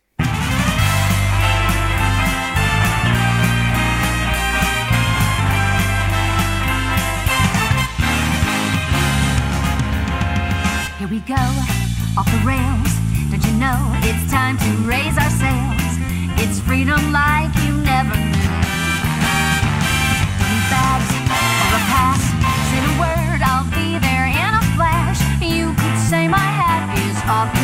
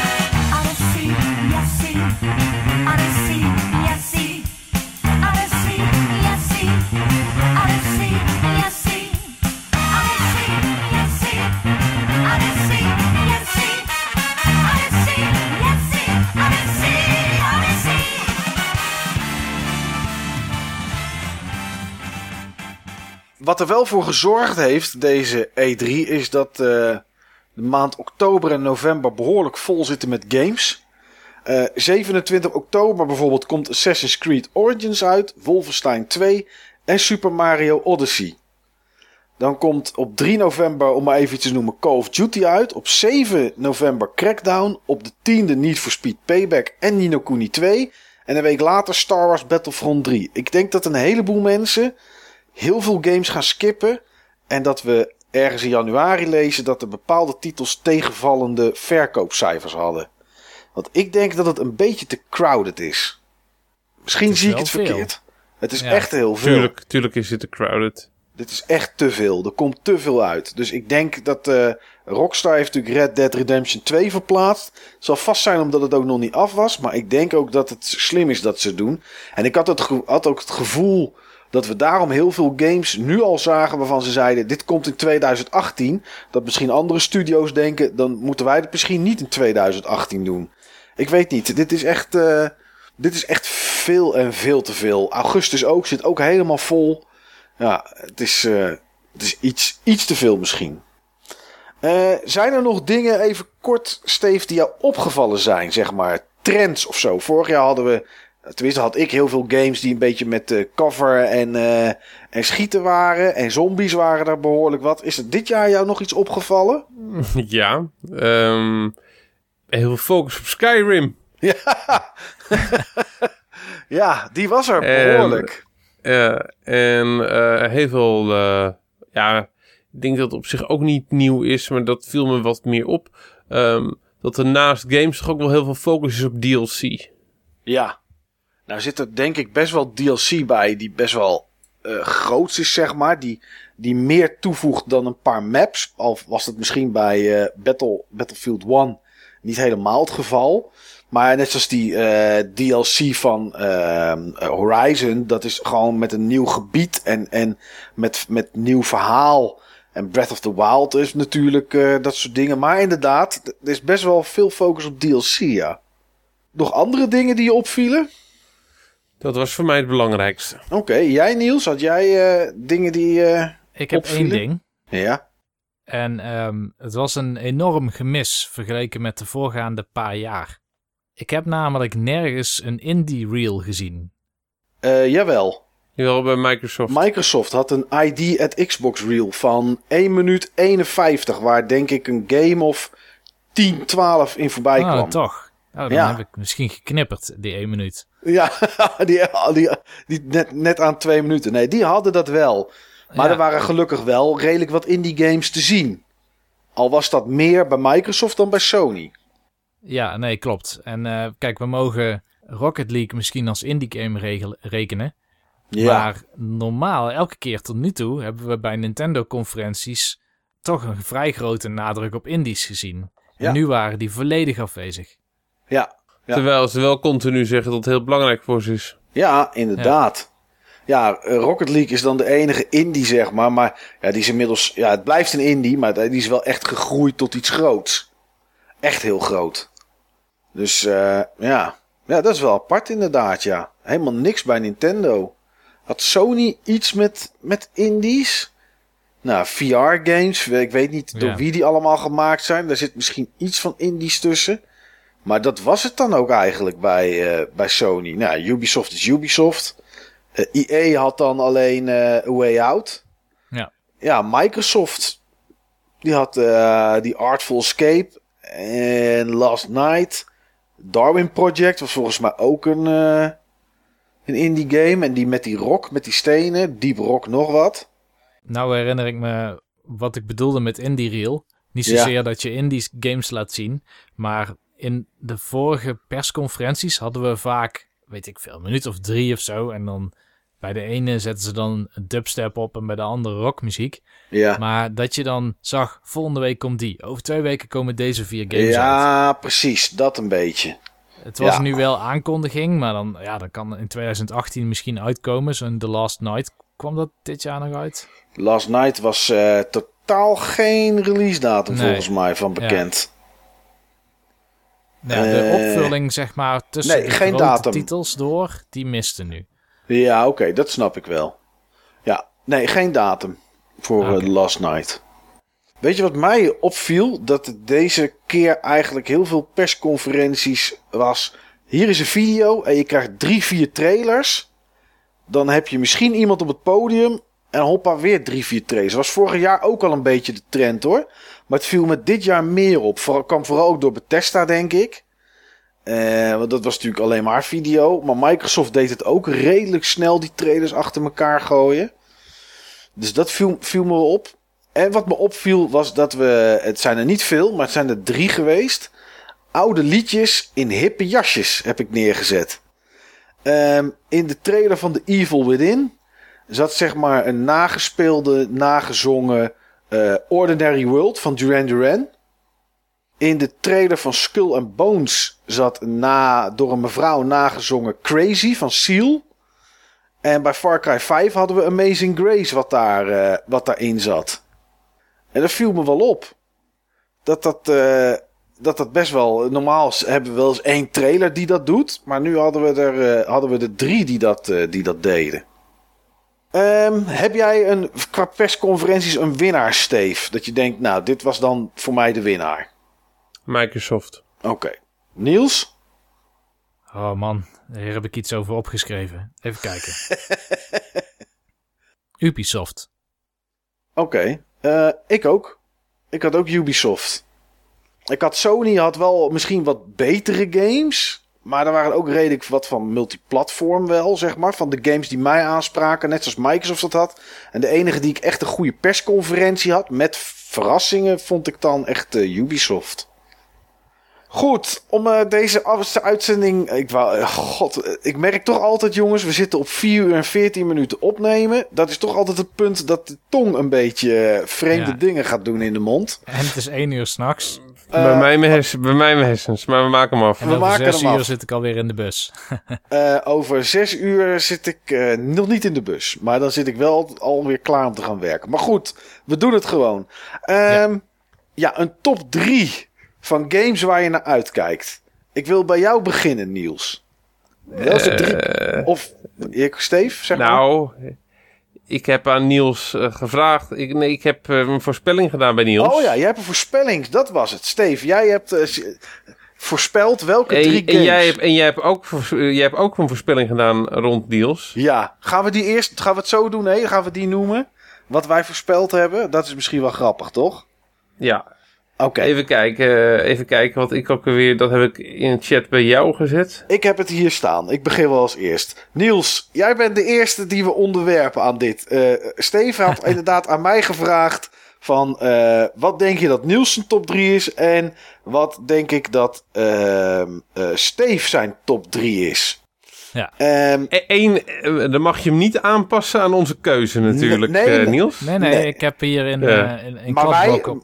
maar wij mogen ook niet onze gegokte aanpassen naar wat we gehoord hebben. Ik gok dat bij Niels zijn top 3 staat. En dan heb ik het over willekeurige volgorde. Want ik heb geen nummer 1, 2 en 3 zelf ook. Ik zou denken Mario plus Rabbids. Age of Empire. En Ori. Ik denk dat dat de drie games zijn die bij eh, Niels in zijn top 3 staan. Wat heb jij, Steve? Ik ben nog aan het zoeken tegen wie ik, of ik het nou tegen jou of tegen eh, hem zelf gezegd heb.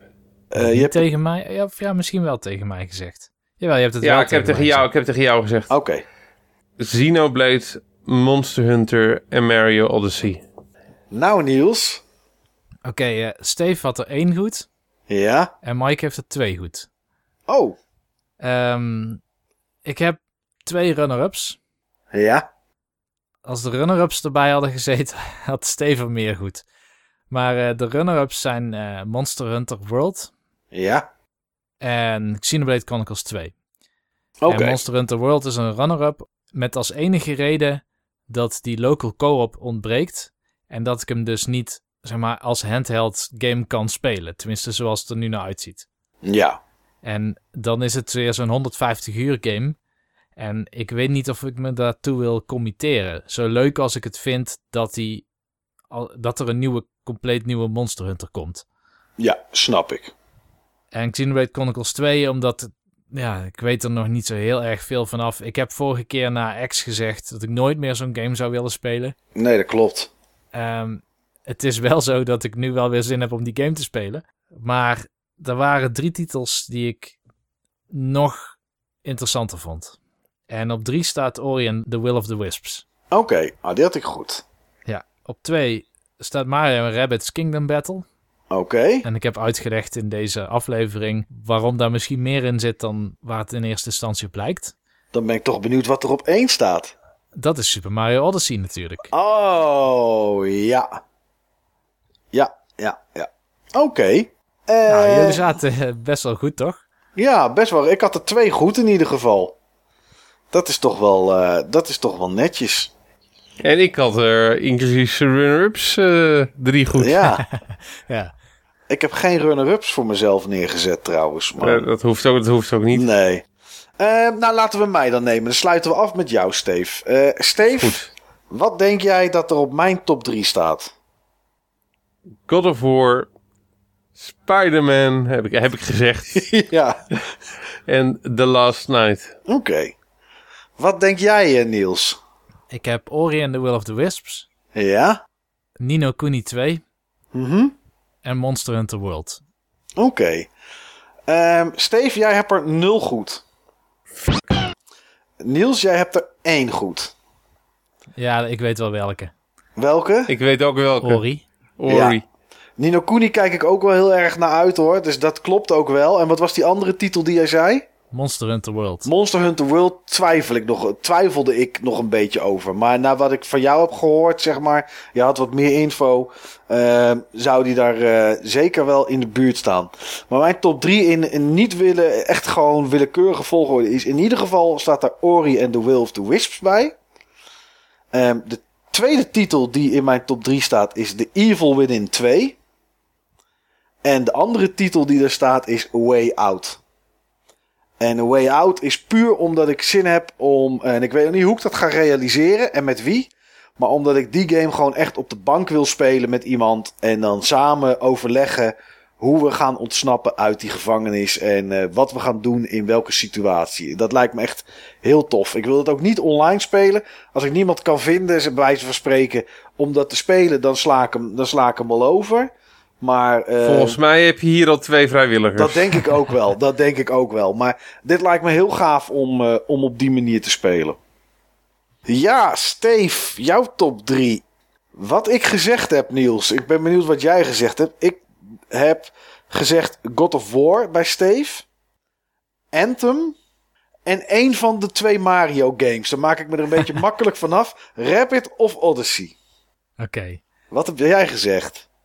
Ik, ik voel me ook eh, totaal niet zeker over mijn drie titels die ik heb gezegd. Maar eh, Ik weet Mario één. Odyssey verwacht ik er echt bij. Ja. Die voel ik wel zeker eh, sterk aan bij Steve. Ik heb Mario en Rabbids Kingdom Battle. Omdat ik dacht dat... Ja, ja, Steve is wel positief over deze aflevering. Maar ik dacht dat hij misschien ook wel zin had, zeg maar, in dat soort XCOM-achtige gameplay. En ik had uiteraard, maar daar twijfel ik nu dus sterk over, Destiny 2.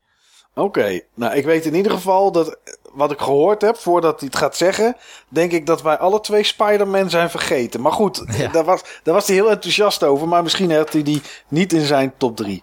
Steve, het woord is aan jou.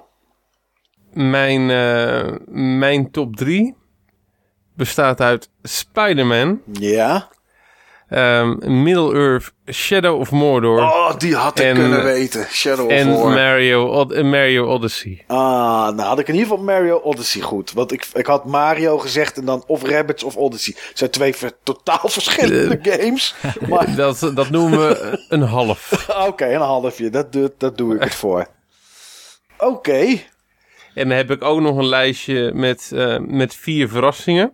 Ja. Ik wou, de vier grootste verrassingen. Ik wou er eigenlijk een top 3 van maken. Het is niet gelukt. Nee. Er staat overigens één game tussen waar we het totaal nog niet over hebben eh, gehad. Oh. Dus die noem ik als laatste. Ja. Maar mijn top 4 grootste verrassingen zijn Shadow of the Colossus. Had ik niet verwacht dat daar een nieuwe remake van zou komen. Nee. Ehm, Mario en Raving Rabbits. Had ik niet verwacht dat het leuk zou zijn. Ehm, The Last Night vond ik echt heel tof. Ja. En ehm, wat ik ook tof vind en wat ik gezien heb als losse trailer. Sonic Forces. Ja. Dat komt ergens in november, hè, volgens mij. Dat Ja. komt dit jaar nog uit. Dat heb ik ook, eh, heb ik ook een losse trailer van gezien. En het was Sonic Classic, Sonic Nieuw en nog één of zo. Een game, een game wat je zelf, een figuur wat je zelf kan maken. Oh ja, dat was het. Ja, en het was 2D en 3D of zo. Door elkaar, hè, geloof ik. Ja, en het zag er behoorlijk naadloos uit. En de gameplay leek zwaar leuk. Ja. Ja. Ja, Dus dat vind ik bij een soort game ook verrassend. ja, dat is inderdaad wel zo. Maar daar hebben we het inderdaad niet, eh, niet over gehad. Maar er zijn, ja, er zijn nog veel meer trailers vrijgegeven. Tuurlijk, tuurlijk. In de tussentijd. We hebben bijvoorbeeld Mario en Luigi Superstar Saga plus Bowser's Mini. Komt een of andere remake van. Als het goed is, naar de 3DS. Eh, Golf Club 2 hebben we het niet over gehad. Maar dat is niet, niet zo boeiend. Yakuza 6 is nog trailer van geweest. En Yakuza Kiwami. Eh, ja, er zijn nog wel wat, eh, wat dingetjes los geweest. Mocht, mocht je nou zitten luisteren en je wil trailers terugzien. Er is best een aardige website voor. Dat is e3recap.com. Gewoon E en dan een drietje en dan recap. R-E-C-A-P.com. En eh, die verzamelen eigenlijk alle trailers. En daar staan ook, als ze ze weten, release datums bij. Zijn er meerdere type video's van, dan eh, kan je dat ook zien. Eh, dat is best een aardige website. Die doen dit sinds 2014 of zo. En eh, daar staat echt eh, bijna alles op. Maar je mag ook altijd natuurlijk naar duimschroef.nl. Er staat ook nog, de, zeg ik, ook nog dingen erbij. Dat is misschien Je hebt soms weer goed je best gedaan, Mike, dit jaar. ik heb, eh, ik heb als een malle zitten tikken. Echt niet normaal. Maar het is, ik vind het wel waard. Ik vind de E3, ondanks dat ik het minder vind worden elk jaar. Ehm, en volgens mij laten de persconferenties dat ook wel zien in hun opzet. Eh, kijk naar Bethesda. Denk ik dat het langzaam wel afneemt. Maar ik, eh, ik blijf het leuk vinden. Ja, ik ben ook heel erg benieuwd trouwens. Vandaag kregen we een foto van een, eh, van een forumlid, Synergy. Ja, Die is op de E3. nou goed dat je dat nog even zegt. En niet zomaar. Nee, die heeft een Buttonbashers t-shirt aan. Ja, Op de E3 dat is toch gaaf? Ja, met achter op zijn rug heel groot het Buttonbashers logo. En ehm ja, dat is super gaaf. Ik vind dit eigenlijk, als ik eerlijk ben, wel een icoontje waard. Een soort ambassador-icoontje of zo. Een E3-icoontje. Oh, een Ja. E3-icoontje. Oh ja, nou misschien moeten we daar eens eventjes naar kijken. Kijken of we daar iets voor kunnen regelen. Ik denk dat wij dat kunnen. Ik denk dat we dat kunnen. Ja. Jongens, ik denk dat dit een mooi moment is om af te sluiten. Ik zie 4 uur en 25 minuten op de opneemteller. Daar gaat vast wel iets tussenuit, maar niet heel veel. Het is inmiddels 16 minuten over 1. En eh, Niels moet over 5 uur en drie kwartier in de bus zitten. Ja. Steve moet ook vast ergens weer op om te werken, denk ik. Ik moet, de was nog op, ik moet de was nog opvouwen. Oh, nou, en ik moet eh, in ieder geval om half acht eh, klaar zitten om te werken en telefoon op te nemen. Dus eh, laten we afsluiten. Iedereen die deze marathon-uitzending heeft beluisterd, eh wat zo kunnen we het wel noemen, enorm bedankt. Wij gaan ons opmaken. Marathon. Ja. Marathon-uitzending. Hij is misschien twee kwartier langer. Hij is misschien een half uurtje langer dan normaal. Ja, nou dat zijn ook al marathon-uitzendingen tegenwoordig, Steve. Het, eh, we hebben denk ik een hoop kunnen bespreken en een beetje onze mening kunnen geven. Eh, als je het ergens niet mee eens was, laat het horen. Als je het ergens mee eens bent, laat het ook horen. Eh, ik weet het niet meer. Ik kan alleen maar zeggen bedankt voor het luisteren. Jongens, slaap lekker alvast. En tot de volgende keer.